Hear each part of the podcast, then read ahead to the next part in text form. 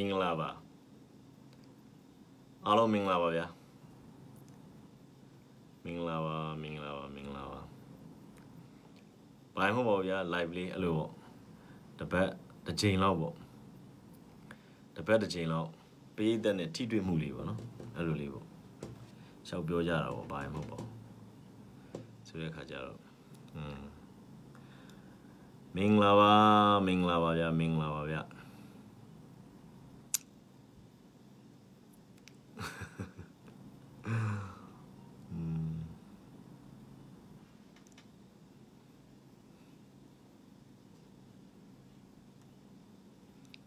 မင်္ဂလာပါဗျာအားလုံးမင်္ဂလာပါ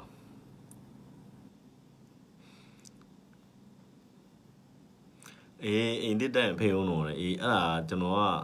အိမ်တစ်တက်တော့ဖိတ်လို့မရဘူးဗျာ तू ကဘာဖြစ်လို့လဲဆိုတော့ तू က तू ကဟိုဟိုဘုံနဲ့ထုမယ်တို့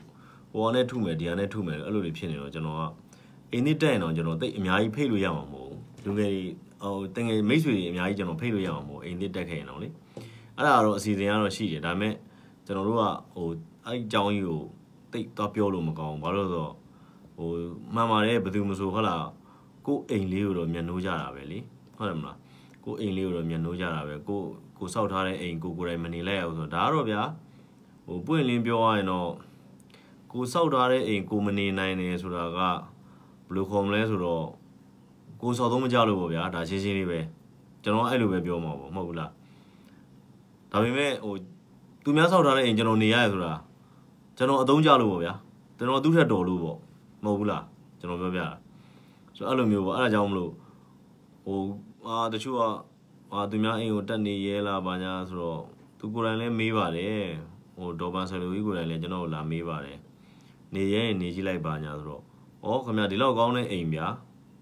နေပါဆိုလို့ပြောတဲ့လူရှိလားလို့ကျွန်တော်ကမနေလို့ရှိရင်ကျွန်တော်လူမိုက်ဖြစ်သွားမှာပေါ့မဟုတ်ဘူးလားနော်ဆိုတော့နေပါလို့ပြောလာလို့ရှိရင်တော့ကျွန်တော်နေရမှာပေါ့ဟုတ်တယ်မလားဒါပေမဲ့ရှင်းမနာနောက်ထားပြီးပဲနေရမှာပဲလေဟုတ်တယ်မလားဟို ကျွန်တော်နေလိုက်လို့ရှိရင်လည်းဒေါ်ပန်ဆယ်လိုဘယ်စိတ်ကောင်းမလဲကျွန်တော်သိတာပေါ့ဒါပေမဲ့လည်းဒီလိုအွန်လိုင်းမှာဗျာဟိုဒီလိုခစ်ကြက်ကြီးမှာဗျာဟိုနေပါဆိုတော့လေတယောက်ယောက်ကပေးလာရင်လည်းကျွန်တော်နေရမှာပေါ့ဗျာဟုတ်တယ်မလားကျွန်တော်ပြောပြတာအဲ့ဒါမျိုးပါဆိုဟိုဘက်အကောင့်လည်းအထားကြအောင်ဒီဘက်အကောင့်ကသူတို့ ဟိုဒေါ်ဘန်ဆယ်လို့တော့အထုတန်အထုတန်တယ်အထုတန်တယ်ဆိုတော့ तू က तू तू တယောက်တည်းထုမှာမဟုတ်ဘူး तू ပြီးတဲ့တွေပဲဝိုင်းထုခိုင်းမှာ ဆိုတော့အဲ့လိုထုလိုက်ထုလိုက်လို့ရှိရင်သိတဲ့အတိုင်းပဲเนาะအဲ့ဒါကြောင့်မလို့ပါကျွန်တော်ဒီတခါတော့ထုစီကြိုက်တဲ့လောက်ထုကြပါစေပျော်ပျော်ကြီးခံတော့မယ်အဲ့ဒီဒီတစ်ခုမြန်နောက်တစ်ခုပေါ့ဗျာဒါမျိုးလေးပေါ့မင်္ဂလာပါမင်္ဂလာပါအားလုံးမင်္ဂလာပါမင်္ဂလာပါမင်္ဂလာပါဗျာเนาะဆိုတော့ဒါလေးကတော့ဗျာပြော live လေးကတော့ဘာမှမဟုတ်ပါဘူး relax ပေါ့ဗျာ relax ပေါ့ relax ဖြစ်တာပေါ့တက်ပြောပြီးတော့ကိုယ့်ရဲ့ကိုယ်မိတ်ဆွေတွေအပေါင်းအသင်းတွေနဲ့တွေ့ရတယ်ပါညာဆိုတော့ဒါပါပဲဆိုတော့အဓိကကျွန်တော်တို့ကလည်း line မတက်လိုက်ရင် ဘာဖြစ်လဲဆိုတော့အဲ့ဒီနိုင်ငံရေးလေးကပြောရမှာဗျလူကအဲ့လိုမျိုးဖြစ်နေတယ်အဲနိုင်မ line မတက်လိုက်တာနဲ့အဲ့ဒီနိုင်ငံရေးလေးကပြောရမှာအဲ့တော့ဟိုတချို့ကလည်းကျွန်တော်ကိုနိုင်ငံရေးဆရာကြီးလားဘာလားမေးကြတယ်ဆရာကြီးတော့မဟုတ်ဘူးကျွန်တော်တို့ကဘယ်လိုလဲဆိုတော့ဟိုမှန်ကန်တဲ့ဘက်ကမြင်တာပေါ့နော်အမှန်မြင်တဲ့ခေါ်မှာအမြင်မှန်တာနဲ့အမှန်မြင်တာနဲ့ကမတူဘူးပေါ့နော်ဆိုအဲ့ဒီဘန်းလေးပေါ့ကျွန်တော်တို့ကဟိုဘယ်လိုခေါ်မလဲအမှန်မြင်တဲ့ဘတ်တွေပေါ့နော် ဆိုတော့အဲ့တော့လူတွေနဲ့ဗျာအခုကျွန်တော်ပြောတယ်ကျွန်တော်တို့ဒီမှာတငယ်ချင်းတွေမိတ်ဆွေတွေအကုန်လုံးရှိကြတယ်အဲ့ကြားထဲမှာပြောတယ်ကျွန်တော်ဒီပြင်အကြောင်းတွေနော်ဟိုဘယ်လိုခေါ်မလဲရှောက်ပြောနေလို့ကျွန်တော်မကောင်းလေဘာလို့လဲဆိုတော့ကျွန်တော်တို့တိုင်းပြည်အခုလိုဖြစ်နေရတာနိုင်ငံရေးကြောင့်အဲကျွန်တော်တို့ဟုတ်လားနိုင်ငံရေးသမားတွေမပါနဲ့လို့အဲကျွန်တော်ဒါကြီးပြောထားတယ်အဲ့တော့နိုင်ငံရေးလေးကတော့ကျွန်တော်နည်းနည်းပြောမှရမယ်အဲ့တော့ဟိုတနေ့ရဆိုရင်ဒါမှန်ပါတယ်လူငယ်တွေဟုတ်လားကျွန်တော်တခါ live တက်လိုက်တဲ့အချိန်မှာ ဆွဲတင်ပါမယ်ခဏလေးပါအောင်ဆွဲတင်ပါကဲဆွဲတင်မယ်ဗျာစောစောစီးဆွဲတင်လိုက်မယ်ကဲဘယ်သူတွေတက်မှာလဲပြောလှိုင်းကိုလှိုင်းကိုကဲလာဗျာဘာပြောမှာလဲပြောတိတ်အကြာကြီးတော့မရအောင်နော်တပြားလူတွေလည်းအချိန်ပါကြမှာပဲလှိုင်းကိုလှိုင်းကိုတဲ့ဟိုအရင်နေ့တွေကလူတော့ဟိုဘယ်လိုခေါ်မလဲဟိုတယောက်နဲ့တယောက်အပြန်အလှန်လေးစားမှုမရှိပဲပြောရင်တော့ကျွန်တော်ကပွင့်နေပြောရရင်ဖြုတ်ချမယ်အဲ့လိုလူမျိုးတွေကိုတော့နော်ကျွန်တော်တို့ကလေးလေးစားစားနဲ့အော်ပြောပါသည် ဆွေးနွေးကြပါသေးဆိုပြီးကျွန်တော်တို့ကတင်ပေးတယ်အဲ့တော့လေးလေးစားစားနဲ့ဟိုနေ့မဖြစ်ရင်တော့ကျွန်တော်ဖြုတ်ချမယ်နော်ကျွန်တော်တို့ကပွင့်နေပြောနိုင်ငံရေးစကားပြောတာကျွန်တော်တို့ဘလူးမလည်းမကြောက်ဘူးဘလူးမလည်းဂလူးမဆိုင်ဘူးအားလုံးလာကြိုက်တဲ့လူလာနိုင်ငံရေးသမားကြီးလာခဲ့လူတိုင်းနဲ့ကျွန်တော်တို့ပြောရဲတယ်ပြောလဲပြောတတ်တယ်ကျွန်တော်ပြောပြပါတယ်ဒေါအောင်ဆန်းစုကြည်နဲ့ကျွန်တော်ပြောဘူးတယ်ပြောပြောရဲတယ်လို့ကျွန်တော်ပြောပြီးသွားပြီနော်မပြောရတဲ့အကြောင်းကြီးအဲအကြောင်းလို့ကျွန်တော်တို့လေးလေးစားစားတော့ပြောပြောပါနိုင်ကိုနိုင်ကိုမင်္ဂလာပါဗျာ hello joining joining နဲ့မရဘူးနော်မရဘူးမရဘူး joining မရဘူးဖြစ်နေနောက်တစ်ယောက်ဘဝမှာအချစ်ဘာညာပေါ့နော်ဘဝမှာအချစ်ကဘာဖြစ်တယ်ဆိုလည်းမသိအဲ့တရားကိုကျွန်တော်ဘဝမှာအချစ်ကဘာဖြစ်တယ်ညာဖြစ်တယ်ဘာညာပေါ့တိတ်ကြိုင်မပြောပါဘူးဗျာနည်းနည်းပေါ့ဟိုနေပေါ့၈နာရီလောက်ကစရဆိုကျွန်တော်တို့9နာရီလောက်ဖြစ်ပြီပေါ့နော်အဲ့လောက်ကျွန်တော်တယောက်တင်ထားတယ်ဗျာဘဝမှာဘဝမှာလည်းစတဲ့လူတယောက်ကိုကျွန်တော်တင်ထားတယ် နော်ဘဝမှာဘာညာစမာကလာပေါ့ဗျာဟုတ်လားခင်ဗျားတို့ကျွန်တော်ပြောပြမယ်တချို့ကိစ္စတွေတိတ်မကြက်နေဟိုကမျိုးရအောင်သိရတယ်ခင်ဗျားယူတော့မယ်နော်တချို့ကအဲမျိုးရအောင်သိတို့ပန်ဆယ်လိုတို့အောက်မှာအမှန်မှန်တော့ကျွန်တော်ထင်တာကတော့ဗာလဲဆိုတော့အဲ့ဒါက Facebook က auto လောက်ထားတာဗျာ auto distribute လောက်ထားတာ auto like တွေနောက်ပြီးတော့အဲ့ဒါအဲ့ဒါတွေလောက်ထားတဲ့ခါကျတော့ဟိုကောင်တွေကအဲ့ဒါတွေစွတ်ကြည့်ပြီးတော့ပြောရလို့ရှိရင်ဟိုဟိုယူဝနိုင်တယ် နော်ယူဝနိုင်တယ်အဲ့ဒါကြောင့်ကျွန်တော်ပြောပြတာဗာလဲဆိုတော့ခင်ဗျားတို့ဟိုကောင်တွေကိုတိတ်သွားမကြက်နဲ့နော်ဟိုကောင်တွေတိတ်သွားမကြက်နဲ့သွားကြက်လို့ရှိရင်ဟိုကောင်တွေယူရတယ်ဟိုဟိုနည်းဆိုလို့ရှိရင်လေဒီအချိန်ကြီးနိုင်မယ်လုံနေတော့ဟိုဟိုဗာလဲမျိုးရအောင်သိန်းဆိုလို့ရှိရင်သူလည်းသူ့ဘောက်သူသိတယ်နော်သူလည်းသူ့ဘောက်သိတယ်သူတို့လုံနေတာကြီးကအလကားအလုပ်ကြီးဟုတ်လားသူတို့ ဘဝအတွက်သူတို့လုံနေကြတာဆိုတော့သူကိုယ်တိုင်လည်းသိတယ်ဒါပေမဲ့ဒီချိန်ထိနိုင်မယ်ဆိုတာကြီးပဲကျွန်တော်ကအဲ့ဒါကြောင့်အော်မျိုးအောင်သိန်းတို့ခင်ဗျားတို့တိတ်သွားမကြက်နဲ့ဘဝမှာအချစ်ကဘာဖြစ်တယ်ညာဖြစ်တယ်အဲ့ဒါအဲ့တယောက်ကျွန်တော်လှုပ်ထားတယ်ဘဝမှာလည်းစားရလူတယောက်ကိုကျွန်တော်အပ်ထားပါတယ်နော်ဘဝမှာဆိုတာလည်းစရလူတယောက်ကျွန်တော်အပ်ထားပါတယ်အပ်ထားပါတယ်အပ်ထားပါတယ်လက်ခံမိပါခင်ဗျာပြောလို့ကျွန်တော်အပ်ထားတာဆိုတော့အဲ့လိုဗျာအဲ့တော့ကျွန်တော်တို့ပြောချင်တာကဘာလဲဆိုတော့ဟို တိတ်ပြီးတော့သွားပြီးတော့ယူပုံတော့သွားမလုပ်နဲ့နော်ဒီကောင်လေးအုပ်စုတွေကဟိုငကိုတွေကမှဟိုယူချင်ရင်နော်အမေရိကရောက်သူတို့ကအမှန်သူတို့နေချင်တယ်သူတို့လှုပ်ချင်တယ်ဘောကမြန်မာပြည်မှာဆရာကြီးပုံစံလှုပ်ချင်တာဒါပေမဲ့အမေရိကရောက်သွားတော့ဟိုရောက်တော့ပြောရတယ်ဗျာကျွန်တော်တို့ပြောနေကြအတိုင်းပါပဲဘာခေါ်မလဲဟိုဟိုဟိုနေမောဇော်ကန့်လန့်လို့ဖြစ်သွားတယ်မြေလည်းရှုလို့မရမိုးလည်းပြန်လို့မရနော်ဆိုအဲ့တော့ဘာဖြစ်လဲဆိုတော့အခုဆိုရင်ကမျိုးဝင်အောင်သိန်းလို့ပေါ့ကျွန်တော်တို့ကပြောပါတယ်သူတို့ဒီเจ้าမှာသွားပြီးတော့ဟလာဒီဟိုနေတော့ဟိုဘယ်လိုခေါ်မလဲ ဟိုမြန်မာပြည်အကြောင်းရှင်းပြမယ်ဘာညာကြီးသွားပြောပြီးတော့အဲ့ကတက်ကတူတစ်ခုမှဖြစ်မှာဗျာဒါကတော့လူတိုင်းမေဒီယာရောက်လူတိုင်းလုပ်လို့ရတဲ့စကားပြောပွဲတွေဗျာဒါလူတိုင်းလုပ်လို့ရတယ်နော်လူတိုင်းလုပ်လို့ရတယ်ဆိုတော့အဲ့ဒါကြီးကိုသွားပြီးတော့ဟိုနှင်းဖြစ်ပြီးတော့ဟိုမှာသွားပြောတော့သူထောင်ထဲရောက်တဲ့အကြောင်းတွေသွားပြောတော့အကြောင်းသားတွေကတော်တော်စိတ်ညစ်သွားတယ်ကျွန်တော်ကြားတယ်ဆိုတော့အဲ့လိုမျိုးတွေပေါ့အဲ့တော့ကျွန်တော်နောက်တစ်ယောက်ဘလူးလဲဟာအာဘောကမှာအချစ်ပါညာတင်လို့မရဘူးနော်တင်လို့မရဘူးဖြစ်နေတယ်တင်လို့မရဘူးဖြစ်နေတယ်နော်တင်လို့မရဘူးဖြစ်နေတယ်အဲ့ဒါမျိုး နော်အဲ့တော့အဲ့ဒါမျိုးလေးတွေကကျွန်တော်တို့ပြောတာဘာလဲဆိုတော့ဟိုအဓိကကဟိုဒီဟိုနင်းတို့ဘက်ကဒီဒီအနူကြီးတို့ဘက်ပေါ့နော်အနူကြီးဆိုတာကျွန်တော်ခေါ်တာမဟုတ်နော်ဘယ်သူကစခေါ်တာခင်ဗျားတို့သိတဲ့အတိုင်းပဲဒါကျွန်တော်ကသူမခေါ်လို့ကျွန်တော်ပြောပြတာအနူကြီးတို့ဘက်ကသူတို့ကိုယ်တိုင်သူတို့လည်းရှုံးမယ်ဆိုတာသိနေတယ်ဘာမှလည်းလုပ်လို့မရတော့ဘူးဆိုတာသူတို့သိနေတယ်သိနေတဲ့အတွက်ဘာဖြစ်လဲဆိုတော့ရှောက်ရမ်းမှာရှောက်ရမ်းမှာအခုကျွန်တော်တို့ကြားလာရန်ကုန်မှာဆိုလို့ရှိရင်လည်းဟလာရန်ကုန် UG အဖွဲ့ဆိုလားဘူဂီအဖွဲ့ဆိုတာဘာလားညာစပါ အဲ့ဒီအဖွဲ့တွေလည်းဖမ်းမိတယ်လို့ကြားတယ်အဲ့ဒါတွေကအဲ့ဒါမျိုးအောင်သိလို့အဲ့ဇလန်တွေရှင်းရမယ်အဲ့ဇလန်တွေရှင်းရမယ်ဆိုတော့ဘာလို့ဆိုတော့ဟိုကဒီကကျွန်တော်ထင်တယ်ဒီလက်ရှိ NASA ကအစိုးရကနေပြီးတော့အဲ့ဒါတွေကိုဟိုအင်တာဗိုတိုင်ထားတယ်အင်တာဗိုတိုင်လို့ရှိရင်အဲ့ဇလန်တွေရှင်းရမယ်ရှင်းရမယ်ဆိုတော့ဘာကြောင့်လဲဆိုတော့အင်တာဗိုဆိုတာသိကြောက်ဖို့ကောင်းတယ်အင်တာဗိုကဘာကြောင့်ကြောက်ဖို့ကောင်းလဲဆိုတော့ဒီအကြမ်းဖက်မှုတွေကိုဟုတ်ပြီမင်းတို့အင်တာဗိုအနေနဲ့ဒီမှာငါတို့ဗမာပြည်မှာရှိတယ်ငါတို့လူဖွဲ့စီကိုလာအကြမ်းဖက်နေတဲ့ကောင်တွေဒီလူတွေကိုမင်းတို့အရေးမြူပေးဘူးလားရတယ်ဘာမှမဖြစ်ဘူး ငါတို့တိုင်းပြည်ကိုတခြားနိုင်ငံအကြမ်းဖက်အုပ်စုတွေလာပြီးတော့ခိုလုံရင်လည်းငါတို့လက်ခံလိုက်မယ်ဆိုရင်အဲ့ဒါအင်တာဗိုကအင်တာဗိုက corporate အဖွဲ့အစည်းအင်တာဗိုက corporate အဖွဲ့အစည်းမောင်မင်းနဲ့မောင်မင်းကမောင်မင်းဗျာမောင်မင်းဆိုပြီးတင်ပေးလိုက်အဲ့တော့အဲ့ဒီအဖွဲ့အစည်းကိုအဲ့အဖွဲ့အစည်းကကျွန်တော်မြန်မာပြည်အတွက်ကို cooperate မလုပ်ဘူးဆိုလို့ရှိရင်ဒီအဖွဲ့အစည်းအသိကအရန်ကြပါပြီနော်မောင်မင်းအားအိတ်နေတာအိတ်နေတာအိတ်ပြီးပြောမှာလားဟမ်ဦးလေးမောင်မင်းဒီမကောင်းလို့မသိပါဘူး အေးဟုတ်ပြီအဲ့လိုမအောင်အိတ်အိတ်ပြီးပြောတော့ကျန်တဲ့လူတွေအတွက်လည်းမကောင်းကြောက်တော့ထိုင်ပြောတာကောင်းဘဝမှာအချစ်စကားဘာလဲမသိပါဘူးအဲ့တယောက်ကတင်လို့မရပါဘူးကျွန်တော်ဖြုတ်ချလိုက်ပြီတော့ဒီမင်းတို့တယောက်ဟိုနေဖြစ်လာတော့ဆိုတော့အဲ့လိုပေါ့အဲ့တော့ဘာဖြစ်လဲဆိုတော့ဒီဟာတွေကဒီဗမာပြည်မှာဗမာပြည်ကိုအကြမ်းဖက်ဖို့လှုံ့ဆော်နေတဲ့လူတွေဟုတ်လားဗမာပြည်ကိုအကြမ်းဖက်ဖို့အတွက်ငွေကြေးကောက်ခံနေတဲ့လူတွေအဲ့လူတွေကနိုင်ငံတနိုင်ငံကို base ယူပြီးလုပ်နေတယ် ဒါကိုမြန်မာအစိုးရလည်းသိတယ်ဒီမြန်မာအစိုးရအနေနဲ့ကမ္ဘာကိုဒီကိစ္စတွေပြောပြထားတယ်ပြောပြထားတာကိုအဲ့တက်ဆိုင်ရာနိုင်ငံတွေကအရေးမြူဆိုဥမာထားလိုက်ပါတော့ဗျာစင်ကာပူနိုင်ငံက iron ကဟုတ်လား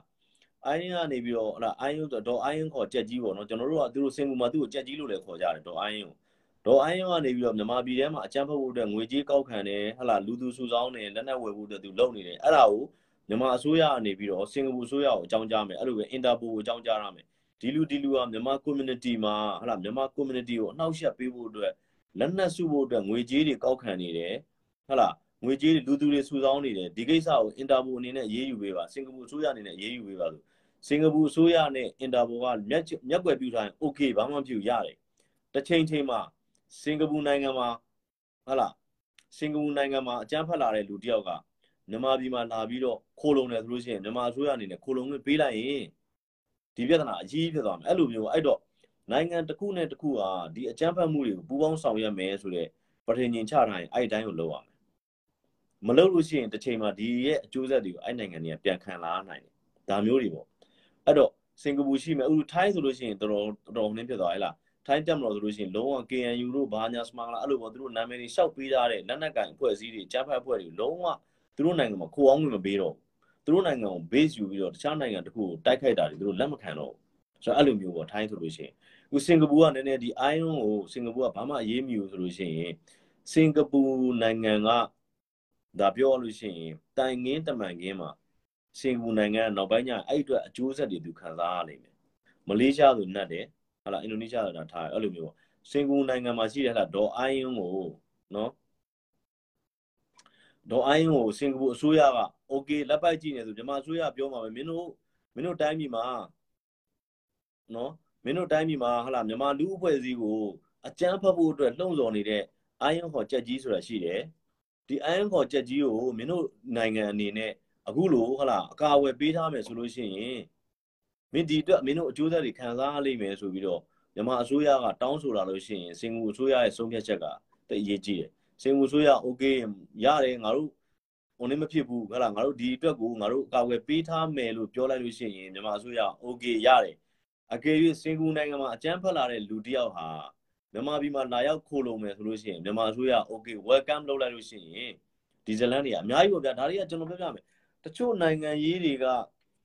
ဟိုဘယ်လိုခေါ်မလဲလူငယ်တွေမသိကြဘူးပေါ့ဗျာဟိုတချို့ဟလာအဓိကအဖြစ်တော့ဟိုနိုင်ငံရေးနိုင်ငံရေးလို့ပြောပြီးတော့ နိုင်ငံရေးကိုဘာမှမသိတဲ့လူတွေမသိကြဘူးပေါ့ဒါတွေကသိကြောက်ဖို့ကောင်းတယ်ဒီအကျန်းဖက်ဘယ်လိုခေါ်မလဲဟိုလူဖွဲ့စည်းကိုအကျန်းဖက်တဲ့လူတွေကိုအပြန်အလှန်နိုင်ငံတစ်ခုချင်းအပြန်အလှန်လဲလဲလဲတာတို့နော်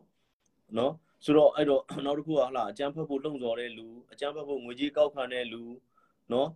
အဲ့အဲ့လိုလူတွေကိုဟလာဟိုဖွက်ပေးထားတယ်ဖွက်ပေးထားပြီးတော့တစ်ဖက်ကဖွက်ပေးထားတဲ့အပြင်ဟိုဘယ်လိုခေါ်မလဲမြောက်ပင့်ပေးတယ်အကာအကွယ်ပေးထားတယ်ဆိုလို့ရှိရင်ဒီအတွက်အကျိုးဆက်တွေကိုစင်ကာပူဆိုရခံစားလိမ့်မယ် ဒါရှင်းရှင်းလေးပဲเนาะကျန်တဲ့နိုင်ငံတွေမှာဒီလိုဟဲ့လားမဩစတြေးလျမှာဖြစ်အမေရိကမှာဖြစ်ဒီကမြန်မာပြည်မှာရှိတဲ့မြန်မာအစိုးရဒီအတွက်เนาะဟိုနေအကြောင်းကြားပေးလိုက်အောင်ပဲအမေရိကန်မှာရှိနေတဲ့ဒီလူဒီလူတွေကမြန်မာလူအဖွဲ့အစည်းကိုအကြမ်းဖက်ဖို့အတွက်ငွေကြေးကောက်ခံနေတယ်လက်လက်စီးယုံနေတယ်ဒီအတွက်ကိုအမေရိကန်အစိုးရအနေနဲ့အရေးယူပေးပါအရေးမယူဆိုโอเคရတယ်ဘာမှမဖြစ်ဘူးဒီအတွက်အမေရိကန်ကြိုးစားဂန်ဂါယမုံနာဂန်ဂါယမုံနာတဲ့โอเคဂန်ဂါယမုံနာကကျွန်တော်အိန္ဒိယဘက်ကလာမသိ ဂန်ဂါနဲ့ယမုံနာတဲ့နော်ဂန်ဂါနဲ့ယမုံနာတဲ့ဆိုဆိုအဲ့တော့အဲ့တော့ကျွန်တော်တို့ကဘာဖြစ်လဲဆိုတော့ဒီအတွက်ကဟိုဟိုဘာမှမြန်မာအစိုးရအနေနဲ့အကြောင်းကြားပေးလိုက်မယ်နိုင်ငံသူတို့ American အစိုးရကစထားတဲ့ globalization ခေါ်တာပေါ့နော် globalization ပေါ့ကမ္ဘာပြုမှုပေါ့ဒီကမ္ဘာပြုမှုကြီးကို American အစိုးရကိုနိုင်ကစပြီးဖောက်ဖျက်တယ်ဆိုလို့ရှိရင်ဒီဟာကြီးကဟိုသိတဲ့အတိုင်းပဲလေဒီအကျိုးဆက်တွေကို American အစိုးရကိုနိုင်ကခံစားရမှာပဲအဲဒါမျိုးတွေပေါ့နော်ဆိုတော့အဲ့တော့အဲ့တော့ဟိုကျွန်တော်တို့ပြောချင်တာကဟာလား American အစိုးရပဲဖြစ်ဖြစ်စင်ကာပူအစိုးရပဲဖြစ်ဖြစ်ဟုတ်လားဟိုအာဒီအာဆီယံမှာရှိတဲ့အစိုးရတွေပဲဖြစ်ဖြစ်နိုင်ငံတကာကဟိုချမှတ်ထားတဲ့ပထင်ញင်တွေကိုဒီအစိုးရတွေအနေနဲ့လိုက်နာရမယ်အဲ့ဒါကိုဟုတ်လားမလိုက်နာတိုင်းနိုင်သေးတာပဲဖြစ်ဖြစ်လိုက်နာဖို့ပြက်ကွက်တာပဲဖြစ်ဖြစ်ဆိုရင်ဒီ လိုက်နာဖို့ပြက်ကွက်တဲ့နိုင်ငံမလိုက်နာနိုင်သေးတဲ့နိုင်ငံဟာဒီအကျိုးဆက်တွေကိုအများကြီးခံရဖို့ရှိတယ်နော်ဆိုတော့ဆိုတော့အဲ့တော့ဟိုဟိုကျွန်တော်တို့ကအဓိကအဖြစ်ကဟိုသူတို့အစိုးရတွေကိုတော့ကျွန်တော်တို့ကဟိုဟိုနည်းလေဟိုပြည်သူတယောက်လေသူတို့အစိုးရတွေကိုကျွန်တော်တို့သွားပြီးတော့ဒါမျိုးတွေဖြစ်နေပြီးတော့ကျွန်တော်တို့သွားပြောလို့မရဘူးသူ့ပေမဲ့ဟိုဟို G2G ခေါ်တာပေါ့နော် government to government ပေါ့ ဒီမြန်မာပြည်မှာရှိတဲ့အစိုးရကနေပြီးတော့စင်ကာပူအစိုးရကိုစာပို့တယ်ဟုတ်လားသက်ဆိုင်ရာနိုင်ငံတွေကအစိုးရတွေကိုစာပို့တယ်ဆိုလို့ရှိရင်ဒီတိုင်းပြည်တွေက action မျိုးဆိုရင်အကိစ္စကတိတ်ပြီးတော့ဟိုနေဖြစ်တယ်ဟိုဘယ်လိုခေါ်မလဲဟိုအကျိုးဆက်ကအရင်ကြီးတယ်နော်ဆိုတော့အဲ့လိုပေါ့နောက်တစ်ခုကကျွန်တော်ပြောချင်တာဗာလဲဆိုတော့တချို့လူငယ်တွေကျွန်တော်မေးကြတာရှိပါတယ်နော်တချို့လူငယ်တွေအာအာနာတိန်တာတရားဝင်လားဟိုဒီဟိုနေအစိုးရကိုဟလာ ဟိုပြည်သူလူထုထောက်ခံထားတဲ့အစိုးရကိုဖြုတ်ချတာတရားဝင်လားလို့မှန်တယ်ပြည်သူလူထုထောက်ခံတယ်ဖြစ်တယ်မထောက်ခံတယ်ဖြစ်တယ်ဒီအစိုးရတည်မြဲနေတာပါလေ2008ဖွဲ့စည်းပုံအခြေခံဥပဒေအရနော်ဒီအစိုးရဟာဟလာပြည်သူထားပါတော့ဒီ2020မှာဟိုတက်လာနိုင်ပါတယ်ဆိုတော့အစိုးရဟာ2008ဖွဲ့စည်းပုံအခြေခံဥပဒေအောက်မှာရှိတဲ့ရွေးကောက်ပွဲနဲ့သူကဟိုတက်လာနိုင်မှာတက်လာမယ်ဆိုရင်တော့ဒါပေမဲ့ဘာဖြစ်လဲဆိုတော့ သူက2008ဖွဲ့စည်းပုံအခြေခံဥပဒေကိုသူကိုယ်တိုင်ချိုးဖောက်ထားတယ်ဆိုတာသူမသိဘူးမသိတဲ့အခါကျတော့ဟုတ်လားတက်မတော်အနေနဲ့2008ဖွဲ့စည်းပုံအခြေခံဥပဒေမှာ2008ဖွဲ့စည်းပုံအခြေခံဥပဒေကိုချိုးဖောက်လာလို့ရှိရင်တက်မတော်အနေနဲ့ဘယ်လိုအရေးယူလို့ရတယ်ဆိုတာတက်မတော်က online ဖြစ်ပြီးသားဒီ2008ဖွဲ့စည်းပုံအခြေခံဥပဒေမှာရေးဆွဲပြီးသားဟိုပါပြီးသားနောက်တစ်ခုကဘာဖြစ်လဲဆိုတော့တချို့လူငယ်တွေမသိတာက2008ဖွဲ့စည်းပုံအခြေခံဥပဒေကိုအမေရိကန်ကလည်းထောက်ထောက်ခံထားတယ် EU ကလည်းထောက်ခံထားတယ် 2008ဖွဲ့စည်းပုံအခြေခံဥပဒေအရရွေးလုပ်မဲ့ရွေးကောက်ပွဲတွေကိုဟုတ်လားအမေရိကန်သမ္မတအိုဘားမားကိုယ်တိုင်โอเคမိုက်တယ်2008ဖွဲ့စည်းပုံအခြေခံဥပဒေကိုလက်ခံလို့အိုဘားမားကိုယ်တိုင်မြန်မာပြည်ထဲကိုလာတယ်နော်2008ဖွဲ့စည်းပုံအခြေခံဥပဒေကိုလက်ခံလို့အင်္ဂလန်ကဝန်ကြီးချုပ်ဟုတ်လားဟိုနင်းတို့တိုနီဘလဲတို့ပါမြန်မာပြည်ကိုလာတယ်2008ဖွဲ့စည်းပုံအခြေခံဥပဒေကိုလက်ခံလို့ကုလသမဂ္ဂကဟုတ်လားဟိုဟိုဘယ်လိုခေါ်မလဲဟို personal attachment တွေလာတယ်မြန်မာပြည်ကို ဒီတော့2008ဖွဲ့စည်းပုံအခြေခံဥပဒေကြီးကိုလက်ခံထားတဲ့ဒီလူတွေဟာ2008ဖွဲ့စည်းပုံအခြေခံဥပဒေကြီးထဲမှာပါတဲ့ဥပဒေတွေကိုတော့မလေးစားဘူးမလိုက်နာဘူးဆိုလို့ရှိရင်ဟုတ်လားဒီဟိုနင်းကဒီဒီလူတွေရဲ့ထောက်ခံမှုဆိုတာဘာကိုပြောတာလဲအဲ့တော့ဒါကြောင့်မလို့ကျွန်တော်တို့ပြောတာကပြည်သူထောက်ခံသည်ဖြစ်စေမထောက်ခံသည်ဖြစ်စေဒီရွေးရွေးကောက်ပွဲမှာဟလာဒီရွေးကောက်ပွဲကျင်းပသွားတဲ့ပုံစံနဲ့ရွေးကောက်ပွဲမှာပါဝင်တဲ့အစာပလာတွေတော်တော်များများဟာ ဟို2008ဖွဲ့စည်းပုံအခြေခံဥပဒေကိုဖောက်ဖျက်တယ်ဒါကြောင့်မလို့2008ဖွဲ့စည်းပုံအခြေခံဥပဒေမှာပေးထားတဲ့အခွင့်အာဏာအတိုင်းတက်မတော်ကအာဏာကိုထိန်းတယ်ဒါကရှင်းရှင်းလေးဒီဟာကပြောရရင်ကျွန်တော်ပြောတာအဲကြောင့်မြန်မာပြည်မှာရှိတဲ့လူငယ်တွေကနားမလဲကြကျွန်တော်တို့ကနိုင်ငံရေးကိုနိုင်ငံရေးပုံစံနဲ့တွေးပါနိုင်ငံရေးမှာပေးထားချက်တွေရှိတယ်ပေးထားချက်တွေအတိုင်းပဲသွားရမယ်ကိုစိတ်ကူးတွေနဲ့သွားလို့မရဘူးကျွန်တော်တို့ပြောတာအခုကဘာဖြစ်လဲဆိုတော့စိတ်ကူးရင်နဲ့သွားနေကြတယ်အာဒီမိုကရေစီဆိုတာလူအများထောက်ခံတာတို့ဘာအောင်ညာလူ အများထောက်ခံတာရှိလို့ဒီဘက်မှာဒီမိုကရေစီဆိုတာကဒီဘက်မှာဟိုဟိုစီမင်းစည်းကမ်းတဲ့ဥပဒေကိုလိုက်နာရတယ်ဆိုတဲ့အချက်လည်းရှိသေးတယ်လူအများထောက်ခံတိုင်းလုပ်လို့မရဘူးလေကျွန်တော်အခြားကြီးကပြောရပါတယ်လူအများထောက်ခံတယ်ဆိုရှင်ထားပါတော့အခုဟလာရုပ်ရှင်မင်းသမီးမင်းသားတွေအကုန်လုံးတမနာတင်လိုက်ပေါ့သူတို့အများကြီးထောက်ခံလာတာပဲလေအာဒီမှာတယောက်မသိလဲဟာစိန်စိန်ဖြိုးတဲ့ကဲစိန်စိန်ဖြိုးတယ်ဗျာစိန်စိန်ဖြိုးစိန်စိန်ဖြိုးဆိုပါလားဗာလဲနာမည် တိတ်ကြာကြီးပြောလို့မရအောင်နော်ကျွန်တော်နောက်တစ်ခုကတောင်းတယောက်စကနိုင်လူးတဲ့ပုံစံမျိုးအဖြေတစ်ခုကိုမသွားဘဲနဲ့အဖြေတစ်ခုကိုထုတ်တာတော့မဟုတ်ဘူးဗျာကျွန်တော်တို့ကစကားကိုကျွန်တော်နေဟိုဘယ်လိုခေါ်မလဲတောင်းတယောက်အပြန်အလှန်ဆွေးနွေးကြတာပေါ့အဲ့တော့တိတ်ပြီးတော့ဟိုနင်းဖြစ်လာတယ်ဟဟလားတစ်ဖက်သက်အရန်ပြောလာဆိုလို့ရှိရင်ကျွန်တော်တို့အနေနဲ့ဖြုတ်ချမှာဖြစ်တယ်နော်ဆိုတော့စိမ့်စိမ့်ဖြိုးတာဘယ်သူလဲမင်္ဂလာပါလိုင်းသိမ့်မကောင်းတယ် joining joining လုပ်နေ joining လုပ်နေတယ် joining လုပ်နေတယ် မရဘူးနော်ပြုတ်သွားမရဘူးပြုတ်သွားပြီပြုတ်သွားနော်ဂန်ကရမုံနာတဲ့ကဲဂန်ကရမုံနာဂန်ကရမုံနာလက်ခံပေးပါဂန်ကရမုံနာလက်ခံပေးပါဆိုတော့အဲ့တော့ဘာဖြစ်လဲဆိုတော့ဟိုကျွန်တော်တို့အနေနဲ့ကဟိုနိုင်ငံရေးကိုကျွန်တော်တို့ကပေးထားချက်တိုင်းသွားရတာလीနိုင်ငံရေးကိုပေးထားချက်တိုင်းမသွားဘဲနဲ့ကိုစိတ်ကူးစိတ်ကန်းနေတော့ဗျာထားပါတော့ဟုတ်လားအာငါတော့ဒါပြီးရင်ဒါလုပ်မယ်ဟိုဟာပြီးဟိုတော့မယ် no အဲ့ဒါတွေကလုပ်လို့မရဘူးဘယ်နိုင်ငံမှာမှလုပ်လို့မရဘူးကျွန်တော်ပြောပြတာလည်းရှင်းရှင်းလေးပဲနော်ဆိုတော့အဲ့ဒါကြောင့်မလို့ကျွန်တော်ပြောပြတာမြန်မာပြည်မှာရှိတဲ့လူငယ်တွေအနေနဲ့တစ်ကနိုင်ငံရေးလုပ်မယ်ဆိုအဲ့နိုင်ငံရေးရဲ့ပေးထားချက်တွေကိုအရင်နားလည်ရမယ်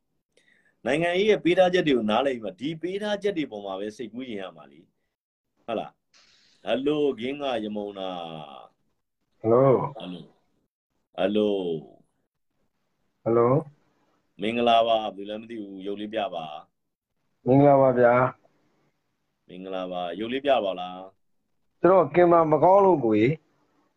အာ Hello? ကျွန်တော်မကောင်းလို့ဆိုအဲ့လိုတစ်ဖက်ကအဲ့လိုကြီးတော့ကြတော့ကျွန်တော်တို့ဘယ်လိုဆွေးနွေးမလဲကြည့်နေတဲ့လူတွေအများကြီးနေ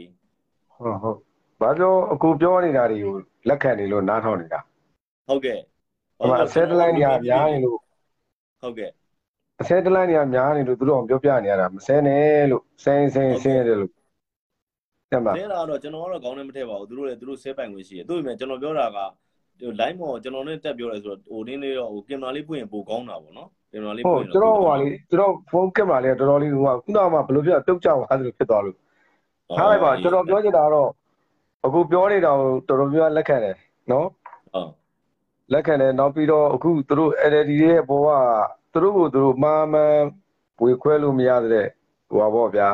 အသိဉာဏ်တော်တော်နည်းသွားပြီကြတော်တော်လဲတနာဖို့ကောင်းတယ်နောက်တစ်ခု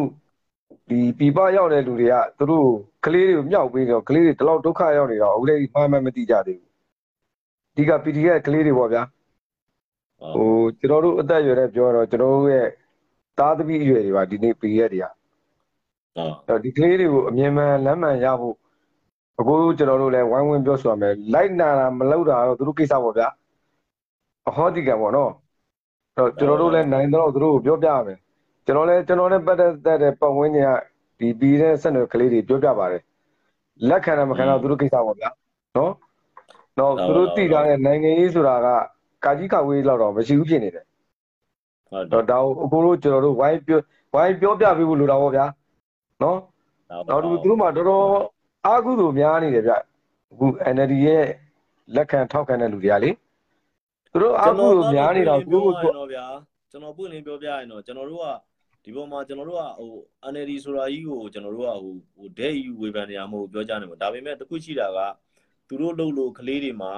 အတွေးခေါ်အမားတွေဝင်သွားတယ်ဒါကတော့လုံးဝဟိုနေနော်ဒါကတော့ဟိုအားလုံးအားလုံးအမြင်ပဲဒီလိုပဲလူကြီးတွေမှာလည်းဟလာအတွေးခေါ်အမားတွေကလေးတွေမှာဒေါသစိတ်တွေဝင်သွားတယ်ဒါကတော့အမြင်ပဲသို့ပေမဲ့ဟုတ်ကျွန်တော်တို့ကတော့သူတို့ကိုတော့ဒီလိုဒီဇိုင်းမမိုက်သူတို့ဟိုနေဖြစ်နေတာပေါ့ဒီအချိန်မှာပြောရရင်သူတို့လည်းသူတို့အမှားကိုသူတို့သိလောက်ပြီပေါ့နော်ဒါပေမဲ့လက်ရှိအချိန်တွေမှာကဟိုကျွန်တော်တို့မြန်မာပြည်မှာအဲ့လိုပေါ့ဒီ အကြမ်းဖက်မှုတွေကကြံနေတယ်အဲ့တော့အဓိကကဘာလဲဆိုတော့ဒီအကြမ်းဖက်မှုတွေမှာပဲဟိုဘယ်လိုဖြစ်လဲဆိုတော့တချို့ကအကျိုးကျေးဇူးရနေတာရှိတယ်ဗျာထားပါတော့ဟလာဒေါ်ပန်ဆယ်လူတို့ဟလာဟုတ်ဦးမျိုးအောင်နဲ့ဦးမျိုးရန်အောင်သိန်းတို့ဟလာဟိုကနေဟလာဦးဟိုနေတို့ဟလာဦးစော်ဝေဆိုးလို့ဆိုတာသူတို့ကအကြမ်းဖက်မှုတွေကနေသူတို့အများကြီးသူတို့အတွက်အကျိုးစီးပွားတွေရနေတယ်အဲ့တော့သူတို့အနေနဲ့ကဘာဖြစ်လဲဆိုတော့အကြမ်းဖက်မှုတွေဆက်ဖြစ်မှသူတို့ကအဆင်ပြေပါလိမ့်မှန်တယ်မှန်တယ်သူတို့ရဲ့ survival ကအကြမ်းဖက်မှုမြောက်ပြီးတော့မှသူတို့ ရံမငွေရမယ်လေဟုတ်တယ်မလားရံမငွေရမှသူတို့ရက်တည်လို့ရမယ်တော့သူတို့ပြန်လာလို့လည်းမရတော့သူတို့အနေနဲ့ကဟိုဘယ်လိုပဲဖြစ်ဖြစ်တိုင်းပြည်ကိုတော့သူတို့ငြိမ်သက်တာသူတို့ဟိုလက်ခံမှာမဟုတ်ဘူးတိုင်းပြည်မငြိမ်သက်မှာကျွန်တော်တို့အရင်တော့ပြောခဲ့ပူပါတယ်နော်ဟိုဘယ်လိုခေါ်မလဲဟိုဟိုနေပါလေတိုင်းပြည်မငြိမ်သက်ဖို့အတွက်ကိုသူတို့အနေနဲ့တိုင်းပြည်ငြိမ်သက်သွားရင်သူတို့ရဲ့အကျိုးစီးပွားတွေရုပ်ချော့သွားမယ်လေရုပ်ချော့သွားမယ်သူတို့တော့သူတို့ကဟိုဘယ်လိုခေါ်မလဲအမုန်းကရတဲ့ပါလေကျွန်တော်တို့ပြောခဲ့ပူပါတယ် အမုန်းကရတဲ့ဟိုနင်းဆိုပြီးတော့ဟလာအကျိုးမြတ်ဆိုပြီးကျွန်တော်ပြောသူတို့ကတိုင်းပြည်မှာများများမုန်းပါလေတက်မတော်များများမုန်းမှသူတို့အတွက်အကျိုးမြတ်များများရမှာလေဆိုတော့ဒါပေမဲ့ဘာဖြစ်လဲဆိုတော့ဟိုအကျိုးကျေးဇူးရလက်အနေနဲ့ကတော့ကျွန်တော်တို့တိုင်းပြည်မှာရှိတဲ့ဟိုအနာဂတ်ဟိုလူငယ်တွေအတွက်ဟိုတော်တော်ရင်လေးစရာပေါ့နော်ရင်လေးစရာဟုတ်ကျွန်တော်ကရင်လေးတာတဲ့စိတ်လည်းမကောင်းဘူးအရန်စိုးရိမ်နေတယ်ဗျဘာကြောင့်လဲဆိုတော့ဒီ3လေးလတွင်ကျွန်တော်ဗမာပြည်အနှံ့ပေါ့နော်ကျွန်တော်လုပ်ငန်းနဲ့တွားတယ်တွားတော့ နောက်မျိုးဆက်တွေကြောင်းမတက်ရတော့ဘူးဗျတချို့ကတော့လုံညုံရမတက်ဘူးတချို့ကြောင့်လည်းခုနပြောတဲ့ပတ်ဝန်းကျင်ကြောင့်ပေါ့နော်အကြောက်တရားနဲ့တွားမတက်ရဲဘူးထားလိုက်အဲ့တော့ယာကိုင်တော့ကကြည့်လိုက်တဲ့အခါမှာနောက်9နှစ်10နှစ်မှာဒီဒီဒီ generation gap တော်တော်ဖြစ်သွားလိမ့်မယ်ဗျတစ်ချိန်ဒီ generation လေးတွေကပဲကျွန်တော်တို့ဥဆောင်သွားမှာအဲ့တော့ဥဆောင်မဲ့ generation တွေကဟိုပညာမနဲ့မမလုံးလို့မရဘူးဗျတဲ့မှာဆိုတော့ဒီကျွန်တော်တို့ကအခုဘာဖြစ်နေလဲဒီရေးခင်းက ယဉ်ကျေးမှုနဲ့ပညာရေးနဲ့ဟို generation ကိုတတ်နေတယ်လို့ကျွန်တော်ယူဆတယ်ဗျဟုတ်ဟုတ်ဟုတ်နော်နောက်10နှစ်ဆိုလို့ဆိုရင်ကျွန်တော်တော်တော်စိုးရိမ်နေတိုင်းပြည်အတွက်ဟုတ်ကဲ့ဟုတ်ကဲ့ဒီမှာတိုင်းပြည်အတွက်အလုံးလုံးမဲ့ generation ကမလာတော့ဘူးဗျပြတ်ပြတ်သွားတဲ့အနေအထားရှိနေတယ်အဲ့တော့ဒီအခုလက်ရှိ NUG လာဟိုဟာတွေက generation ကိုတတ်နေသလိုဗျဒီလူတွေအဲ့တော့သူတို့တမိုင်းသေးပြီဗျဒီအချိန်တော့သူတို့ကိုသူတို့မှန်တယ်ထင်မှာပေါ့ဗျာတမိုင်းဆိုတာလဲ ကာလတစ်ခုရောက်မှကျွန်တော်တို့ကလူတွေကသိလာတာဟုတ်မှန်တယ်မှားတယ်တော့ဒီအချိန်ကတော့သူတို့တွေကသူတို့ကိုသူတို့မှန်တယ်သူတို့လို့သူများ okay တယ်သူတို့လို့သူများဒါအမှန်တရားပဲလို့သူယူဆထားတာလေနော်ဒါပေမဲ့သူတို့မသိတာကသူတို့သွားတဲ့လမ်းစဉ်ဟာကျွန်တော်တို့လွတ်လပ်ရေးရပြီးကသာကွန်မြူနစ်သွားတဲ့လမ်းစဉ်ပဲဗျဒါပဲဖြုတ်ထုတ်တဲ့ငါနဲ့မတူငါရန်သူဟောဆဲမယ်ဆိုမယ်ဒုက္ခရောက်လုံးမယ်နောက်တစ်ခုကျွန်တော်ကတော့ဟောပေါ့ suggestion ပေးနေတာတော့ PDF ကို သူတို့လိုက်တက်နေတဲ့ဒီအုတ်ကြီးတို့ပါလဲအုတ်ချုပ်ရင်းမှုတို့ဘာတို့ဒလန်တို့ဆိုတာမလုပ်ပါနဲ့လို့ဘာကြောင့်လဲဆိုတော့စစ်တပ်ကအကုန်အချက်လက်ရပြီးသားပါမလုပ်ချင်လို့မလုပ်သေးလို့ခွင့်ဆက်ဒီကောင်ဖြစ်သေးလို့မလုပ်တာဒီတည် information ရစစ်တပ်ကအကုန်နီးပညာရထားပြီးပြီဒီအုတ်ကြီးတွေဒလန်တွေမွေးကြမေးကြမလို့ဘူးဘယ်သူဘာလုပ်တယ်ဘာဖြစ်တယ်ခွင့်ဆက်တွေကုန်ရထားပြီးသားတချို့အကြောင်းအရာတွေမှာကျိုးချီနဲ့လှမ်းထားတဲ့ကောင်တွေရှိတယ် မလုပ်ချင်လို့ဟုတ်ဟုတ်အဲအဲ့ဒါလေးတော့ဒီအကူအခုဒီပွဲရတဲ့စင်ပေါ့ PD ရဲ့ကလေးတွေကိုတင်းပါခြင်းတယ်ကိုဘဝကိုအသိမခံပါနဲ့အသက်မခံပါနဲ့ကိုယ့်ရဲ့အနာဂတ်ကိုသူများမြောက်ပေးတယ်လည်းမလုပ်ကြဘူးနော်ကျွန်တော်တို့လည်း88 96ကြုံခဲ့ပါပြီနော်ယုံကြည်ခဲ့ပြီးပါပြီ NDC ကိုနော်ယုံကြည်ခဲ့လို့လည်းကျွန်တော်တို့လည်းအချုပ်ထဲရောက်သေးတဲ့ကောင်သေးကျွန်တော်တကယ်ချင်းနေနော်ဟုတ်ဒါပေမဲ့ဒီ generation ကမသိဘူးမသိအောင်လဲသူတို့က တဲ့မလားအနောက်မျော်တဲ့အယူဆနဲ့ CSO NGO တွေကနေဝင်လာပြီးပြီဆယ်စုနှစ်နှစ်စုလေအဲ့ဝင်လာတော့ဟုတ်ကဲ့ကလေးတွေရဲ့အတွေးခေါ်ထဲမှာဒီအအနောက်ကိုမျောအနောက်ကိုထင်ကြီးနော်နောက်တိုင်းပညာရေးဆိုတော့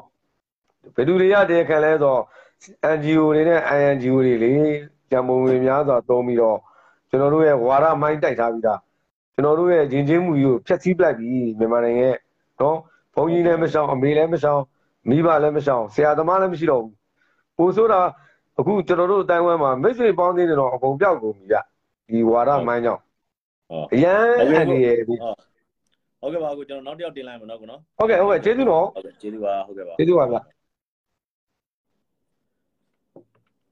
ဆိုတော့ခုနကတယောက်ပြောသွားတဲ့သဘောကတော့မှန်တယ်တချို့ကိစ္စတွေမှာကဘာလဲဆိုတော့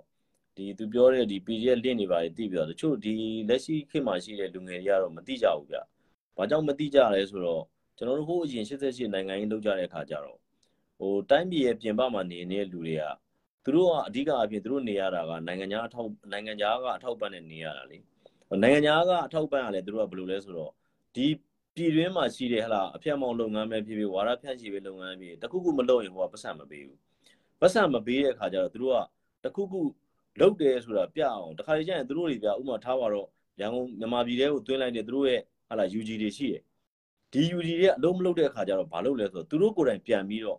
အာနာပိုင်တွေကိုပြန်ပြီးတော့ဟိုနင်းပေးရတယ်သတင်းပြန်ပေးရတယ်သတင်းပြန်ပေးလိုက်တဲ့အခါကျတော့ဘာဖြစ်လဲဆိုတော့တွေ့လားငါတို့လူတွေက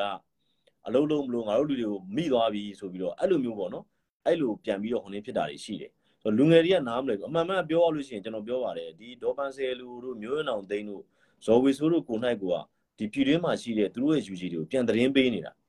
ဟုတ်လားအာနာပိုင်တွေကိုပြန်သတင်းပေးတယ်ဟုတ်လားပြန်သတင်းပေးလိုက်တဲ့အခါကျတော့အာနာပိုင်တွေကဖမ်းတယ်ဖမ်းလိုက်တဲ့အခါကျတော့သူတို့ကဟိုဘက်ကိုပြန်ပြီးမျက်ရည်ချူလို့ရတွေ့လားငါတို့တွေဒီ operation အတွက်ကိုဒီလူတွေလွတ်လိုက်တာဒီလူတွေကိုမိသွားပြီစသည်အဖြစ်ပေါ့နော်ဒါမျိုးတွေကဟိုပြောရရင်တော်လန်ရေးဆိုတဲ့အထင်းမှာဒါမျိုးတွေအများကြီးပါတယ်ကျွန်တော်လူငယ်တွေကိုသိစေချင်တယ်ဒါမျိုးပေါ့နော်ဥပမာဖြင့်တော်တော်များများမိတယ်ဗျာတော်တော်များများမိကြဆိုရင်သူတို့ရဲ့တကယ်ဗမာပြည်တဲကိုလွှတ်လိုက်တယ်ဆိုတာကတော့ပြောရတော့လက်ရွေးစင်တွေလွှတ်လိုက်တာလွှတ်လိုက်တာပေါ့နော် လက်ရွေးစင်တွေဆိုတော့အဲ့လက်ရွေးစင်တွေလွှတ်လိုက်တဲ့အခါမှာဗမာပြည်တဲရောက်သွားတော့သူတို့ရဲ့လက်ရွေးစင်မှာဆိုတဲ့လူတွေကဘာဖြစ်လဲဆိုတော့ဟိုသူတို့ဟိုပျော်ပိုက်သွားတော့ငါတို့ဒီဗမာပြည်ထဲမှာငြိမ်းချမ်းနေပြီပဲငါတို့အေးဆေးနေလို့ရပါလားလို့ဖြစ်သွားတဲ့အချိန်မှာဟိုဘက်ကဘာဖြစ်လဲဆိုတော့သူတို့ရဲ့အိုက်ကနေလွတ်လိုက်တဲ့လူဥပမာပန်ဆယ်လိုလည်းဖြစ်ရင်ဖြစ်မယ်ဟလာဇော်ဝေဆိုးလည်းဖြစ်ရင်ဖြစ်မယ်မျိုးဝင်အောင်သိန်းလည်းဖြစ်မယ်သူတို့လွတ်တဲ့လူကဒီထဲမှာအလုံးမလုပ်တဲ့အခါကျတော့သူတို့ကိုယ်နိုင်ကအပြင်ကနေ activate လုပ်ရတယ်ဖះအောင်နေမင်းတို့အလုံးမလုပ်ဘူးလားအလုံးမလုပ်ဘူးလားလုပ်တယ် အလုံးမလုပ်ဘူးဆိုလို့ရှိရင်သူတို့ကိုယ်နိုင်ကမြန်မာပြည်ထဲမှာရှိတဲ့အာဏာပိုင်တွေကိုအဲပန်ဆယ်လိုတို့မျိုးဝင်အောင်သိန်းတို့ဇော်ဝေဆိုးတို့ကိုယ်နိုင်ကပြန်ပြီးသတင်းပေးရတယ်အဲ့လိုသတင်းပေးလိုက်မှဟိုကအာဏာပိုင်တွေကဝင်ဖမ်းတယ်ဝင်ဖမ်းလို့ရှိရင်အာဏာပိုင်တွေကဘာလုပ်လဲဆိုတော့ကြီးညာရတာပေါ့နော်ဘယ်အဖွဲ့ဘယ်အဖွဲ့စည်းဘယ်အဖွဲ့စည်းကိုဟာလားကျွန်တော်တို့ဖမ်းမိပါလို့ကြီးညာလိုက်မှအဲ့ဒီဇော်ဝေဆိုးတို့မျိုးရအောင်သိန်းတို့ဒေါ်ပန်စင်တို့ကနေပြီးတော့ကဘာကိုပြတာတွေ့လားကျမတို့ရဲ့ဒီလူတွေအကုန်လုံးကိုကျမတို့ဒီစစ်စစ်စင်ရေးအတွက်လွတ်လိုက်တဲ့လူတွေကိုဒီဘက်ကအာဏာပိုင်တွေကဖမ်းလိုက်ပါပြီဆိုပြီးသူကဒါမျိုးလုပ်ရတာ ဒါတော်လိုင်းရေးတိုင်းမှာဒီလိုမျိုးပဲထိုးကြွေးကြတာပဲအဲ့ဒါကိုကျွန်တော်တို့နားလည်ရမယ်လူငယ်တွေနဲ့နားလည်ရမယ်ကျွန်တော်ပြောရမယ် the brave heart ကိုကြည့်ကြည့် the brave heart မှာဒီတိုင်းလုပ်ရတာပဲဒီပွင့်လင်းပြောလို့ရှိရင်လက်ရှိအခြေအနေမှာပေါ့နော်ပြီးခဲ့တဲ့ဟိုနေကဒီပြီးခဲ့တဲ့အချိန်မှာဟိုအာဏာငန်းငန်းတက်နေတဲ့ဒီဟိုနေကဒီ NLD အဖွဲ့အစည်းကသူအာဏာပြန်လို့ခြင်းတယ်အာဏာပြန်လို့ခြင်းတဲ့အတွက်သူကဘာလုပ်လဲဆိုတော့ဒီကလေးတွေကိုသူကထိုးကြွေးရတယ်ဒီကလေးတွေကိုထိုးကြွေးပြီးရင်သူကဘာလုပ်ရလဲဆိုအကယ်ဒီကလေးတွေကိုထိုးကြွေးတာများလာလို့ဟုတ်လား ဟိုနေဖြစ်လာတယ်ဒီဘက်ကနေပြီးတော့ဒီဘက်ကဟလာဖမ်းအမာတွေဟလာဒီပြစ်ခတ်တိုက်ခိုက်မှုတွေမလိုအားနဲ့ဟာ NLD ကအဲ့ကြမှာဖိအားပေးတာပေါ့ဗျာတီရဲဆိုတော့ဖိအားပေးတာဖိအားပေးတော့အရင်တီရဲဆိုရဟလာဒီဘက်မှာဟလာဖွံ့ဖြိုးတိုးတက်မှုတွေမလုပ်နိုင်ပါကြတော့အဲ့ကြရင်မင်းတို့ဖွံ့ဖြိုးတိုးတက်မှုတွေလုပ်ချင်လားလုပ်ချင်လို့ရှိရင်ငါတို့ NLD နဲ့မင်းတို့ဆွေးနွေးငါတို့လိုအပ်ချက်တွေကဒါတွေဒါတွေဆိုပြီးတော့အဲ့လိုမျိုးဟိုနေ့ပြောသလိုပေါ့သူကဖိအားပေးတာပေါ့ဒီဘက်မှာရှိတဲ့အစိုးရနဲ့ပြည်သူတွေကိုဖိအားပေးတယ်ဖိအားပေးပြီးတော့မှသူကဘာလုပ်လဲဆိုတော့ သူတို့ရဲ့လိုအပ်ချက်ကိုသူတို့ပြီးတော့မှသူတို့မင်းသားတွေကရှေ့ထွက်မှာဟုတ်အခုလောလောဆယ်အဲ့လိုကလေးတွေဟိုလူကလေးတွေကိုလူချမ်းလုပ်ပြီးရှေ့ကိုတွန်းတင်လာတာဆိုတော့ဒါမျိုးတွေပေါ့အဲ့တော့ကျွန်တော်တို့ကပြောချင်တာကဒီတော်လန်ရေးတွေဟဲ့လားဒီနိုင်ငံရေးတွေပါညာဆိုကျွန်တော်တို့ကတော်တော်များများကျင်လည်ခဲ့ပြီတကယ်တော့လူတွေအားလုံးကကိုယ်ဘဝမှာကိုကျင်လည်ရတာပဲဗျဟာလားထားပါအခုဆိုရင်ခေါင်းရင်ပြတ်ထိုးစည်းတွေအားအစအာတော်လန်ရေးတို့ဘာလို့ညာတို့သူတို့ကဘာသိမှာလဲကျွန်တော်ပြောပြတာဟာလားဟို နင်းကိုရောက်သွားတယ်ဟဲ့လားဒီဒီသူတို့အခုတောတွေကိုရောက်သွားတယ်ဘာညာဆိုတဲ့လူတွေထဲမှာလဲဟိုတော်တော်များများကဟိုဘယ်လိုခေါ်မလဲဟိုဒီနောက်ကနေစွာပေးလိုက်လို့အပြင်ရောက်သွားတဲ့လူတွေများတယ်လေသူတို့ရှိမှဘာနိုင်ငံရေးတွေးခေါ်ရှိမှလဲနော်ဘာနိုင်ငံရေးတွေးခေါ်ရှိမှအဲ့နိုင်ငံရေးတွေးခေါ်မရှိမှလားတစ်ဖက်ကခိုင်းလို့ရမှာလေဟုတ်လားအဲ့လိုဟိုမှာအခုသူတို့ပြောနေတယ်ဟလားဟိုနေ့ရှိပါတယ်ကျွန်တော်တို့သူတို့ရဲ့ကာဝေးဝင်ကြီးဆိုတယ်ဟလားဘာလဲရီမွန်လားဘာလားစီသူဆိုလို့ရှိရင်ကျွန်တော်နေပြီးတော့မှသူသူ့အိမ်ကိုကျွန်တော်သွားကြည့်တယ် သူ့အိမ်ကကြီးတောင်ကံပါလားမသိဘူးသူကနွားပွဲစားနွားပွဲသားဘာမှသူကသိရမဟုတ်ဘူးဒါပေမဲ့သူကနည်းနည်းပေါ့ဗျာအဲ့လိုပေါ့ဗမာပြည်ရဲ့ထုံးစံအတိုင်းပေါ့ပညာလေးအဲ့မှာစေးကြောင်းလေးတက်တယ်လို့လို့အင်ဂျင်နီယာလေးတက်တယ်လို့ဆိုရင်သူကငါအတော်ဆုံးပဲဆိုရင်အရက်လေးတများများနဲ့ဟိုလူဘွားမှာသူအတော်ဆုံးဆိုတဲ့ပုံစံတွေချိုးတာတွေရှိရလေဒါအားလုံးလည်းမြင်တယ်တားလုံးလည်းသိမှာပါဟလားစေးကြောင်းတော့တက်လိုက်ပြီဆိုလို့ရှိရင်သူကဂီတာလည်းတီးခြင်းတယ်ဒရမ်လည်းတီးခြင်းတယ်ပလွေလည်းမှုတ်ခြင်းတယ်ဟလာဟိုဘက်မှာတချင်းလဲဆိုခြင်းနဲ့စာလဲရေးခြင်းနဲ့သူကသူအတော်ဆုံးလို့တတ်မှတ်လိုက်တာကို အဲ့ဒါကျွန်တော်တို့မြန်မာလူအဖွဲ့အစည်းကမှားနေတဲ့အချက်ပေါ့နော်ကျွန်တော်အမြဲပြောပါတယ်သူက R&D တော့တက်လိုက်ပြီးစေးကြောင်းတော့တက်လိုက်ပြီးသူကသူအတော်ဆုံးလို့ပြောကြံတဲ့လူတွေတက်သူအားလုံးတက်တော်တယ်လို့သူကသူတတ်မှတ်လိုက်တာအဲဒီရီမုံဆိုတဲ့လူကလည်းအဲ့လိုပဲဒါပေမဲ့သူကဘာဖြစ်လဲဆိုတော့သူကစေးကြောင်းလားအင်ဂျင်နီယာလားမသိဘူးသူကတက်တယ်တက်ပြီးတော့ तू ကဘာပြောလဲသူရွာမှာတော့ तू အတော်ဆုံးပါဗျအဲ့တော့ तू ကရွာလာလို့ရှိရင်ဟလာရက်တောင်းမယ်ပြောချင်တာပြောမယ်ဘာဖြစ်လို့လဲဆိုတော့တောသူတောင်းသားတော့ဟာဒီလူကစေးချောင်းတော်တက်တာပဲ ဒီလူက YND တောင်တက်ထားတာပဲဒီလူကအတော်ဆုံးပဲလေ तू ပြောတာတွေကမှန်ပါပဲလေလို့ထင်ကြတယ်မဟုတ်ဘူးကျွန်တော်တို့လူအဖွဲ့အစည်းမှာတဦးတယောက်ချင်းစီကတန်ဖိုးရှိတယ်ကိုတန်ဖိုးနဲ့ကိုရက်တည်နေကြတာနော်အဲ့ဒါတွေကိုကိုတန်ဖိုးတွေလက်သမားကလည်းလက်သမားမှာတန်ဖိုးရှိတယ်နော်အဆိုတော်ကလည်းအဆိုတော်တန်ဖိုးရှိတယ်စိုက်ကားသမားကလည်းစိုက်ကားသမားတန်ဖိုးရှိတယ်ဒီတန်ဖိုးတွေကိုကျွန်တော်တို့ကကိုတန်ဖိုးနဲ့ကိုရက်တည်ရမယ်နော်သူများတကဟာလာကျွန်တော်တို့ကကျွန်တော်တို့လူအဖွဲ့အစည်းမှာအဲ့လိုပေါ့ ဘယ်လိုခေါ်မလဲဆရာဝန်ရှားသွားတဲ့အခါကျတော့ကျွန်တော်တို့ကဟာဆရာဝန်ဆိုတဲ့လူတွေကိုကျွန်တော်တို့ကဟာလာအာယုသေးပေးဦးညိုဟိုကောင်တွေကအဲ့ပုံမှာပြန်ပြီးတော့မလုပ်လဲသူတို့ကပြန်ပြီးအခွင့်အရေးတွေယူဟာအင်ဂျင်နီယာဆိုဟာငါငါတို့ရွာမှာတော့အင်ဂျင်နီယာတယောက်ရှိတယ်သူကစာမအရန်တော်အလွတ်ချက်တဲ့ပညာရေးဗျာတွေးခေါ်တဲ့ပညာရေးမှမဟုတ်တာဟုတ်တယ်မလားဒါရှင်းရှင်းလေးပဲအရင်တည်းကကျွန်တော်ပြောပါတယ်2019လား2018လောက်မှလားမသိဘူးเนาะကျွန်တော်ဗဟိုဝန်ထမ်းတက္ကသိုလ်သွားတက်တဲ့ဆရာဝန်တယောက်ကဟာဟိုဟာမလုပ်ချင်ဘူးဒီဟာမလုပ်ချင်ဘူးစာတွေရေးကြတော့ဟာဆရာဝန်ပဲဆိုရုံနဲ့ဖြစ်ကြဒါပေမဲ့ तू ကသူ့နယ်ပယ်မဟုတ်ဘူးလေ तू ကဒီဟာကြီးကို तू ကဒီထဲမှာရှိတဲ့စီမင်းစည်းကမ်းတွေကို तू လိုက်နာဖို့အတွက် तू ဒီနေရာကိုသွားဖို့သွားရမယ်သူ့အနေနဲ့ဒီဟာကြီးကိုမလိုအပ်ဘူးဆိုရင်အဲ့ဒီအချိန်မှာလွတ်တော်လည်းရှိတယ်ဟုတ်လားအစိုးရလည်းရှိတယ်အတိုက်ခံပါတီလေးလည်းရှိတယ် तू ဒါတွေကနေပြီးတော့ဟိုဘယ်လိုခေါ်မလဲ तू တဆင့်တင်ပြတဲ့နေလေဟာဒီအခြေအနေကဒါမျိုးဖြစ်နေတယ်ကျွန်တော်တို့အနေနဲ့ဟာလာဒီခက်နဲ့မညီတဲ့ဒီလိုဟာကြီးတွေကျွန်တော်တို့မဖြစ်သင့်ဘူးဆိုတော့နော်အာမျိုးလောက်ရမှာလေအဲ့တော့သူတို့ကဘာလို့လဲဘာခေါ်လဲဆိုတော့ ဒီသူတို့ကိုသူတို့ဒီဟာလာဒီပညာရေးအချင်းလေးပေါ့ဗျာဒီပညာလေးမှာဟာလာဆရာဝန်လောက်အင်ဂျင်နီလောက်ဖြစ်သွားတာသူတို့ကိုသူတို့မိုးမမြင်လေးမြင်နေဖြစ်ကုန်ပြီးတော့လူအဖွဲ့အစည်းကိုဖျက်ဆီးရတာပဲလို့ဘယ်တိုင်းပြည်မှာလက်မခံခင်ဗျအဲ့ကြဘယ်တိုင်းပြည်မှာလက်မခံဘူးအဲ့ဒါကြောင့်မလို့ခင်ဗျအမေရိကန်တို့ဟလာတကယ်အင်္ဂလန်တို့ယူရိုပတို့ရောက်သွားတဲ့ဟာဆေးချောင်းလိုလိုဘာလိုလိုညာလိုလိုကောင်းနေခင်ဗျသွားကြည့်ပကံဆေးနေရပကံဆေးနေရနော်ကျွန်တော်ပြောပြမယ် ကျွန်တော်လည်းအဲ့လိုပေါ့နော်ဟိုအလုပ်တဲကိုအတင်းထိုးတဲ့တာကျွန်တော်တို့လည်းခံရဘူးဒါပေမဲ့ဟေ့အောင်ငါ journalist ငါ journalist ကြောင်းတက်မယ်ငါကြောင်းတက်မယ်ရတယ်မင်းတို့ပေးတဲ့ထောက်ပံ့ကြီးနဲ့ပဲငါလောက်အောင်စားမယ် ဆိုပြီးတော့ကျွန်တော်တို့ဒီပညာဝဲဒီဇိုင်းမမတ်ကျွန်တော်တို့လုပ်ခဲ့တာเนาะဒါမျိုးကျွန်တော်ပွင့်လင်းပြောရရင်ဥရောပမှာအလုတ်ခိုးလုပ်တဲ့လမ်းကြောင်းကိုတက်တက်ကိုဖွင့်ပေးထားတယ်เนาะဘာကြောင့်လဲဆိုတော့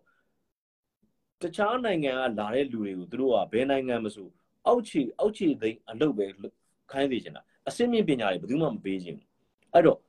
သူတို့တိုင်းပြည်မှာလည်းပြောရရင်အစင်းမြင့်ပညာပဲဖြစ်ဖြစ်အောက်ခြေသိမ်းအလုတ်ပဲဖြစ်ဖြစ်လာတာမတိမ်မြေမယ်ဒါပေမဲ့ကျွန်တော်တို့ဂုံအားဖြင့်တော့နည်းနည်းကွာသွားတာပေါ့ဗျာဟာလားစသည်အားဖြင့်ပေါ့အဲ့တော့ဟိုမှာဥရောပလိုနေရာမျိုးကဂျာနယ်လစ်ဆိုတာဆိုတကယ်ဂုံရှိတဲ့အလုပ်အလုပ်ကိုင်တစ်ခုပေါ့နော်တကယ်ပညာရှင်အလုပ်တစ်ခုပေါ့ဆိုတော့အဲ့ဒါကလည်းဟိုပြောရလို့ရှိရင်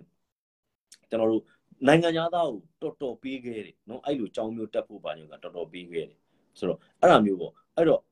ဒီလူဟာဟာလာထားပါတော့ဒီမှာလာနေတယ်ဒီကောင်ဂျင်းနဲ့ချက်တွေတွန်းပို့တာပေါ့နော်ဂျင်းနဲ့ချက်တွေတွန်းပို့တယ်လားတွန်းပို့ပြီးတော့တခြားအလုပ်လုပ်အောင်အလုပ်ခိုးလုပ်အောင်တွန်းပို့တာတွေရှိတယ်ဒါပေမဲ့ကျွန်တော်တို့ကမရအောင်ဒါပဲ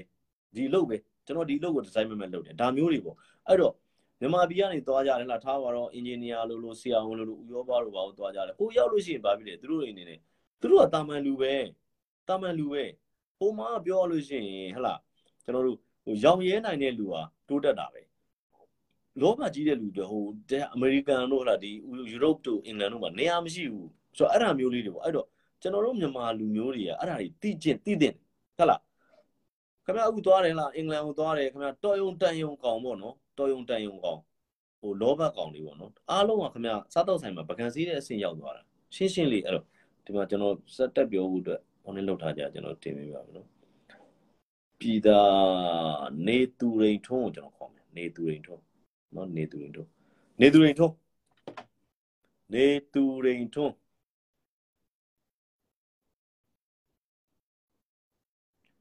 နေသူရင်ထုံးနေသူရင်ထုံးမင်္ဂလာပါကိုနေသူရင်ထုံး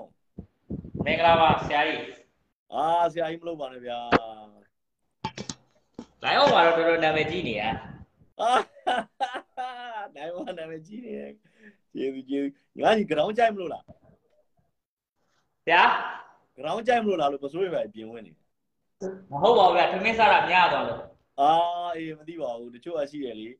ဗာလဲ ground ကြိုက်ကြီးနဲ့ဖပြုတ်ရိုက်တယ်ဆိုတာမသိပါဘူးအဲ့လိုဖြစ်မလားမဟုတ်ပါပြောငါဘူးတို့ပြောပြောပြောမင်္ဂလာပါမင်္ဂလာပါပြောငါတို့နိုင်ငံရေးတွေဘာတွေပြောကြစိတ်ဝင်စားလို့ဗျာအေးလေနော်နိုင်ငံရေးကအေးနိုင်ငံရေးတွေပြောကြတော်တော်များတယ်ဗမာပြည်မှာတော့ဟုတ်တယ် ဟုတ်တယ်အခုကအခြေအနေကတော်တော်စိုးနေဘယ်အခြေအနေလဲငါတို့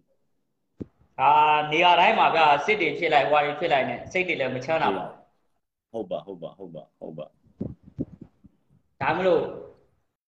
ဟိုဘာပဲဖြစ်နေဖြစ်နေဒီသုံးဆုံးသွားတဲ့အသက်တွေကတော့ပြောင်းများနိုင်တယ်သိကြတယ်အာတေချာတော့တေချာတော့ငါတို့တော်တော်များများကြပါမယ်အဲ့က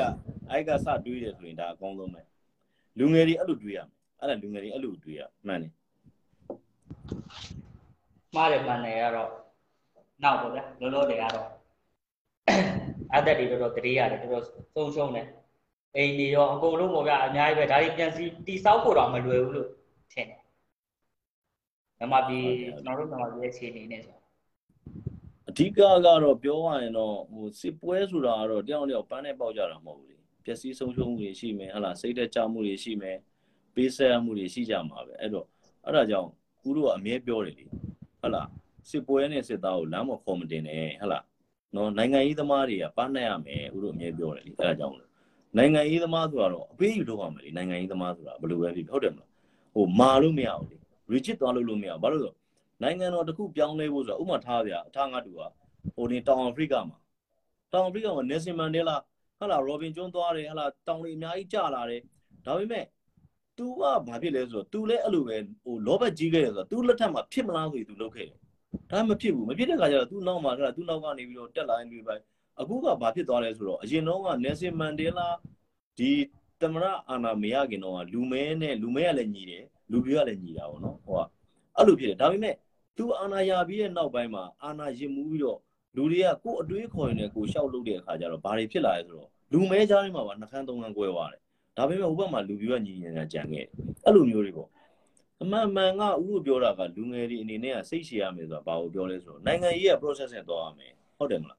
ဘယ်နိုင်ငံမှအမအမေရိကန်ဆိုလို့ရှိရင်လေသူ့ရဲ့ဖွဲ့စည်းပုံအခြေခံဥပဒေကြီးကိုဒုံးဆိုပြထမ်းလိုက်ပြီမဲ့သူ့ရှင်မှာလည်းပြည်တွင်းစစ်တွေဖြစ်ခဲ့သေးတာပဲလေ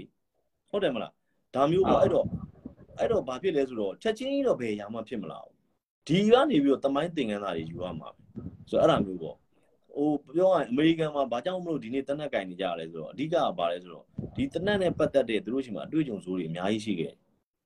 ရှိခဲ့ဒီနေ့အထိကိုရှိနေတော့မယ်ဆိုတော့အဲ့အဲ့လိုအပိုင်းတော့အဲ့တော့ဘာလို့လဲဆိုတော့ကျွန်တော်တို့ကတချို့ကိစ္စတွေကြတော့ဟိုအတွေ့အကြုံတွေကနေပြီးတော့လူတွေလူငယ်တွေကိုမသွားစေချင်ဘူးဟုတ်လားလူငယ်အနေနဲ့အတွေ့အကြုံများများယူရမှာတော့မှန်တယ်ဒါပေမဲ့စိုးတဲ့အတွေ့အကြုံတွေအရင်ဖြစ်တဲ့တော့လူငယ်တွေစတေးရတာပေါ့နော်မကောင်းဘူးပေါ့မလိုအပ်ဘဲနဲ့မလိုအပ်ဘူးလေဒါဟုတ်တယ်မလား မလိုအပ်ဘူးမလိုအပ်ဘဲနဲ့စတေးရပြီးတော့ဟုတ်ပါတယ်တတိုင်းမျိုးစိတ်မကောင်းကြအောင်ဒီဟာတွေကတော့ပြောပါငါတို့အခုကခက်တာဖြစ်ပြီဆိုမှလည်းဘာမှပြန်ပြင်လို့မရဘူးဗျဆိုးတာမှန်တယ်ငါတို့မှန်တယ်မှန်တယ်မှန်တယ်မှန်တယ်မှန်တယ်အခုကတော်တော်များများလဲတည်သွားတာနဲ့တိုးရဲရောက်သွားတာနဲ့ထွက်ပြေးနေရတဲ့ဘသူအတွက်ကြိုးရှိလဲဆိုဘသူအတွက်မှတော့အကျိုးမရှိဘူးနိုင်ငံပဲဆုပ်ယုပ်သွားတာပဲဖတ်တယ်တေးကြတော့တေးကြတော့ဟိုမှာ ဟိုတေးကြတာတခုကတော့စစ်အာဏာရှင်ကပဲနိုင်နိုင်ပြည်သူလူထုကပဲနိုင်နိုင်တေးကြတာကတော့ပြန်လဲထူထောင်မယ်ဆိုရင်တော့မှတော်တော်တော်လေးကိုပြန်ပြီးတော့ဟိုဖြစ်ရအောင်ဟုတ်တယ်အဓိကဦးတို့လူအဖွင့်လူလူအဖွဲ့စည်းကြားထဲမှာဟိုတယောက်နဲ့တယောက်မယုံကြည်မှုတွေအများကြီးဖြစ်သွားပြီလေဟုတ်တယ်မလားဟုတ်တယ်မယုံကြည်မှုတွေပဲအဲ့ဒါကြောင့်ကျွန်တော်တို့ကပြောတာလူအဖွဲ့အစည်းကြားတဲ့ကိုနိုင်ငံရေးတွေထိုးမသွင်းနဲ့နိုင်ငံရေးဆိုတာရွေးကောက်ပွဲကာလမှာဗျာဟုတ်မှာပြီတစ်နှစ်ဟုတ်လားရွေးကောက်ပွဲမှာတစ်လမဲဆွဲရမယ်ဆိုအဲ့တစ်လအတွင်းမှာ ကိုပါတီဝင်တွေပဲမပြောနဲ့လူထုကိုပြောလူထုဆိုတာတခြားပါတီဝင်တွေလည်းရှိရင်ရှိလိမ့်မယ်နိုင်ငံရေးသမားဆိုတာအဲ့အဲ့တခြားပါတီဝင်တွေပါကိုယ်တည်းကိုပါလာအောင်ပြောလေကိုပါတီဝင်တွေကြီးပဲဟိုနေ့ဖြစ်တဲ့အခါကျတော့ဘာဖြစ်လဲဆိုတော့ဟိုဟိုလှုပ်စော်တယ်လို့ဖြစ်တာပေါ့နော်ဒါမျိုးတွေကိုလူထုကိုပြောလူထုအနေနဲ့လက်ခံလာအောင်ပြောဒါပေမဲ့အဲ့လက်ခံအောင်ပြောတဲ့နေရာမှာလည်းစီမင်းစည်းကမ်းပေါ့နော်သူနေရာအကန့်အသတ်ရှိမယ်စသည်အဖြစ်ပေါ့ဒါမျိုးတွေနဲ့ပြောပေါ့ ဥတို့အရင်တော့ဆိုလို့ရှိရင်ဟလာဥမာဘိုးချုပ်မူကြီးတန်းချွေလို့ပြောခဲ့တယ်ဝန်ထမ်းနိုင်ငံရေးနဲ့ကင်းရှင်းရမယ်ဘာညာအကြောင်းသားနိုင်ငံဟာဘာလို့ကင်းရှင်းရမှာလဲဝန်ထမ်းလည်းနိုင်ငံလူပဲဒီတိုင်းပြည်သားပဲနိုင်ငံရေးလုပ်ရမှာပေါ့အကြောင်းသားလည်းဒီနိုင်ငံပဲနိုင်ငံရေးလုပ်ရမှာဆိုသူတို့ပြောလို့ခြင်းတဲ့သဘောကပါဆိုဝန်ထမ်းလောကထဲမှာနိုင်ငံရေးကင်းရှင်းရမယ်ဝန်ထမ်းပါတီဝင်လို့ရတယ်မဲထည့်တဲ့ချင်းတော့ထည့်လို့ရတယ်သူတို့ရဲ့အတိတ်ပဲဒါမျိုးပေါ့နော်အခုကျတော့ဘာဖြစ်လဲဆိုတော့ဟလာအဓိကဟိုဘယ်လိုခေါ်မလဲဆိုတော့ဟိုဟိုစိတ်မကောင်းစရာကဒီဆရာဝန်တွေကိုနိုင်ကိုကဟမ် နိုင်ငံရေးမှတ်လုံးတွေဝင်ပြီးတော့နိုင်ငံရေးမှိုင်းတွေဝင်ပြီးတော့လူနာကိုလူနာလို့မမြင်မဲနဲ့လူနာကိုပါရန်သူလို့မြင်ပြီးတော့ CDN တွေလုပ်တယ်ပါညာတော့တိုင်းမိနာတာပေါ့ဘယ်လိုပဲဖြစ်တိုင်းမိနာတယ်ဒါမဖြစ်သင့်ဘူးလို့ထင်တာပေါ့အဲ့လိုမျိုးဟုတ်တယ်ဗျဟုတ်လားဘယ်လိုပြောရမလဲတော်တော်များများကလည်းဆရာနာရှင်ကိုမကြိုက်ကြဘူးခက်တာကဟိုသူ များရောပြောတာပေါ့ဗျာလွန်ခဲ့တဲ့နှစ်ပေါင်းဘယ်လောက်ကနှစ်ပေါင်း80ရတော့ပါတော့ပေါ့ဒါမှမဟုတ်ကျွန်တော်တို့ကျွန်တော်တက်ဆိုရင်ခုဒါ28 20ကိုပေါ့နော်ဒါကျွန်တော်ရဲ့အတွေ့အကြုံဆိုကျွန်တော်တို့ဆိုရင်လဲမရှိဘူးနွားမရှိဘူးဘာမှမရှိဘူးဗျာတောင်းသူလည်းမလုပ်ဘူးကျွန်တော်တို့ကမြောက်သူအဲ့ဒါဆိုတော့ဒေချာတာတခုကတော့ဟိုကျွန်တော်တို့ကဘာမှမရှိဘူးဘာမှမရှိတော့ဘာလုပ်လဲဆိုတော့မီးသွေးဖုတ်စားတယ်မီးသွေးဖုတ်တယ် မီးသွေးဖုတ်တော့မြို့ကိုသွားရောက်ရတယ်မြို့ကိုသွားရောက်တော့လှဲမရှိဘူးလှဲမရှိတော့လှဲကိုငှားတယ်ကျွန်တော်တို့ခက်ငယ်ငယ်ကဆိုတော့ရလာတော့ထားပါဗျာလှဲတစ်တိမှ3000လောက်ပေါ့မီးသွေးလှဲတစ်တိမှ3000လောက်ပဲရတယ်အဲ3000လောက်ပဲရတဲ့ဟာကိုဟိုဘယ်ချိန်လောက်သွားရောင်းရလဲဆိုရင်မနေ့3နိုင်လောက်ထမောင်းရတာမြို့ကိုရောက်ရဲကြောက်လို့ပေါ့ရဲကြောက်တဲ့ခါရောက်တော့ကျွန်တော်အဖေမေးခေပေါ့နော်ဒါကျွန်တော်တို့ကနည်းနည်းငယ်လေးရအောင်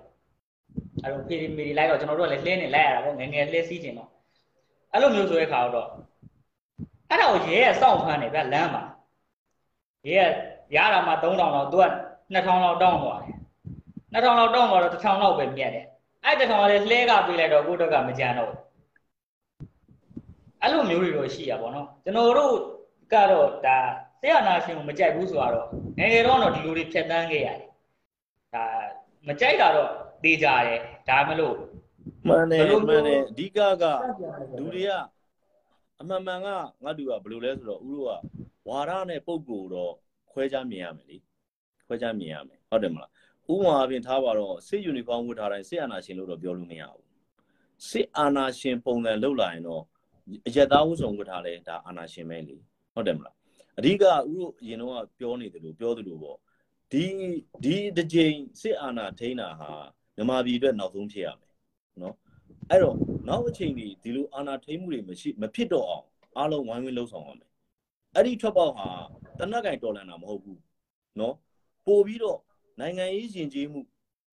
တခုကိုလူငယ်တွေကြားမှာဖန်တီးရမယ်ဟုတ်တယ်မလားလူငယ်တိုင်းကနိုင်ငံရေးသမားတော့မဖြစ်နိုင်ပါဘူးဒါကတော့ရှင်းတော့ဟုတ်တယ်မလားဒါပေမဲ့လူငယ်ထဲမှာနိုင်ငံရေးသမားဖြစ်ချင်တဲ့လူတွေရှိတယ်အဲ့တော့အဲ့နိုင်ငံရေးဆိုတာလည်း level တစ်ခုပဲလေ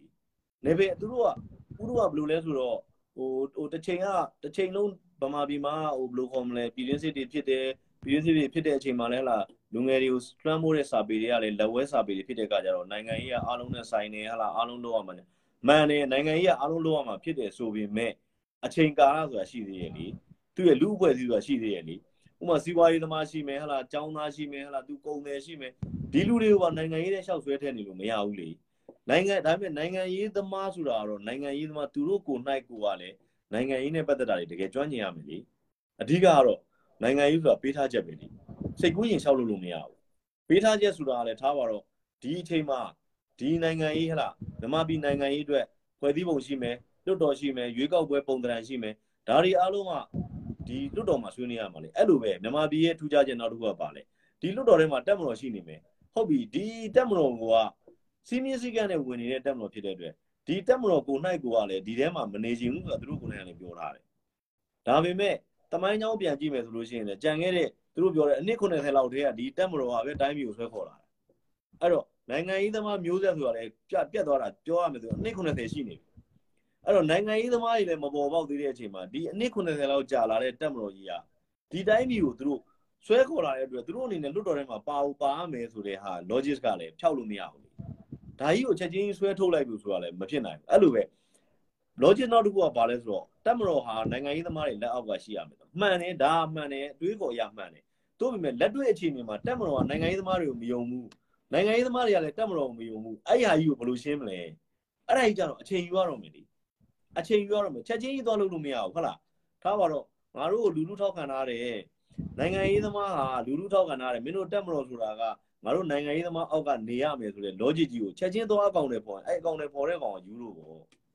ဟုတ်တယ်မလားတက်မတော်ကလည်းနိုင်ငံရေးသမားတွေမယုံဘူးဘာကြောင့်မယုံနိုင်လဲဆိုတော့နိုင်ငံရေးသမားတွေကြောင့်မလို့ငါတို့တွေပြည်သူလူထုရှိကိုထွက်လာရတယ်ဆိုတာတက်မတော်ကြီးမှလည်းအတွေးပေါ်ရှိနေတယ်ဟုတ်တယ်အဲ့တော့နိုင်ငံရေးသမားတွေကသူတို့လိုချင်တဲ့ဟာကိုပဲသူကဆွဲတွန်းနေတာအာတက်မတော်ကနိုင်ငံရေးသမားလက်အောက်ကရှိတာမဟုတ်ဘူးလေလက်တွေ့အခြေအနေမြေပြင်အခြေအနေကိုကြည့်လေမြေပြင်အခြေအနေမှာအဲ့လိုလုံးလုံးမမရသေးပဲဟုတ်လားတက်မတော်ဆိုတာကလည်းဘယ်တက်မတော်သားက ဒီဟိုနင်းကြီးကိုလွတ်တော်ကြီးလည်းလာထိုင်နေတော့သူတို့ကိုယ်နိုင်ပြောတာသူတို့နဲ့မဆိုင်ဘူးဆိုတာဒီတို့ပေမဲ့တမိုင်းချောင်းအစင်လာရတချို့တဲ့ကိစ္စတွေမှာနိုင်ငံရေးသမားတွေမကျွမ်းကျင်တဲ့အပိုင်းတွေရှိတယ်ဟဲ့လားဒါဒီပြီးခဲ့တဲ့10နှစ်မှာအားလုံးမြင်လိုက်တာပဲလေလွတ်တော်ဆိုတာကဥပဒေပြုအဖွဲ့ဟုတ်တယ်နော်အဲဥပဒေပြုအဖွဲ့ကြီးမှာလာပြီးတော့ဟလာဟိုမှာဥရှင်ကြီးကိစ္စတွေလည်းလာပြောဟလာဟိုမှာဟိုကိစ္စတွေရောဒီကိစ္စတွေလာပြောတဲ့ခါကျတော့ဘာဖြစ်လဲလွတ်တော်ကြီးကငါဘောလွတ်တော်ကြီးဖြစ်ပေါ့ဟုတ်လားအဲအဲ့လိုမျိုးတွေပေါ့အဲ့ဒါကြောင့်မလို့ဘာလဲဆိုတော့လက်ရှိအခြေအနေရတော့ အခုလူငယ်တွေတွေးနေတယ်လို့မျိုးဟုတ်လားဟိုဟိုတက်မတော်ဟာနိုင်ငံရေးသမားတွေရဲ့အောက်မှာနေရမယ်ဆိုတဲ့ဟာတော့အချိန်ပြောအောင်ပဲလက်ရှိအချိန်နဲ့တော့မလွယ်သေးဘူးဒါဥရောကအဲ့လိုအဲ့လိုမြင်တာပေါ့နော်ခုနကအခုနတယောက်ပြောသွားတာတွေ့ရတိုးထဲမှာလူငယ်ဘာဖြစ်တယ်ဆိုတာညာဖြစ်တယ်ဆိုတာပြောလို့ပြောပြတော်တော်များများလူငယ်တော်တော်များများတော့မင်းဒီတိုးတဲ့ကိုသွားပြဒီလူလိုပြန်တိုက်ပါလို့ပြောလို့တိုက်တဲ့လူကတော့မရှိတော့ဘူးလို့ထင်တယ်နော် များသောအားဖြင့်ဗျာပညာတတ်တဲ့လူတွေလည်းပါတယ်ပညာမတတ်တဲ့လူတွေလည်းပါတယ်ကိုယ့်အနေကိုစဉ်းစားချင်းချိန်တတ်တဲ့လူတွေကြီးပဲလေစေအာနာရှင်ကဘယ်သူမှမကြိုက်ကြဘူးတကယ်တမ်းပြောရမယ်ဆိုရင်တော့မကြိုက်ကြဘူးဆိုတော့အဲ့ဒါကိုဘယ်လိုညှိနှိုင်းဆွေးနွေးမလဲဒီတိုင်းပဲဟိုပါပြီဒီတိုင်းပဲဆက်သွားရင်တော့အေးပေါ့မှန်တယ်အခုကဘာလဲဆိုတော့မကြိုက်တာမကြိုက်တာကိုမှန်တယ်အဲ့မကြိုက်တာကိုဟိုပောက်ကွဲတဲ့နေမှားသွားတာအဓိကကတော့အဓိကခုနဦးပြောသလိုပေါ့စိတ်မရှိတာပေါ့ နော်ဟာဆီယနာရှင်ကိုလက်နဲ့နဲ့တော့ဟိုတော်လန်မလက်နဲ့နဲ့ပုံကံမရမယ်ဆိုတော့အမားလေးပေါ့နော်အတွေးခေါ်လေးတစ်ခုလေးအဲ့ဒါလေးထည့်ပြီးရဦးတစ်ခုပြောပြမယ်အဲ့ဒါလေးကဘာလဲဆိုတော့ဒါတည်းကနည်းနည်းတော့ရှည်မယ်သူကပုံမြင်လေးတစ်ခုရှိတယ်သူကဒီပုံမြင်လေးကဘာလဲဆိုတော့ဥမာလကဘာမှာပေါ့နော်ကဘာမှာရှားနေတဲ့တတူရိုင်းတစ်ခုကိုတွေ့တယ်တွေ့တဲ့ခါကျတော့အမေရိကန်ကစတွေ့တယ်အမေရိကန်ကသူကအဲ့ဒါနဲ့စက်ရုပ်တွေနဲ့သူကစတူးတာပေါ့တူတော့အဲ့ဒီအဲ့ဒီရှားပါတဲ့ဟိုနင်းကိုမကြောက်ပါဘူးရုရှားကလည်းရောက်လာတယ်ရုရှားရောက်လာတော့ဟာအမေရိကန်တွေကဒီတက်တူကိုတူးနေပြီ ငါတို့လည်းစက်ရုပ်တွေလုပ်ပြီးတူးကြမယ်ဆိုပြီးတော့အနှစ်ယောက်တူးနေကြတူးနေတော့တစ်ဖက်ကဟိုအမေရိကန်ကဟိုနည်းဖြစ်တယ်အမေရိကန်စက်အုပ်တွေကတူတယ်ဒီဘက်ကရုရှားစက်အုပ်တွေကတူတယ်အဲ့လိုတူးနေကြတဲ့အချိန်မှာတစ်ဖက်ကအမေရိကန်ကဘာလုပ်လဲဆိုတော့ရုရှားစက်အုပ်တွေကို तू ကဟိုသူ့စက်အုပ်တွေကိုဒေါသဆိုတဲ့ software ထည့်ပေးလိုက်ထည့်ပေးလိုက်တော့ကြာနောက်နေ့လဲကြာအကြောအဲ့ဒီအမေရိကန်စက်ရုပ်တွေကနေပြီးတော့ရုရှားစက်ရုပ်တွေကိုဒေါမောနဲ့တွားပြီးတော့ဟလာရိုက်ကြထုကြဆိုတော့ရုရှားစက်ရုပ်တွေတေပါအောင် အေးနောက်နေ့ကျတော့ဟိုနေ့ကနေပြီးတော့ရုရှားကနေပြီးတော့သူ့စက်ရုပ်တွေကိုမောဟဆိုတာထည့်ပေးလိုက်တယ်အဲ့မောဟနဲ့ဟိုဘက်ကမောဟဆိုတဲ့ software ထည့်ပေးတယ်အဲ့ဒါနဲ့ဟိုအမေရိကန်စက်ရုပ်တွေကိုချပါတော့အဓိကဘာလဲဆိုတော့ဥပြောချင်တာဘာလဲဆိုတော့လူငယ်တွေရဲ့ဟလာဟိုသူတို့ရဲ့မကျေနပ်မှုလေးကိုဒီဘက်ကလမ်းကြောင်းလေးပေးလိုက်တာမင်းတို့အတွက်ဒီထွက်ပေါက်ပဲရှိတော့တယ်ဆိုတော့နှက်ကြောင်းလေးပေးလိုက်တာအဲ့ဒီနှက်ကြောင်းလေးနောက်မှာလူတွေကလိုက်ပါအမှန်မှန်တော့ထွက်ပေါက်တွေအများကြီးရှာလို့ရတယ် နိုင်ငံရေးထွက်ပေါက်လည်းဒီချိန်မပိတ်သေးဘူး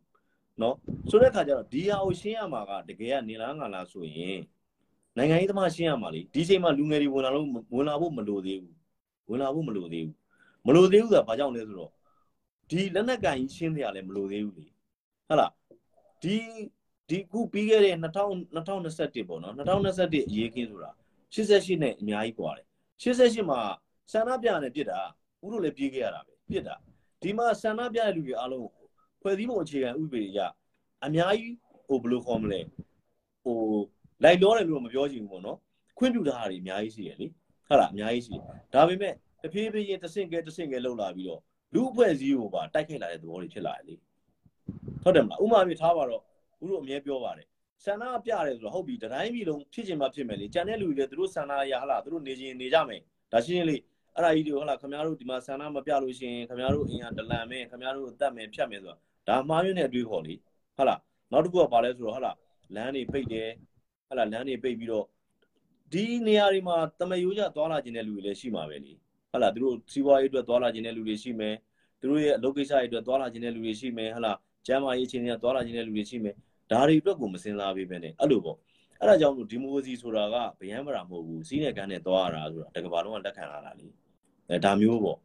အဲ့တော့ဘာဖြစ်လဲဆိုတော့အဓိကကတော့ဦးကအမြဲတမ်းပြောပါတယ်ပြောတယ်ဆိုတာလေဒါမှားရင်လည်းမှားမယ်မှန်ရင်လည်းမှန်မယ်ဦးရဲ့ logic အနေနဲ့ကတော့ဒီကနေ့ဖြစ်သွားတဲ့အခင်းအကျင်းဟာနိုင်ငံရေးသမားတွေရဲ့တွေးခွဲတက်ရှိုံမှုကြောင့်ဖြစ်တယ်ဦးကဒီလိုပဲတွေ့တယ်ပြောမှလို့ပြောအာနာကအာနာသိမ့်လိုက်တာပေါ့တော်တော်ဆိုးသွားတယ်ဗျအာနာထိမ့်လိုက်တာအာနာထိမ့်လိုက်တာတော်တော်များများတော့ပြောပါတယ်တကယ်လို့ဒီအာနာမထဲဘူးမသိဘူးဆိုရင်ပေါ့ ငါပြည်ကဘာဖြစ်တယ်ညာဖြစ်တယ်တကယ်တော့ဆိုရင်အဲ့ဒါတွေမဖြစ်နိုင်ဘူးထင်တယ်ဘာဖြစ်လို့လဲဆိုတော့ဗုဒ္ဓဘာသာနိုင်ငံဗျာသူများတွေကကလားနိုင်ငံဖြစ်မယ်လို့ဘာလို့အဲ့ဒါတွေကလုံးဝမဖြစ်နိုင်ဘူး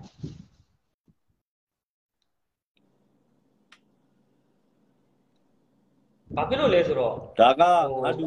အခုအခုဖြစ်နေတဲ့ပြဿနာတွေအတူပြောင်းပြောပြောပေးလိုက်လို့လေအခုလိုမျိုးပြဿနာတွေဖြစ်လာပြီးတော့လူတွေတေးတာတွေဘာဒီလိုဖြစ်လာလေ ဟိုလိုမျိုးမသိခဲ့ဘူးဆိုရင်တော့အခုလိုမျိုးဖြစ်เสียဘာကြောင့်မှမရှိဘူးဗျာနိုင်ငံကောင်းကောင်းလေးပြန်ပြီးတော့ထူထောင်လို့ရတယ်ဘာဖြစ်လို့လဲဆိုတော့စစ်တပ်ကလည်းစစ်တပ်နေရာမှာနေမယ်စစ်တပ်မရှိလို့တော့မဖြစ်ဘူးမှန်တယ်ဒါပေမဲ့လို့လည်းစစ်တပ်ကလည်းသူ့နေရာနဲ့သူပေါ့လေအဲ့လိုမျိုးဆိုရင်တော့ပို့တော့အဆင်ပြေဘာပဲဖြစ်နေဖြစ်နေဒီကျွန်တော်ကတော့သူကသူမဲလိန်တယ်လို့ပဲပြောကြတယ်ဒါမှမဟုတ်လည်းမဲလိန်နေဆိုရင်လည်းမဲတကယ်အမှန်ကလိန်ခဲ့တယ်ဆိုရင်လည်းအခုလိုစံသားပြတော့အခုလိုလက်နက်ကင်လာမယ်လို့မထင်ဘူးဘာဖြစ်လို့လဲဆိုတော့ လိန်တဲ့အကြောင်းမို့သူမှမဲရည်အတွက်ထားပါဗျာမဲရည်အတွက်ကမြန်မာပြည်မှာထားပါမဲရည်အတွက်တသိလိန်နေဆိုရင်ဟို9000လောက်ပဲရပြီးတော့ကျန်သားလိန်ယူတာဒါလိန်ယူတာမဟုတ်လို့မို့အခုလိုမျိုးထီအောင်ဖြစ်လာတယ်လို့ထင်တယ်အကျိုးဆက်ကတော့မကောင်းဘူးဗျာအဲ့ဒါပေါ့အဓိကကပြဿနာဘာလဲဆိုတော့ဥရောကမာဘီယာဘိုင်းကိုပြန်ကြည့်မယ်ဆိုလို့ရှိရင်နောက်တော့ဖွဲ့စည်းပုံအခြေခံဥပဒေကိုပြင်မယ်ဆိုပြီးတော့အတိုက်ခံတွေဘက်ကစူးစမ်းခဲ့တာတော်တော်ကြာတယ်လीနော် နောက်ဆုံးမှာဟလာသူတို့20လွတ်တော်ထဲမှာ24ကော်မတီလားပါလားမျက်ညံမျက်ညံလာဆိုလို့ဥဆောင်ပြီးတော့ဖွဲ့ပြီးတော့ပါညာအဲ့ဒီမှာလည်းဟိုနေ့မဖြစ်တဲ့အခါကျတော့သူတို့အနေနဲ့2008ဖွဲ့စည်းပုံအခြေခံဥပဒေကိုပြင်ဖို့အတွက်နောက်ဆုံးတစ်ချက်စဉ်းစားရတဲ့အခါကျတော့တစ်ကအကုန်မဲနိုင်မှရမယ်85ရာခိုင်နှုန်းမဲနိုင်မှရမယ်ဒါကသူတို့သူတို့ရဲ့စဉ်းစားချက်ပေါ့နော်ဒီနိုင်ငံရေးသမားတွေရဲ့စဉ်းစားချက်ကအဲ့တော့85ရာခိုင်နှုန်းမဲနိုင်ဖို့ဆိုတာကတော့ဘလို့မှမဖြစ်နိုင်ဘူးလေနော်ဘလို့မှမဖြစ်နိုင်ဘူးဒါဒါမြေကြီးလက်ခတ်လို့ဘလို့မှမဖြစ်နိုင်ဘူး ဘာကြောင့်လဲဆိုတော့ NLD တောင်မျိုးကမ်းမျိုးနိုင်ခဲ့ပါတယ်ဆိုတဲ့အချိန်မှာတော့ပြည်ကံမျိုးပါတီပြည်ကံမျိုးကိုယ်စားလှယ်တွေအများကြီးနိုင်ထားတာတွေရှိတာဟုတ်နော်2015တုန်းကအဲ့တော့ဘာလုပ်လဲဆိုတော့အဲ့တော့ဘာလုပ်မလဲဆိုတော့သူ့ရဲ့အပေါက်ကတစ်ပေါက်ပဲရှိတယ်မဲခိုးမယ်ဒါဒါဥရုတွက်တာပေါ့နော်မဲခိုးမယ်ဟုတ်ပြီမဲခိုးလို့တစ်ဖက်ကတက်ကပုံသဏ္ဍာန်ဖြစ်လာရင် तू ဘာလုပ်မလဲဆိုတော့နောက်သူ့ရဲ့တဆင့်ကဘာလဲဆိုတော့အခုပေါ်လာပြီလေအမေရိကန်ကိုဒေါ်လာတန်းတစ်ထောင်ပို့ထားတယ်1ဘီလီယံပို့ထားတယ်နော် ဘာလို့ဆိုသူဒီနိုင်ငံရေးမှာကဥရောပြောသလိုပေါ့ဟိုတိုက်ဆိုင်မှုမရှိဘူးပေါ့နော်အားလုံးကကြိုတင်စီစဉ်ထားတဲ့ဟာတွေပဲအဲ့တော့အခုဆိုလို့ရှိရင်အမေရိကန်ကိုအပ်ထားတဲ့ဒေါ်လာတန်းတစ်ထောင်ပေါ်လာပြီသူကဘာလုပ်လဲဆိုတော့အကယ်၍တက်ကအာနာသိန်းအာနာထိန်းတာပဲဖြစ်ဖြစ်အာနာသိန်းတာပဲဖြစ်လုပ်လိုက်လို့ရှိရင်သူတို့အနေနဲ့တစ်ဖက်မှာစင်မြိုင်ဆိုးအောင်ဖွဲ့မယ်စင်မြိုင်ဆိုးအောင်ဖွဲ့ပြီးတော့တစ်ဖက်မှာဒီလူငယ်တွေကိုလူငယ်တွေအတွက်လည်းစနစ်ကြဖွဲ့စည်းပြထားပြီးသားဟုတ်လားဥပမာအပြင်ဝီလက်ရန်ကုန်တို့ဝီလက်ဘာညာစမာလာတွေပေါ့နော်ဒီဟိုနေ့နဲ့ ဒီကိုဗစ်ကြီးထဲမှာဟိုနေ့ဖြစ်တာကြီးကိုဟိုအတုံးချပြီးတော့ဟုတ်လားချက်ချင်းကြီးဖွဲ့လို့ဘာအများကြီးပေါ့နော်အဲ့လိုပေါ့ဒါပေါ့ဒေါကင်ဂျီဖောင်ဒေးရှင်းတို့ဘာဖောင်ညာသူတို့အနေနဲ့ကဒီရကြည့်လိုက်တဲ့အာဏာ9နှစ်မှာတိုင်းပြည်တည်ဆောက်ရေးထက်သူတို့ရဲ့ဆက်အာဏာတည်ထားမှုအတွက်ကိုအများကြီး forming လုပ်ထားတယ်ဖွဲ့စည်းမှုတွေအများကြီးလုပ်ပလိုက်တယ်လုပ်ပလိုက်တဲ့အခါကျတော့တစ်ကအဲ့ဒါကြောင့်မလို့ငါတူတွေကြားလိုက်မယ် ရွေးကောက်ပွဲမဲဆွယ်ပြီးရဲ့ကာလမှာမဲဆွယ်ကာလမှာဘာပြောလဲဆိုတော့အဲ့ဒါဘုရားမင်းမင်းအောင်လိုင်ကဟိုနင်းထပ်ပြောတယ်မေကွန်းတက်ပြောတဲ့အခါကျတော့ဒေါန်ဆန်းစုကြည်ကလူကြီးမဆန်တာဘာပြောလဲဆိုတော့တာဝရဲ့နေရမလားဆိုပြီးတော့ဒါမျိုးတွေပေါ့ဟိုဘယ်လိုခေါ်မလဲဟိုဒဲစိန်ခေါ်တဲ့အပိုင်းတွေပါဖြစ်လာတယ်အဲ့တော့ဒါတွေကယူသားတဲ့ဟာတွေမဟုတ်ဘူးလေဒါတွေကယူသားတဲ့ဟာတွေမဟုတ်တဲ့အတွက်ဒါကြောင့်ဘာလဲဆိုတော့အာနာထိန်နေဖြစ်စေမထိန်နေဖြစ်စေဒီဘက်မှာသူတို့ကတစ်ကပါလဲဆိုတော့ဒီစနစ်ကိုပြောင်းမှုလုပ်တော့မယ်ပုံစံတစ်မျိုးနဲ့ပေါ့နော်ပုံစံတစ်မျိုးနဲ့ ဒါနိုင်ငံရေးဆိုတာကတော့ဒီဘက်ကအာနာအဲ့ဒါကြောင့်အာနာမထိန်ညင်လို့ဒီဘက်ကလည်းမလုပ်လဲဆိုတော့သတင်းစာရှင်းလင်းပွဲတွေလုပ်တယ်ကျွန်တော်တို့နိုင်ငံရေးသမားတွေနိုင်ငံရေးပုံစံနဲ့သွားပါဟာလားနော်ညင်ညင်နဲ့နဲ့သွားကြပါဆိုနောက်တစ်ခုကဘာလဲဆိုတော့ဒီတက်မတော်ကမဲစင်းနေစစ်တဲ့အခါမှာအားလုံးမစစ်ဘူးနော်သူတို့ပြောထားတယ်ဘာခေါ်မလဲတက်မဲယုံတွေအပြင်ထုတ်ပေးရမယ်လို့ပြောတယ်လေတက်ကထုတ်ပေးလိုက်တယ်နော်ထုတ်ပေးလိုက်တယ်ထုတ်ပေးလိုက်တဲ့အခါမှာဘာလို့လဲဆိုတော့ဒီတက်မဲတွေကိုကြီးပဲစစ်တာ တက်နဲ့ပတ်သက်တဲ့မဲယုံတွေကိုစစ်လိုက်တဲ့အခါမှာအဝေးကြီးမပြောဘူးလားဥကျော်စီရဆိုတာရှိတယ်ပြည်သုံးလုံးပါတီကသူ့ရဲ့နယ်မြေမှာသူတမဲမှမရဘူး0ဆိုတော့အ ਨੇ ဆုံးတော့သူ့မဲတမဲတော့ရမယ်လေသူ့မဲတမဲတော့ရမယ်ပေါ့နော်စသည်အဖြစ်ဒီမဲလိမ်မဲဖို့မှုကြီးဟာစနစ်တကျလောက်ကြံတာပါဆိုတော့ဟိုနည်းဖြစ်သွားပြီးတော့တက်ကအဲ့ဒီမှာဘာဖြစ်လဲဆိုတော့ဒီနိုင်ငံရေးသမားတွေအဓိကအဖြစ်တော့ဒီဒီအာဏာရပါတီပေါ်မှာလုံးဝအယုံကြည်မဲ့သွားတယ်မဲ့သွားပြီမဲ့လေသူတို့အနေနဲ့ဒီဟာကိုဖြည့်ရှင်းမှု ပုံသဏ္ဍာန်အမျိုးမျိုးနဲ့ပြောသေးတယ်ပြောတဲ့အခါမှာဟာလားနိုင်ငံရေးကြက်တဲတွေဖြစ်လာနိုင်တယ်လို့ပြောတော့မန္တလေးဝန်ကြီးချုပ်ဒေါက်တာဇော်မြင့်မောင်ကဘာပြောလဲဆိုတော့ဘာမှနိုင်ငံရေးကြက်တဲဖြစ်စရာမလိုဘူးလေဒီကိစ္စကလည်းနိုင်ငံရေးကြက်တဲလည်းမဟုတ်ဘူးဘာညာဆိုပြီးတော့သူကထားပြောမပါနိုင်မှုတွေပေါ့နိုင်ငံရေးမှာကတက်မတော်မှာလည်းသူ့အတွက်နိုင်ငံတော်နဲ့ပတ်သက်တဲ့စိုးရိမ်စိတ်တွေရှိတယ်ဒီဟာကိုတော့ညင်းလို့မရအောင်နော်နိုင်ငံတော်နဲ့ပတ်သက်တာပဲဖြစ်ဖြစ်တာသနာနဲ့ပတ်သက်တာပဲဖြစ်သူစိုးရိမ်စိတ်တွေကိုလည်းနိုင်ငံရေးသမားတွေအနေနဲ့ပြန်ပြီးတော့စဉ်းစားပေးရမယ်ပြန်တွက်ပေးရမယ် ဒါကြီးကို neglect တော့လုပ်လို့မရဘူးဒါကျွန်တော်တို့ပြောတာမှန်တယ်နိုင်ငံရေးသမားတွေမှာလည်းတိုင်းပြည်မချီဘူးမဟုတ် no အမျိုးမချီဘူး no ဖြစ်တယ်သူတို့ရှိမှလည်းနိုင်ငံတော်အတွက်စိုးရိမ်စိတ်တွေရှိတယ်ဘာလို့လဲဆိုတော့ကိုယ်တိုင်းပြည်တွေကလူတွေပဲလေနိုင်ငံရေးသမားတွေဆိုတာလေတက်မတော်ဆိုတာလေတက်မတော်မှာရှိတဲ့တက်မတော်ခေါင်းဆောင်တွေဆိုတာလေရော့ဟတ်ချလောင်းဆိုပြီးတော့ဗိုလ်ချုပ်မူကြီးဖြစ်လာတာမဟုတ်ဘူးရော့ဟတ်ချလောင်းဆိုပြီးဗိုလ်ချုပ်ကြီးဖြစ်လာတာမဟုတ်ဘူးဗိုလ်ချုပ်ကြီးတွေဗိုလ်ချုပ်မူကြီးတွေဖြစ်ဖို့အတွက်သူတို့ခင်ဗျာဟိုမှာ10တန်းအောင်အသက်16နှစ်ကစပြီးတော့ဒီနိုင်ငံတော်နဲ့ပတ်သက်တဲ့အလုပ်တွေကြီးပဲလုပ်လာကြရတာ အဲ့တော့သူတို့မှလည်းနိုင်ငံတော်နဲ့ပတ်သက်တဲ့စိုးရိမ်စိတ်တွေရှိတယ်ဒါတွေကိုနိုင်ငံရေးသမားတွေကလစ်လူရှုလိုက်တဲ့အခါကျတော့သူတို့လည်းသူတို့လုံးအောင်လုံးအောင်မဲ့အလုပ်ကိုသူတို့လုံးလိုက်တယ်ဥရုကဒီလိုပဲတွက်တယ်မှားတာမှန်တာကိုမပြောဘူးဘာလဲဆိုတော့လက်ရှိအခြေအနေမှာတိုင်းပြီးတော့နာတယ်ဒီအတွက်မှာဘလူတောင်ဝင်ရှိတယ်နှစ်ယောက်လုံးတောင်ဝင်ရှိတယ်ဥရုကဒီလိုဒီလိုဘုံအနေဖြစ်ချင်တာပေါ့နော်သူတို့အနေနဲ့ညှို့ညှိရအခုတော့ဘယ်လိုလဲစေအာနာရှင်ကအုပ်ချုပ်လို့ရနိုင်ပါမလားမရနိုင်ဘူးနော် အုပ်ချုပ်လို့ရလဲသူပြောရွယ်သူတို့မအုပ်ချုပ်ဘူးဖွဲ့စည်းပုံအခြေခံဥပဒေရအဲ့ဒါကြောင့်မို့သူက6လတစ်ကြိမ်6လ2ကြိမ်တိုးတယ်လေ6လ2ကြိမ်တိုးတယ်သူကအဓိကကဘာလဲဆိုတော့ဥတို့မြင်တာကလက်ရှိတက်မတော်အစိုးရကစီကန်းနဲ့တိဆောက်တဲ့ဒီမိုကရေစီကိုသွားမယ်ဒါမျိုးပေါ့အရင်တော့အဲ့လိုမျိုးအာဏာသိမ်းနဲ့ဖွဲ့စည်းပုံဖြတ်တယ်ဥပမာထိုင်းလို့ကဆဆရပြပေါ့အာဏာသိမ်းနဲ့ဖွဲ့စည်းပုံဖြတ်တယ်နောက်တစ်ခါထက်ရေးတယ်နောက်ပုံစံတစ်မျိုးလုပ်မယ်သူတို့ဒါမျိုးမလုပ်ချင်ဘူးဥတို့မြင်တာကိုပြောပြတာပေါ့နော်ငါတူတို့တော့ဘယ်လိုတွေးလဲမလို့သူတို့ဒါမျိုးမလုပ်ချင်ဘူးဖွဲ့စည်းပုံကို အဓိကကြောရိုးတွေကိုပြင်နေဆိုရင်တွတ်တော်ရေးမှာပြင်မယ်ဒါပေမဲ့လက်ရှိအခြေအနေမှာတော့ဖွဲ့စည်းပုံအခြေခံဥပဒေတိုင်းသွားမယ်ဒါပေမဲ့အကယ်၍ဒီလက်မကထိန်းလို့မရဘူးနိုင်ငံဒီလက်ပူနာလာမယ်ဆိုရင်တော့သူတို့ဒီပလန်ကိုရွေးချယ်ရွေးချယ်လိမ့်မယ်ဥတို့အဲ့အဲ့ဒီတော့မတွေးနိုင်ဘူးเนาะဒါဒါမျိုးတွေပေါ့ထင်တာပေါ့ဥတို့ထင် အခုကအခုကစေအာနာရှင်ကြာချုံးမှုများနေပြီ အဲ့ဒါကတော့ဟိုဘယ်လိုခေါ်မလဲလာနောင်လာမဲ့အနာဂတ်ကိုပဲကြည့်ရမှာလေเนาะ အာဘာဖြစ်လို့လဲဆိုတော့ အင်း ဟိုအခုဟိုနိုင်ငံတနိုင်ငံလုံးလိုလိုတော်တော်များများတော်လန်နေကြတာဆိုတော့ပြည်သူလူထုတော်တော်များများပေါ့နော်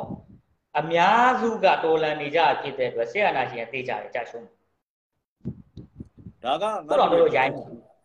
အေးပေါ့ငါတူရဲ့ logic တွေဒါပေမဲ့ငါတူကတော့ဘယ်ကပြောနေတော့ဥလည်းမသိဘူးပေါ့နော်ဒါပေမဲ့ဗမာပြည်ထဲမှာကတော့အားလုံးကပုံမှန်ပဲနော်လက်ရှိမှာဆိုလို့ရှိရင်တချို့နေရာတွေမှာ ဟိုဟိုဘယ်လိုခေါ်မလဲယင်းနှိမ့်နှုံမှုတွေတောင်ပြန်ဝင်လာပြီနော်ဘာလို့လဲဆိုတော့ငါတူကဘယ်လိုဟာနဲ့ပြောလဲတော့မသိဘူးပေါ့နော်အာဆရာနာရှင်ကကြာဒါကဥတို့တွေ ABSD ရဲ့အဖွဲ့တွေကကြံခဲ့တဲ့အနှစ်20လောက်တုန်းကဒါမျိုးပြောခဲ့တာပဲလေတက်ကကြတော့မယ်ဟဟလားဟိုနေ့ပြရန်ကုန်အစိုးရဖြစ်တော့မယ်ဘာညာဒါမျိုးတွေပေါ့နော်ဘာဖြစ်လို့လဲဆိုတော့ဗျာအခုကြည့်လိုက်လေဒီဒီ PDF ဆိုတာပေါ်လာတာနဲ့ BTS ဆိုရယ်ပေါ်လာတယ်လို့တော့ပြောတာနဲတဲ့အင်အားမဟုတ်ဘူးဗျအခု စစ်တပ်မှာရှိတဲ့စစ်အင်အားဆက်ပုံများတယ် BTS ကအဲ့ဒါဆိုတော့ကိုယ်နေ့ကအဲ့မှာစစ်အာဏာရှင်ကပြောသွားတာကပါလေသူကိုယ်တိုင်တော့တွေ့ဆုံပြီးတော့ဆွေးနွေးပွဲတွေပါရင်လုပ်မယ်ဆိုကြတဲ့ရတယ်ကဒါသူ့ကိုယ်ကိုသူလည်းမလုံတော့ဘူးထင်တယ်သူကိုယ်တိုင်တွေ့မယ်ဆိုတော့ဒါသူကကျုံးမာတယ်လို့ဝန်ခံလိုက်တဲ့သဘောရှိတယ်ထင်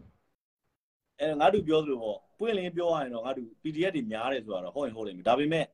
ဒီခေတ်လက်နက်တွေရတယ်လူများလေကြိုက်လေလေဒါပေမဲ့ तू မသုံးပါဘူးဒါတွေ ဟုတ်တယ်မလားဒါတွေမသုံးပါဘူးသူ့အနေနဲ့ကဘာလဲဆိုတော့ဟိုတမယိုးကြပေါ့နော်ကိုယ်တိုင်းသူပြည်သားတွေကိုယ်လူငယ်တွေဖြစ်တဲ့အတွက်ဟိုတမယိုးကြပုံစံပဲဟိုဥပဒေချိုးဖောက်တဲ့အဖွဲ့အစည်းတစ်ခုကိုဥပဒေဘောင်ထဲကိုရောက်အောင်လုပ်နေတယ်ဆိုတဲ့ပုံစံပဲလုပ်တာပါအမှန်မှန်တော့ဒီဟာကြီးက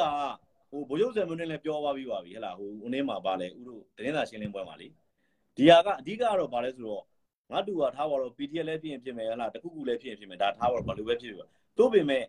ဒီ PDF တွေရဲ့ရေတော့မြင်ဘာလဲဆိုတာကိုနော်ဟိုဟိုဒီတက်မတော်သားတွေကနားလည်ပါငါတူကကျွန်တော်ကစမ်းကျင်ဘက်ဒါရမယ်လို့လေကျွန်တော်ကဆဲဖို့ပြူဖို့ဘာအဲ့လိုတွေတက်တာမဟုတ်ဘူးဒါမျိုးကျွန်တော်သိတဲ့လောက်ကိုကျွန်တော်ကပြောချင်တဲ့စိတ်ရှိလို့မို့ကျွန်တော်လာပြောတာကျွန်တော်သိလို့လည်းမဟုတ်တက်လို့လည်းမဟုတ်ဘူးဒါကျွန်တော်အမြင်နဲ့ကျွန်တော်ခံစားနေရတဲ့ခံစားချက်ကိုပြောပြကျွန်တော်တို့ဘက်ဆိုရင်ဗျာဒါကျွန်တော်ဆိုစကိုင်းနဲ့အလဲပိုင်းက တခါမှရေကြီးတာမိုးရွာတာမီးလောင်တာကျွန်တော်ဘာဆိုဘာမှမကြုံခဲ့ဘူးဗျာအခုဒီအာနာသိမ်းမှာပဲဇွာမှာလူကြီးတွေတယောက်မကြထွက်ပြေးနေရတဲ့အဆင့်ကိုရောက်တာဒါကျွန်တော်ဘဝမှာပထမဦးဆုံးပဲဒါကျွန်တော်28 29နှစ်ကတကယ်ဘာဖြစ်လို့လဲဆိုတော့မြန်မာပြည်မှာသတင်းအဓိကဘာလဲဆိုတော့ငါတူကသတင်းတိုင်းတော့ကျွန်တော်မယုံဘူးဘယ်ဘက်ကတေးပဲပြောပြောရှင်းပါတယ်ပြောပြောအဲဒါမဲ့လို့ဟိုဆေးရနာရှင်ပြောသွားတဲ့အာ ဟိုကျွန်တော်မိတယ်လို့စဉ်းစားကြည့်တာတော့ဘာဖြစ်လို့လဲဆိုတော့အခုမြန်မာပြည်က EO တွေဘာတွေနဲ့မီဒီယာနဲ့ပေါင်းပြီးတော့ဒါတိုက်မယ်ဒါတော့လက်နက်ကတိတ်မရှိသေးဘူးเนาะလက်နက်မပြည့်စုံမနဲ့တိုက်တာတော့မှဒီလိုအနေထားဖြစ်နေဆိုရင်ရှေ့ဆိုရင်မကြတော့တနှစ်ဒီတနှစ်အတွင်းပဲဒီတနှစ်ဆိုရင်ပြိုးကိုပြိုးသွားမှဒီဆေးရနာရှင်တေးကြတယ်ဘာဖြစ်လို့လဲဆိုတော့ရင်မောင်တက်ပြီးတော့သူတို့မတိုက်နိုင်ဘူး ရင်မောင်တက်ပြီးတော့မတိုက်နိုင်ဘူးလေချောင်းပြစ်ကူနဲ့ပဲသူဒီလောက်ကျော်အသက်ရှင်နေတယ်လေချောင်းလာမပြစ်ကူဆိုရင်အခုချိန်တော်တော်မျိုးပြုတ်နေလို့ကျွန်တော်ထင်တယ်အဲ့ဒါကဘာလဲဆိုတော့ငါတူကတခုသတိမထားမိလိုက်တာကတက်မတော်မှာဖွဲ့စည်းပုံတွေပြင်လိုက်တာတွေအများကြီးရှိတယ်ဥတို့လေးလာမိတယ်လို့ပေါ့နော်လူငယ်တွေကအရင်တော့ကတော့ဟိုကဘာမှာရှိတဲ့တက်မတော်တော်တော်များများအတိုင်းပဲပေါ့နော်တမန်ယူကြစီပွဲမှာခြေလင်တက်ကိုဦးစားပေးမယ်ခြေလင်တက်နဲ့တက်မယ်ဒါပေမဲ့နောက်ပိုင်းမှာတက်မတော်ကဘာလဲဆိုတော့ပညာသည်တွေကိုပို့ပြီးတော့ဦးစားပေးလာတယ် နော်ပညာသည်တွေဟုတ်လားဘာလို့ဆိုတော့ခြေလင်တက်ဆိုတာကပြောရရင်ဒေတာတခုကိုထိမ့်သိမ့်မှုအတွက်လောက်ပဲရေးပါတာလေဟုတ်လားအခုလိုထားထားပါတော့ဥမာပြည်တွင်းမှာရှိတဲ့ဒါပြည်တွင်းမှာရှိတဲ့ဟလားပြောရတော့ဒါမျိုးပြတိုက်ပွဲတွေပေါ့မျိုးပြတိုက်ပွဲတွေဖြစ်လာတဲ့အခါကျတော့ဟို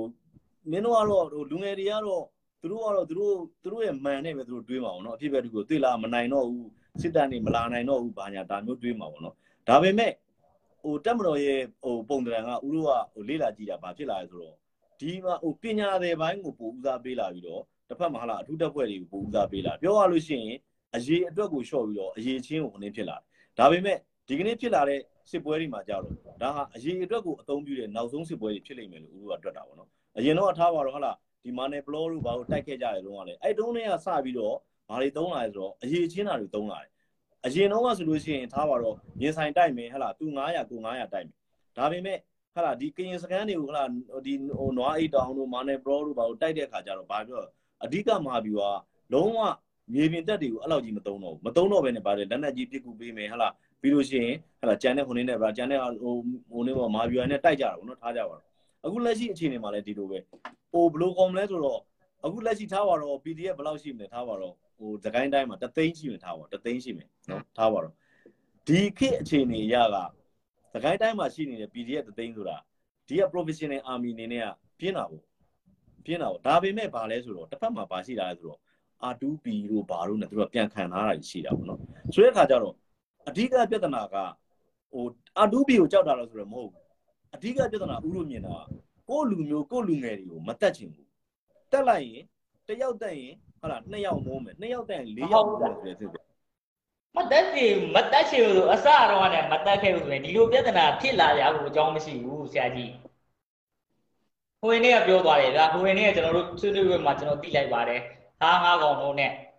ဟိုကလုတ်တဲ့ဟာအဲ့လိုမျိုးဆိုတဲ့ခါရောက်တော့ဟိုကြည့်လိုက်လေစစ်တက်ဆိုတာဟိုးရင်တော့လည်းဒီတောင်ဖွဲ့စည်းလာတဲ့စစ်တက်တောင်မှဒီမိနစ်တစ်နေ့ကမှပေါ်လာတဲ့ကျွန်တော်တို့ BDF တွေကိုတောင်မှ ဒါလက်နဲ့ချင်းမမျှတော့ तू မရှင်းနိုင်ဘူးဆိုရင်တော့ကျန်တာတော့မပြောတော့နဲ့တကယ်ဒါအစပဲရှိသေးရအစပဲရှိသေးရ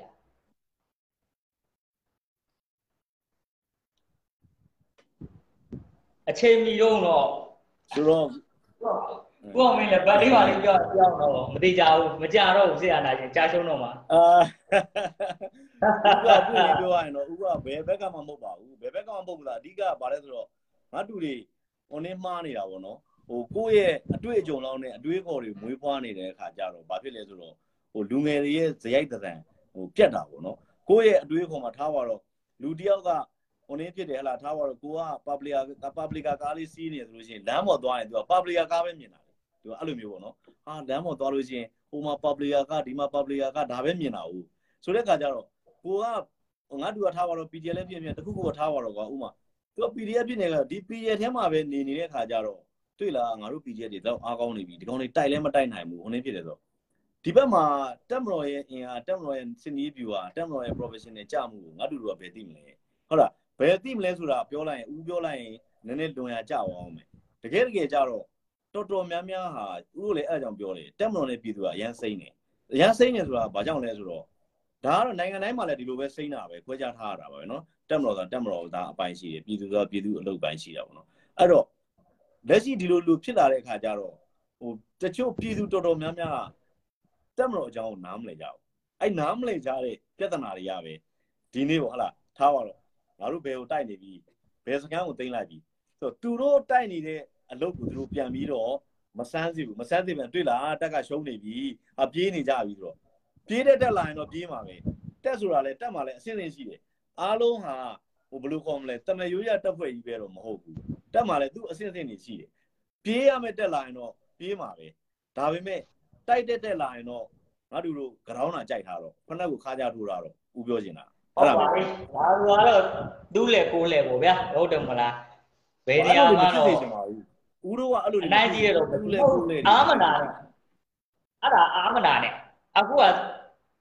ဆရာနာရှင်ကလက်နဲ့နဲ့အနိုင်ကျင့်လို့မို့ပြည်သူကလည်းရတဲ့လက်နဲ့ကိုဆွဲကင်ပြီးတော့တော်လန်တာဖြစ်သည့်အတွက်သိကြတယ်ပြည်သူတရက်လုံးဗျာတော်တော်များများကတရားမှာ90လောက်ကဒီဘက်ကတက်မတော်ကငါတို့မိုးပေါ်ကြလာတာမဟုတ်ဘူးနော်တက်မတော်ကလည်းမိုးပေါ်ကြလာတာမဟုတ်ဘူးပြည်သူကပေါက်သွားလာတာပဲသိကြတယ်ဆရာကြီးတက်မလို့မကြောက်ဘူးကြာရှုံးပါ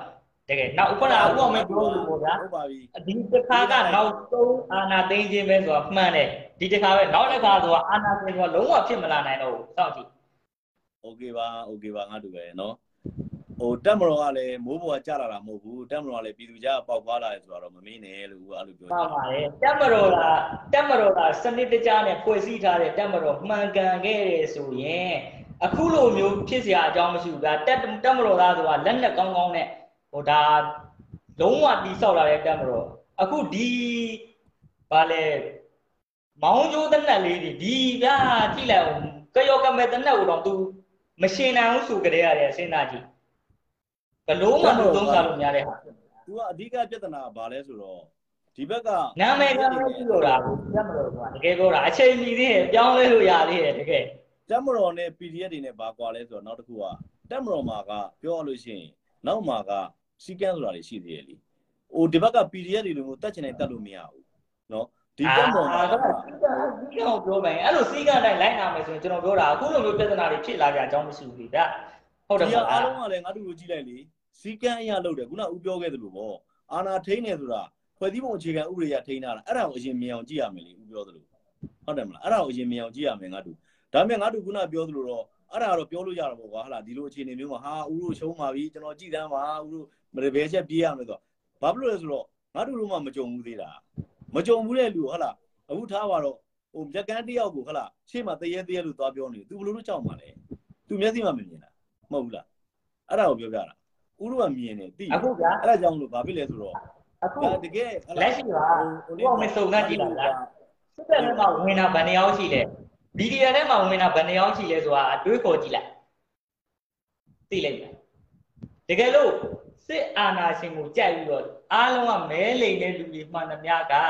စစ်အာဏာရှင်ကြိုက်တဲ့လူတွေမှန်တယ်စစ်အာဏာရှင်ကိုကြိုက်တယ်ဒါပေမဲ့လို့လေဟိုဘက်ကမဲလိမ်လိုက်လို့အနိုင်အနိုင်ရသွားတယ်ဆိုရင်အဲ့အများသူကအခုချိန်မှာတက်မတော်ထဲမှာရောက်နေပြီပေါ့မယ်တကယ်အခုရောက်နေတာ VDA ထဲမှာရောက်နေတာတက်မတော်ထဲမှာကတက်မတော်ကလူပဲအပြင်ဘက်မှာထွက်ပြေးပြီးတော့ဟုတ်လား VDA နဲ့သွားပူကောင်းတာပဲရှိတာ VDA ကနေပြီးမှ ဥပအောင်မင်းတို့ပြောလို့ BA တွေမှန်နေတယ်ဘာညာအမြင်မှန်ရလို့တက်မတော်ကိုသွားပြီးခိုးလုံတဲ့လူကတယောက်မှမရှိဘူးအကူကြီးတောင်းတဲ့လူတယောက်မှမရှိဘူးငါတူတို့တွေ့မှာပေါ့အခုဟလားတက်မတော်ဟလားဒီ PDF တွေကိုမတက်ကြဘူးလားဘာလားလုံတော်နေပြည်သူတွေအများကြီးရှိရလေငါတူတို့ Facebook တွေမှာမြင်မှာပေါ့ဟုတ်လားဘာကြောင့်လဲဆိုတော့ငါတူတို့အခုလိုက်တက်နေတဲ့ဒလန်ဆိုကြီးလိုက်တက်နေတာတွေကဘယ်သူတွေကိုလိုက်တက်နေရလဲဟုတ်လားဒါပြည်သူတွေကိုချင်းချောက်ပြီးတက်နေတာမဟုတ်ဘူးလားဟုတ်တယ်အဲ့ဒလန်ဆိုတဲ့အကြောင်းရင်းကလည်းရှိတယ်ဗျ အဲ့ဒလန်ဒုက္ခအပေးတော့ဒလန်ပဲဟုတ်လားကိုဘက်လည်းမပါနဲ့ကိုဘက်လည်းမပါမပါချင်လို့ဂျားထဲမှာနေမယ်ဆိုရင်အေးအေးဆေးဆေးနေဟိုတရင်ကိုဒီလိုပြောတော့ကိုကလည်းတက်မှာပဲငါတူဘာဖြစ်လို့လဲဆိုငါတော့တူခုနပြောတော့ခုနပြောတော့ဦးလေးတို့ဘက်မှာမရှိဘူးလို့ပြောတော့ဟိုဘက်ကိုရက်တဲ့လူကိုမင်းတို့လိုက်တက်တယ်လေမှန်တယ်အဲ့ဘက်လူရက်လို့ပြောတာအဲ့ဒါကြောင့်ပြောတာအဲ့ဒါကြောင့်မရှိဘူးလို့မပြောနဲ့လေမရှိဘူးလို့မရှိဘူးမဟုတ်မရှိရင်တက်စရာမလိုတာပဲစစ်တပ်ထဲကိုလုံးလုံးဝဝမပါတူတော့လို့ကျွန်တော်ဘောက်မလို့ရှိနေဆိုရင်ကျွန်တော်ပြောမယ်အခု ဟာကျွန်တော်ကတော့ဒါ BDF တွေက PDF တွေကျွန်တော်တို့အနိုင်ကျင့်တယ်ဟုတ်လားရက်ဆက်လို့မို့ကျွန်တော်စစ်တပ်ထဲဝင်ဝင်ပေးပါကျွန်တော် BDF ကိုပြန်တိုက်မယ်ဆိုရင်ဘယ်နှယောက်တွေ့ဘူးလဲကဲပြောဦးပါမယ်ငါတို့အဲ့ဒါစကိုင်းမှာငါတို့တို့တွေ့မှာပေါ့စကိုင်းမှာအများကြီးပဲဟာအများကြီးပဲအာကျွန်တော်စကိုင်းတိုင်းမှာစကိုင်းသားတွေကတွေ့အဲ့လောက်ကြီးထိပေါ်မဖြစ်ဘူးတွေ့မကြောင်ဘူး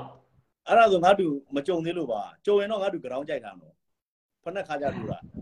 ဒီထက်တော့မကြုံနိုင်တော့ဘူးပေါ့မယ်ဒီထက်တော့မကြုံနိုင်တော့ဘူးကျွန်တော်လည်းမြန်မာပြည်မှာနေရာတိုင်းမှာကျွန်တော်မရောက်ဘူးတဲ့နေရာမရှိဘူးဗျစစ်တပ်အကြောင်းလည်းကျွန်တော်လုံးဝသိတယ်ဘယ်တက်ကဘယ်လိုဘယ်တက်ကဘယ်လိုဆိုတာကျွန်တော်တို့တို့များများသိတယ်ဒါကြောင့်ကျွန်တော်နိုင်ငံရေးတော့သိနားမလဲဒါကျွန်တော်ရဲ့ရှေ့လောက်အမြင်နဲ့ကျွန်တော်ပြောပြတာဘာဖြစ်လို့ဆိုတော့ငါတို့ကငါတို့ပြောရတာတွေကကောင်းပါတယ်ငါတို့အတွက်ပေါ့နော်ဟိုအဓိကကဟိုအချက်လက်ပေါ်မှာအဲ့လိုအတွေးခေါ်လေးဝင်လိုက်ရင်တော့ပိုကောင်းတယ် ဘာကြောင့်လဲဆိုတော့ဥက္ကုဏပြောသလိုမျိုးဦးကတော့ပြောတာပေါ့ငါတို့ရှေ့မှာတရေနော်တရေနော်လို့ပြောနေတဲ့အချိန်မှာငါတို့က blind ဖြစ်နေတဲ့ခါကျတော့ကြောက်လဲကြောက်မှာမဟုတ်မြင်လဲမြင်မှာမဟုတ်ဘူးဦးပြောသဘောပေါက်လားအဲ့ဒါနော်အဲ့တော့ကျွန်တော်တို့ပဲပြတာအခုငါတို့ဦးကမဟုတ်အဲ့ဒါဆိုရင်ငါတို့ကဗာလဲဟိုနေ့ပြန်6လ6လစောင့်ကြည့်လိုက်ဦး line ပေါ်မှာပဲရှိနေမယ်နော်အကယ်ဟုတ်၍ပါပြီအခုလာမယ့်ဆွေးနွေးပွဲကိုဘယ် EU ဟိုတက်တယ်ဆိုတာဥအောင်မင်းသေချာစောင့်ကြည့်လိုက်တာပြီးရင်ကျွန်တော်ဥအောင်မင်းနဲ့ပြန်ဆွေးနွေး ဦးပြောပြမယ်အကယ်၍ PDF တွေကဦးကိုနောက်ွယ်ကနေပြီးတော့တနက်နဲ့မပြစ်ဘူးဆိုရင်တော့နောက်6လမှာဦး line ပေါ်ကြောင်းရောက်လာမယ်ငါတူနဲ့ပြန်တွေ့ရင်တွေ့မှာပေါ့နော်အာမပြစ်ပါဘူးဥအောင်မင်းကိုလူတိုင်းကဟိုကျွန်တော်တို့ကအစပေါ့ဗျာဘုရင်တော့လေးစားခဲ့တယ်ဒါမှမဟုတ်ဥအောင်မင်းကဟိုဆေယနာရှင်ကိုဟိုကဖြစ်တာလို့ဒါဖြစ်တာလို့ဆေယနာရှင်ဘက်ပါတဲ့လူတို့တော့မှမကြိုက်ဘူးဗျဆေယနာရှင်ဘက်ကလူဆဲမဲ့ဆူမဲ့ဦးဒါတို့ကမျိုးပဲပြောရရင် ပြည်သူတွေနဲ့တက်မတော်ကဆေးအာနာရှင်ဘက်ပါတာမဟုတ်ဘူးတက်မတော်ကလည်းတိုင်းပြည်တည်ငြိမ်အောင်ထိန်းနေတာနော်တက်မတော်ကိုထောက်ခံတဲ့လူတွေကလည်းတိုင်းပြည်တည်ငြိမ်စေခြင်းတဲ့ဘက်ကပါတာဒါပေမဲ့အဲ့တိုင်းပြည်တည်ငြိမ်မှာကိုမလိုလားတဲ့လူတွေကသာဒီတက်မတော်ရဲ့အုပ်ချုပ်ရေးရန်တရားကိုဖျက်ဆီးလို့မရလို့ပြည်သူတွေရဲ့စားဝတ်နေရေးတွေကိုလိုက်ဖျက်ဆီးနေတာဒါဦးတို့ရဲ့ဒါလက်ရှိအရှိတရားပဲမမကြီးမှာဖြစ်နေတာဒါပဲနော်တက်မတော်ကလည်း PDF တွေကိုအတင်းကရောလိုက်တက်နေတာမဟုတ်ဘူး တက်မတော်ကတိုင်းပြည်ရဲ့အာဏာကိုအတင်းယူတာလည်းမဟုတ်ဘူးတက်မတော်အနေနဲ့ကတစ်ကစီးမြင့်စည်းကမ်းဥပဒေထဲမှာသွားမယ်ဆိုတဲ့တန်ဋိဌာန်ကိုချထားပြီဒီဟာနဲ့ပဲသွားလိုက်မယ်ဘာကြောင့်လဲဦးတို့တိုင်းပြီးဆင်းရဲတာဟာစနစ်တွေတစ်ခုပြီးတစ်ခုခဏခဏပြောင်းနေလို့အဲ့တော့ဟုတ်ပြီလက်ရှိအခြေအနေမှာ2008ဖွဲ့စည်းပုံအခြေခံဥပဒေရှိနေပြီဒီအခြေခံဒီမှာရှိတဲ့အခြေခံမူတွေနဲ့သွားမယ်နော်အဲ့တော့ဒီအခြေခံမူတွေအတိုင်းသွားမယ်ဆိုတဲ့ဟာကိုသွားနေတာငါတို့တို့ပြောချင်တာကဘာလဲဆိုတော့ တက်မတော်ကအင်အားချိုးနေနေတာမဟုတ်ဘူးအဲ့ဒါကိုတော့အမှန်မြင်သိခြင်းနဲ့ဦးပြောပြတာဘလူးကမှဦးပြောပြနေတာအိုနေဖြစ်နေတာမဟုတ်ဘူးနော်ဦးပြောပြတာတက်မတော်ကငါတို့ကိုတိုင်းနိုင်တာမဟုတ်ဘူးနားလေတက်မလို့မှာအင်အားဘယ်လောက်ပဲပြီးအခုပြည်သူနဲ့ BDF နဲ့ပူးပေါင်းထားတဲ့အတွက် BDF ကလည်းပြည်သူပြည်သူကလည်း BDF ဖြစ်နေတဲ့အတွက်ကြောင့်မို့လို့ဘလို့မှမနိုင်နိုင်တာတကယ်ပြောတာအေးဒီပေါ့ကပြည်သူပဲဒါပြည်သူကမှဆရာနာရှင်ကိုမပြောပြအောင်မယ်ဆရာနာရှင်ဘက်မှာမရှိသေးဘူးကမှန်တယ်မှန်တယ်ဦးပြောပြမယ် အရင်တော့ကဆိုရင်တက်မတော်ကလေးစစ်သားကြီးလက်ခံနိုင်ပါရှိရလေအရင်တော့ဆိုနော်နောက်ပိုင်းကျတော့ဟာလာဒီဟိုနင်းတို့ဘာလို့ ਨੇ ကုလသမဂ္ဂဘာလို့ ਨੇ ချုပ်ပြီးတဲ့နောက်မှာကလေးစစ်သားတွေကိုတော့စနစ်တကျပြန်ပြန်လို့ခေါ်လို့သူမိဘကြီးပြန်အပ်နေတာအများကြီးရှိတယ်နော်ဆိုတဲ့အခါကျတော့တက်မတော်ကအတင်းငါရောလူစုဆောင်းတဲ့အလုပ်တွေနောက်ပိုင်းမှာမလုပ်တော့အရင်တော့ဆိုငါတို့ကြားလိုက်မယ်အဓိကအပြင်တော့မင်းတို့ DPV တို့ RFA တို့မှာဟိုနင်းဖြစ်လိမ့်မယ်ကျင်ညာတာတွေ့လိမ့်မယ်ဟာလာလမ်းဘေးမှာအိတ်နေတဲ့ကလေးတွေလာစစ်သားတွေခေါ်ချသွားတာပဲဟာလာဟာလာဘူရီဘက်မှာဒါမျိုးတွေခေါ်ချနောက်ပိုင်းမှာကျတော့ဥက္ကနာပြောသလို qualifying army ပုံစံပုံစံမျိုးလုပ်နေတာနော်တကယ်ရေရှင်းပြေးသွားတဲ့တက်မတော်ပုံစံလုပ်နေတဲ့အတွက်တက်မတော်မှာရှိတဲ့လူတွေရှိတဲ့တကယ်စစ်တီတွေတော်တော်များများဟာခုနဦးပြောလို့ဤပညာပိုင်းကျွမ်းကျင်တဲ့စစ်တီတွေပိုများလာတယ်ခုနပြောတဲ့ဟလာဒီတိုက်ခိုက်ရေးတက်တွေထဲစလို့ရှိရင်ဆိုတော့ဘာကြောင့်လဲဆိုတော့နောက်ပိုင်းကအဲ့ဒီအတိုင်းပဲလေဟလာ dimensional warfare ဆိုတာအဲ့ဒီချင်းပြေးသွားတဲ့လူတွေကအခုချိန်မှာသုံးစားလို့မရတော့ဘူးဖြစ်နေတာဦးအောင်မြင့်ရဲ့ ငါတို့တို့ထားပါတော့ဟလာ PDF ဘက်ကိုတက်ကလူတွေမဝင်သွားဘူးလို့ဦးမပြောဝင်သွားတယ်ဝင်သွားတာရှိတယ်ရှိတယ်ဆိုတဲ့လူတွေကိုငါတို့ကိုနည်းနည်းလေးလာကြည့်လိုက်တော်တော်များများဟာတက်မှာစီကန်းချိုးဖောက်တာတို့တက်ရဲ့စီကန်းကိုမလိုက်နာနိုင်တာတို့ဆိုပြောရရင်ငါတို့ကမင်းတို့ PDF ကိုထောက်ခံလို့သူတို့ကလည်းမဟုတ်ဘူးဒါအပြစ်မဲ့တဲ့ပြည်သူကိုလိုက်တက်ခိုင်းနေရဆိုရင်အဲ့ကောင်တွေကပြည်သူချင်းချင်းကိုဘယ်လိုလုပ်တက်ရဲမှာလဲဘယ်လိုလုပ်ရဲရဲဆက်ဆက်တက်မှာလဲငါတို့ပြောပြမယ်မှန်တယ်ဗျာငါတို့ပြောတာမှန်တယ်ဦးပြောပြမယ် အပြစ်မဲ့ပြည်သူတွေကိုလိုက်တက်နေတယ်ဆိုလို့ရှိရင်မြို့ကြီးတွေမှာအခုဟလာစီကားမှုတွေတော့ပြန်ဖြစ်လာမှာမဟုတ်ဘူးငါတို့သိတဲ့အတိုင်းပဲအခုငါတို့တက္ကသိုလ်ကျောင်းတွေကိုအလူရဲ့အပ်နေတဲ့ဓာတ်ပုံတွေငါတို့မတွေ့ဘူးထင်တယ်တွေ့မှာမဟုတ်ဘူးအဲ့ဒါသိကျွန်တော်ပြောမယ်ဟိုကအခုအဲ့လိုဥပမာလူစီကားနေလို့ပြောတဲ့မြို့တွေကအများစုလိုက်ကြည့်လိုက်စစ်အာဏာရှင်အုပ်ဆိုးထားတဲ့မြို့တွေပဲရှိတယ်ကြံတဲ့မြို့တွေစကိုင်းတိုင်းမှာလာကြည့်လိုက်ဘယ်မြို့မှမစီကားဘူးအခုချိန်မှာတော်တော်များများပေါ့ စီကားတဲ့နေရာစတွေကိုင်းတိုင်းကတာငါတို့လိုပြောတာဒီဦးကစကိုင်းတိုင်းကိုတော်တော်များများရောက်ဘူးပါလေဟုတ်တယ်ဦးကစကိုင်းတိုင်းကိုတော်တော်များများရောက်ဘူးပါလေဦးပါလေမင်းတို့ဦးပါလေဟိုဇီးလူတောင်တို့ပါလို့လေအဲ့ဘက်တွေရောက်ပါလေနော်အခုပါလေအဲကျွန်တော်အကုန်ဟိုဘက်ခန်းဘက်တွေဟလာပါလေခန်းကြီးဟိုဘက်နာကဗျာကျွန်တော်အကုန်တောင်းတန်းတော်တော်များများကျွန်တော်ရောက်တယ်ကျွန်တော်ကလည်းအရင်တော့ငယ်ငယ်တော့ကျွန်တော်ကလေးတော့ကစားရင်တော့ကျွန်တော်တနက်ကန်ရမှာစိုးတယ်ကောင် တနက်မကန်ရရင်မစိုးဘူးဒါမှန်ပါလေမြန်မာလူမျိုးတော်တော်များများတော့ခုချိန်တော့မှကျွန်တော်ပြီးပြီးပြီးရဲရဲဆက်ဆက်အနိုင်ကျင်းမှကျွန်တော်ကယွန်သွားတာအရင်တော့ကိုရီလည်းစစ်သားပဲဖြစ်ချင်ခဲ့တာအဲ့ဒါကမှန်တယ်ငါတို့ဒါမှန်တယ်မင်းတို့ကဥပြောပြမယ်မြန်မာလူမျိုးရဲ့ဇယက်ကဘယ်လိုလဲဆိုတော့ကပိုင်းနိုင်တယောက်ကိုဖမ်းလာတယ်ပြည်သူကဝိုင်းဖမ်းတယ်ကပိုင်းနိုင်တာကိုမမြင်ဘူးဝိုင်းဖမ်းပြီးတော့မှရိုက်မှဟာတနာပါတယ်ဒီလူကိုမလုပ်ပါနဲ့ဆိုရဲစိတ်ဓာတ်ရှိတယ် အမှန်မှန်တော့အပြစ်ရှိတဲ့လူကိုတချို့ကိစ္စတွေမှာအပြစ်ပေးရသူကလွန်သွားတယ်ရှိတယ်ဒါတွေတဲ့မဟုတ်ဘူးလို့မပြောဘူးရှိတတ်တယ်ရှိတတ်တယ်တို့ပေမဲ့သူရှိမှအပြစ်တစုံတရာမကျိုးလွန်မဲ့လက်နက်ကင်ထားတဲ့ဒီအဓိကအပြင်ဒီမြမတက်မတော်အနေနဲ့လုတ်ခွင့်မရှိဘူးဘာကြောင့်လဲဆိုတော့တက်ကမဟုတ်တာလုပ်ရင်ငါတို့တို့တိုင်လို့ရတယ်တိုင်လို့ရတယ်ဘာလို့လဲဆိုတော့အစစ်အစစ်ရှိတယ်အခုထားပါတော့ဟုတ်လားတပုံပဲဖြစ်ဖြစ်ဓမြပဲဖြစ်ဖြစ်ကမဟုတ်တာလုပ်သွားရင်ဘသူသွားတိုင်လဲငါတို့ဘသူသွားတိုင်လဲ လူအဖွဲ့အစည်းမှာနေတဲ့အတွက်ဒီလူတွေကဟိုဘလို့ခေါ်မလဲယဟန်နာချင်းကျင့်နေတဲ့လူတွေမဟုတ်တဲ့အတွက်သူတို့ရှိမှာအတ္တတွေမာနတွေဒီစိတ်တွေတော့ရှိမှာပဲဥပဒေချိုးဖောက်ခြင်းတဲ့စိတ်ဆိုတာလူတိုင်းမှာရှိတယ်ဒါပေမဲ့အဲ့ဥပဒေချိုးဖောက်ခြင်းတဲ့စိတ်မဖြစ်လာအောင်ပဲဥပဒေနဲ့ပြန်ထိန်းရတာပဲဒါမဲ့လို့ကျွန်တော်ပြောမယ်ဟုတ်မယ် မြန်မာပြည်မှာစစ်အာဏာရှင်စိုးမိုးလာတဲ့တက်တာမနေတော့အဲ့ဒါဆိုဒီစစ်အာဏာရှင်အနိုင်ကျင့်တာကိုဘယ်ဟိုသွားတိုင်ပါလဲသူတဲ့အာဏာမြင့်တဲ့လူကမရှိတော့ဘူးမြန်မာပြည်မှာမြန်မာနိုင်ငံငါတူကိုပြောပြမယ်ဥက္ကနာပြောလို့တရားရှာလာဥပဒေစစ်ထအာက်မှာဏာဘူးရှိမှတာမရှိတော့မှန်ဥပဒေထက်မှာစစ်တပ်ကရှိနေတယ်ဒီဥပဒေကိုချိုးပေါက်ရကလည်းဒီစစ်တပ်ကဖြစ်နေတဲ့ခါတော့ဘယ်သူမှသွားတိုင်လို့မရဘူးအဲ့လိုဖြစ်နေတာငါတူကအဲ့ဒါဆိုရင်ငါတူတွေးတာကဆွမ်းရောက်သွားပြီလို့ပြောလို့ရတယ်ဆွမ်းရောက်သွားပြီပြောလို့ရတယ် နော်ဘာကြောင့်လဲဆိုတော့ကျွန်တော်ပြောလိုက်တာကျွန်တော်ပြောလိုက်ဒါမှကျွန်တော်ဒါလို့အမှန်တည်းပြကျွန်တော်ပြောတာနော်မင်းဘယ်နေရာတွေ့ဘူးလဲလို့မေးရင်ကျွန်တော်တွေ့ဘူးရတယ်အများကြီးရှိတယ်ဘယ်နေရာမှာတွေ့ဘူးလဲလို့မေးရင်ကျွန်တော်အတိအကျပြောလို့ရတယ်။အော်နေမောငါတူကိုဥပြောပြမယ်ဟိုဘယ်လိုခေါ်မလဲဘုကျော်အောင်ဆန်းပြောတဲ့မှန်တယ်ဗိုလ်ချုပ်အောင်ဆန်းပြောတဲ့ဥမာနဲ့ပဲပြောရမှာပဲအင်္ဂလိပ်ဘီယင်ကန်ဟုတ်လားမင်းတို့နိုင်ငံရေးသမားဆိုတာဘာရင်းညာဆိုတော့အဲ့ဒါဆိုရင်ချင်းနဲ့ဘီယင်ကန်ကျွန်တော်ပြောပြမယ်တဲ့ခင်ဗျားပါလီမန်ရှိမှခွေးတစ်ကောင်အိတ်နေတာနဲ့ ဒီပါလီမန်အဆောက်အဦထဲမှာတော့ခွေးတွေကြီးပါပဲလို့ပြောလို့မရဘူးလေဗျာတဲ့ကောင်းတဲ့လူရှိတယ်စိုးတဲ့လူရှိတယ်စိုးတဲ့လူကိုအရေးယူဖို့အတွက်ဥပဒေအဆင့်ဆင့်ရှိတယ်နော်စစ်တပ်ဆိုတာကတော့ပွင့်လင်းပြောတာရင်ခုနပြောသလိုပေါ့စစ်တပ်ဆိုတာကတော့လက်နက်ကင်ထားတာဖြစ်တဲ့အတွက်လူရဲ့စိတ်တဘောနဲ့ပေါင်းလိုက်တဲ့အခါကျရင်တချို့နိုင်တဲ့နေရာတွေမှာအနိုင်ကျင့်နေမှာဒါမျိုးတွေပေါ့အမေရိကန်စစ်တပ်ကြီးမှာလည်းအနိုင်ကျင့်ခဲ့တဲ့ဟာတွေအများကြီးရှိခဲ့တယ်ဟဟလားအာဖဂန်နစ္စတန်မှာတရွာလုံးတတ်ခဲ့တယ် နောက်ဆုံးကျတော့လူခွင့်ရေးဖွဲ့တွေကတရားစွဲမယ်လို့ပြောတဲ့အခါကျတော့ဗာပြောလဲအမေရိကန်တွေကအမေရိကန်ဗိုလ်ချုပ်တွေကတရားစွဲလို့မရဘူးဒါစစ်တပ်စစ်တပ်လုံထုံးလုံနေတဲ့သူ့တော့လုံတာဆိုပုံနဲ့ဒါမျိုးတွေရှိကြတာပဲကမ္ဘာပေါ်မှာရှိတဲ့စစ်တပ်အားလုံးဟာပြည့်ပြည့်စုံတဲ့စစ်တပ်ဆိုတော့မရှိဘူးဒီစစ်တပ်ထဲမှာစုံမျိုးတွေပါမှာပဲဒါပေမဲ့အဲ့ပါတာကိုတရားစွဲလို့မရဘူးဆိုတာကြီးကတော့ဦးအဲ့ဒါလက်မခံတရားမစွဲတာပဲဖြစ်ရင်ဖြစ်လိမ့်မ ယ်ကိုအမေတရားကဘယ်သူသွားဆွဲလို့ရမှာလဲဒီစစ်တပ်ကဆရာနာအဲ့ဒါကြောင့်ခုလို့ရှိရင်မှန်တယ်တရားမစွဲတတ်တာဖြစ်လိမ့်မယ်တရားမစွဲတတ်တာဖြစ်လိမ့်မယ်တရားမစွဲတတ်တာဖြစ်လိမ့်မယ်တရားစွဲလို့မရဘူးဆိုတာတော့မဖြစ်နိုင်ဘူးအဲ့ဒါမျိုးတရားစွဲဖို့အတွက်ကိုတချို့မှာမဂ္ဂဇင်းစင်တွေဖန်တီးပေးထားတာအားနဲ့အားနဲ့ပဲငါတို့ဦးပြောပြတာတရားစွဲလို့မရဘူးဆိုတာတော့မဖြစ်နိုင်ကျွန်တော်ပြောပြမယ်အခုတနက်ကြီးကင်ထားတဲ့လူတယောက်ကို ဟုတ်တယ်ရိုးရိုးဘာမှမပါတဲ့လူတယောက်ကဒီလူကလူလုံးမှာပါဒီလူကိုဖမ်းပေးပါလို့ပြောတနက်နဲ့ပဲပြစ်တက်ခါမှာပေါ့ဘယ်သူကရေးယူပေးပါလဲ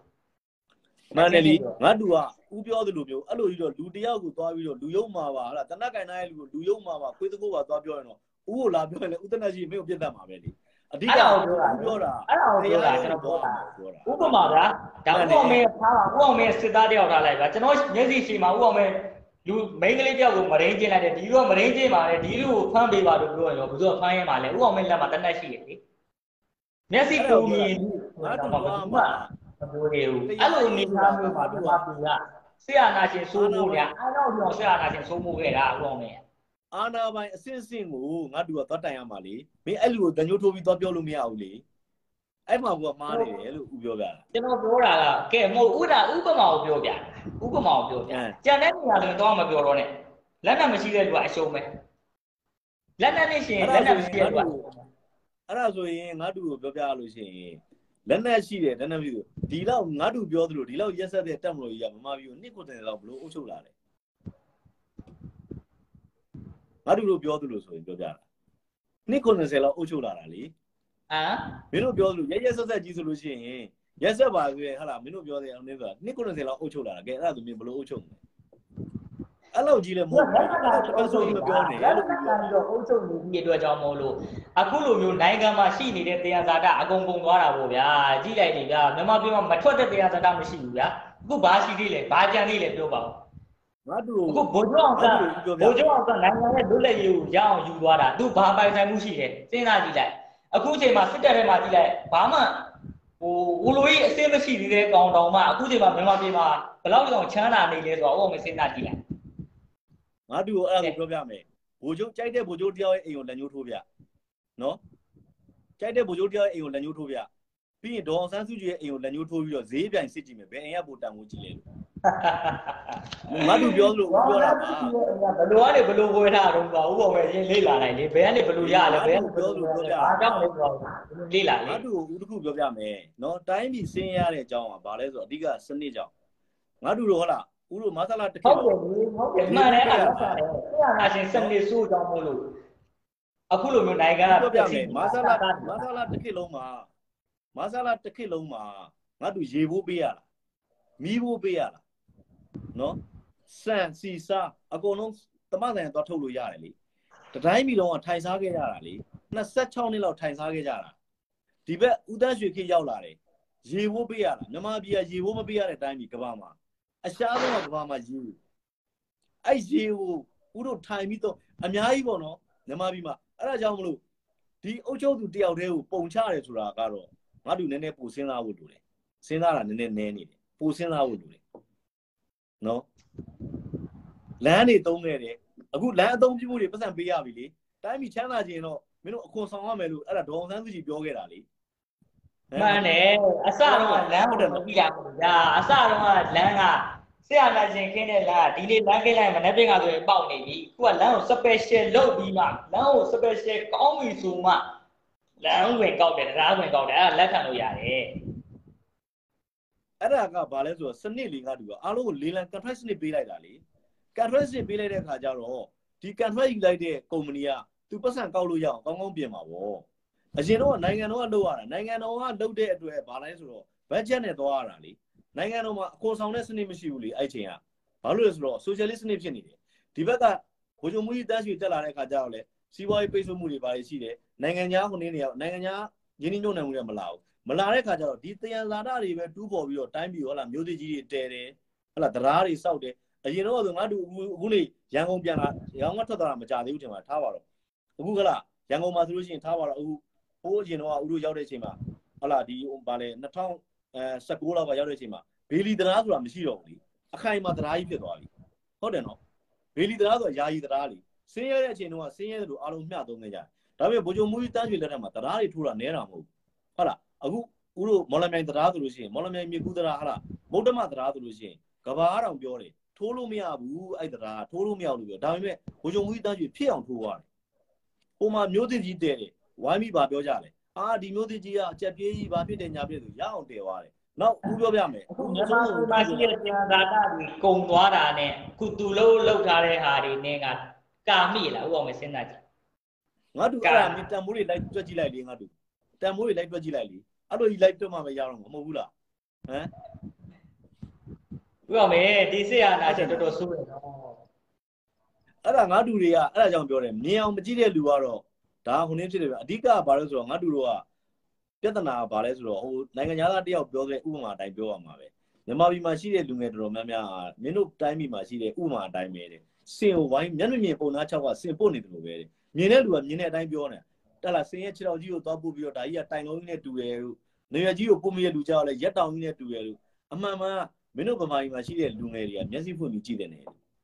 လူငယ်တွေကနိုင်ငံရေးစိတ်ဝင်စားတာတိတ်ကောင်းတယ်တိုင်းပြည်အတွက်လည်းကောင်းတယ်ဒါပေမဲ့လွမ်းလဲလမ်းလဲလိုက်သွားတဲ့အခါကျတော့တိုင်းပြည်ပြန်လဲထူထောင်ရေးမှာတော်တော်လေးပြဿနာရှိတယ်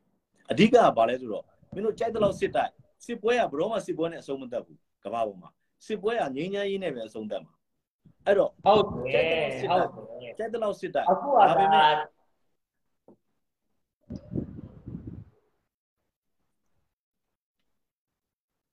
ဘယ်လိုပဲဖြစ်ဖြစ်ဖြစ်နေအသေးရှိသေးတယ်ဦးပြောပြတာအဲ့ဒါကြောင့်ငါတို့ဦးပြောချင်တာကဘာလဲဆိုတော့စဉ်းစားပါလက်တွေ့လဲကြည့်ပါစဉ်းလဲစဉ်းစားပါငါတို့လက်တွေ့ကြည့်ပါဦးဦး6လကြည့်ပါနော်ငါတို့တစ်နှစ်ကြည့်ခိုင်းတယ် ဒါပေမဲ့ဦး6လပြည့်လို့ရှိရင်နော်အကယ်၍ပေါ့လေအကယ်၍ပေါ့မင်းတို့ PDF တွေကငါ့ကိုမတက်ဘူးဆိုရင်တော့မင်း6လကြာရင်တော့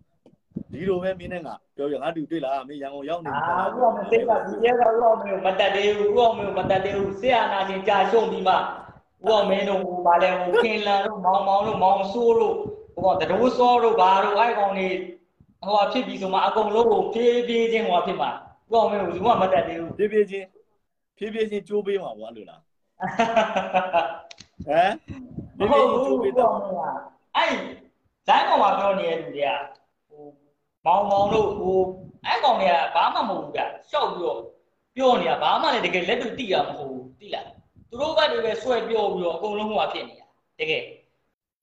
တကယ်တကယ်ဟိုမှာကဖြစ်နေတာဘာမှမသိဘူးသူတို့ကပဲသူတို့ကအကောင်ဆရာသားရှင်မအကောင်ဘာဖြစ်နေညာဖြစ်တယ်ဒီလိုတွေမဟုတ်ဘူးကျွန်တော်တို့ကလက်တွေ့ခံစားနေရတဲ့လူတွေအကုန်သိတယ်ဘယ်မှာဘာဖြစ်တယ်ဘယ်မှာဘာဖြစ်တယ်ဆိုတာကသူတို့တွေမကြောက်ဘူးအဲ့ဒါမလို့ဘောမမင်းင်းတို့တို့အအဲ့လီလိုမမရရဘူးဘူးလေမဟုတ်ဦးဦးပြောပြမယ်မင်းတို့အဲ့စကားကိုဦးနဲ့ပြောနေမယ်အစားအာနာပိုင်နေရှေ့မှာမင်းတို့တယောက်နဲ့တယောက်မျက်နှာချင်းဆိုင်ပြီးပြောလိုက်လို့ရှိရင်ပိုအကျိုးရှိမယ်ဦးဦးထင်တာပြောပြမင်းတို့လူငယ်တွေအာနာပိုင်နေအနေနဲ့လက်ရှိအခြေအနေမှာတက်မလို့အစိုးရအနေနဲ့မင်းတို့လက်ကမ်းကြိုဖို့အတွက် လက်ကမ်းကြိုတယ်ဆိုတာမင်းတို့ရှုံးနိုင်သူလည်းမဟုတ်အောင်မြင်သူလည်းမဟုတ်ဘူးနော်မင်းတို့လူငယ်တွေကိုလက်ကမ်းကြိုဖို့အတွက်သူတို့ရှိမှာလက်တွေဖြန့်ထားတယ်ဆိုတာရှိမယ်ဒါပေမဲ့ငါတို့တို့ကလက်သီးမဆုပ်ထားဖို့တော့လိုတယ်လက်သီးဆုပ်ထားတဲ့လက်ကိုဘယ်တော့မှလက်ဆွဲကျွန်တော်ပြောမယ်ဟိုအောင်မင်းသူကလက်ကမ်းတူတယ်ဆိုတာကစစ်တပ်ထဲကိုရောက်သွားပြီဆိုတာနဲ့အဲ့လူရဲ့ခေါင်းထဲမှာကပြည်သူတွေကိုရရဆက်ဆက်တတ်ဖို့ပဲရှိတယ်ကျန်တာဘာမှမရှိဘူးစစ်ရအဲ့တာဒါငါရှင်တို့ရဲ့တွေအမြင်လေးလက်ကူငါတို့တွေအမြင်လေးအဲ့ဒါအမြင် ဒီအမြင်မဟုတ်ဘူးစူပူနေအတဲ့ခုအချိန်လက်တွေ့တက်နေတဲ့ဟာနဲ့အခုလက်တွေ့တက်နေတဲ့လူတွေရှိတယ်ပြည်သူတွေကိုရရဆက်ဆက်မတက်ချင်လို့မို့ဟဟုတ်လားဟိုပြည်သူလဲငါတို့လဲပြည်သူပဲဆိုပဲလူတွေကအခုကြည့်လိုက် BDS တွေရောက်ကုန်ပြီဘာမှမသိသေးတဲ့လူတွေက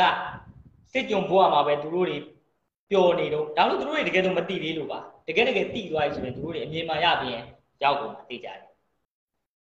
အေးပေါ့ဘလို့ပဲဖြစ်ပေါ့ဒါကတော့စောင့်ကြည့်ရမှာပေါ့ငါတူပါဒါပေမဲ့ဥက္ကနာပြောသလိုပေါ့စစ်ပွဲကဘရောမှစစ်ပွဲနဲ့အဆုံးမသက်ဘူးစစ်ပွဲနဲ့အဆုံးသက်လို့ရှိရင်လေတစ်ဖက်ဘက်ကအရန်အသေးကြီးများရင်တော့စစ်ပွဲနဲ့အဆုံးသက်လိမ့်မယ်ဒါပေမဲ့ဥရောကပွင့်လင်းပြောရရင်လူငယ်တွေကိုတတ်တာလေဥရောမမြင်နေဘူးတက်မတော်စော်ကားတာတက်မတော်တက်ဖြတ်တာလေဥရောမလိုချင်ဘူးအဲ့တော့အခြေအနေတရက်ကအဓိကဘာလဲဆိုတော့စကားပြောရမယ်စကားပြောရမယ်ဆိုတာတစ်ကဟဟလားစကားမပြောဘဲနဲ့တော့ဒီပြဿနာမပြီးနိုင် မပြီးနိုင်စကားပြောတာကလည်းစကားပြောတာတော်တော်နောက်ပါခုနကျွန်တော်ဥပမာဥစ္စာတော့ဥဆုံးမှာကျွန်တော်ဥအောင်မျိုးပြောခဲ့ပြီးပြီဒီလူဒီအသက်တွေစုပ်ကျုံသွားတဲ့အသက်တွေရရဆက်ဆက်အသက်ခံတဲ့လူတွေကဘလို့မှပြန်မရနိုင်တော့အဲအသက်တွေအရန်နှမျိုးစရာကောင်းသွားပြီနောက်ကြပါစကားပြောတာတော့နောက်ကြပါဘူးကလက်ခံမှာမဟုတ်ဘူး BDS တွေလည်းလက်မခံဘူးဒီသူကလည်းလက်မခံဘဘူးလို့ပဲလေအေးဟိုဖွဲ့တယ်လက်မခံဘူးဘယ်ဖွဲ့မှလက်မခံဘူးဆရာနာရှင်အမျိုးပြုတ်အောင်လို့တိုင်မှတေးကြတယ် ငါတူကပွင့်လင်းပြောရရင်ဒီဘက်မှာတက်မတော်သားတွေလည်းတချို့တော့ကြာတာတွေရှိပါတယ်ဒါတွေကလည်းပြောရရင်ဆက်ရုပ်တွေမဟုတ်ဘူးเนาะဒါတွေကတယောက်နဲ့တယောက်ဒီလိုပြောနေကြမယ်ဆိုလို့ရှိရင်တိုင်းပြည်ကဘလို့မှရှေ့မဆက်နိုင်ဘူးဒါပွင့်လင်းပြောပြเนาะဒီလိုတွေပြောနေလို့ဟာလာဦးကငါတူငါတူဟာလာဟာလာအာအမြင်မှန်ရပါမယ်လက်နဲ့ချပါဒါမျိုးပြောနေတာမဟုတ်ဘူးတိုင်းပြည်တပြည်မှာဖြစ်နေတဲ့ပြိပခအားလုံးဟာဒီတိုင်းပြည်မှာရှိတဲ့တက်ဆိုင်လူတွေအချင်းချင်းစကားမပြောဘဲနဲ့ဘာမှဖြစ်မလာနိုင်ဘူး EAO တွေကိုငါတို့လိုနောက်တစ်ခုမှားနေတဲ့အတွေးခေါ်ကဘာလဲဆိုတော့ဒါတော့လက်ငင်းအတွေးခေါ်ပေါ့နော်လက်ငင်းပေးထားချက်ပေါ့ EAO တွေကိုဖိတ်ခေါ်တာဟာဟဟလားတက်မတော်ကမနိုင်တော့လို့တက်မတော်ကရှုံးနေလို့ဆိုတဲ့အတွေးခေါ်တွေငါတို့လိုရှိမှရှိနေတယ်အဲ့ဒါကမကြခင်မင်းတို့တွေ့ရလိမ့်မကြခင်တွေ့ရလိမ့်နော်ဟုတ်ပါပြီဒီဟာကစောင့်ကြည့်ပါဦးဟိုကစောင့်ကြည့်ဦးအေးပေါ့အဲ့ဒါကိုပြောပြတာနော်အဲ့တော့ဟုတ်ပြီဟုတ်ပြီအဓိကဟိုမပြောလို့ကျွန်တော်နောက်တော့ပြန်တွေ့ရကဟိုကမနဲ့တွေ့ချင်နေတယ် ဟိုကမခုနပြောလို့ပေါ့နည်းနည်းပါးပါးလေးစင်စင်စင်ချင်းနဲ့နေပေါ့ဗျာ live ပေါ်မှာလည်းပြောတော့ပြောပေါ့ဒါမှမဟုတ်လည်းလုံမင်းလည်းမပြောနဲ့ပေါ့တော်နေကြကိုလည်းမချခင်ရောက်လာမှလည်းဆိုရဲဒါမှမသေးသေးချင်းနေဦးအောင်မျိုး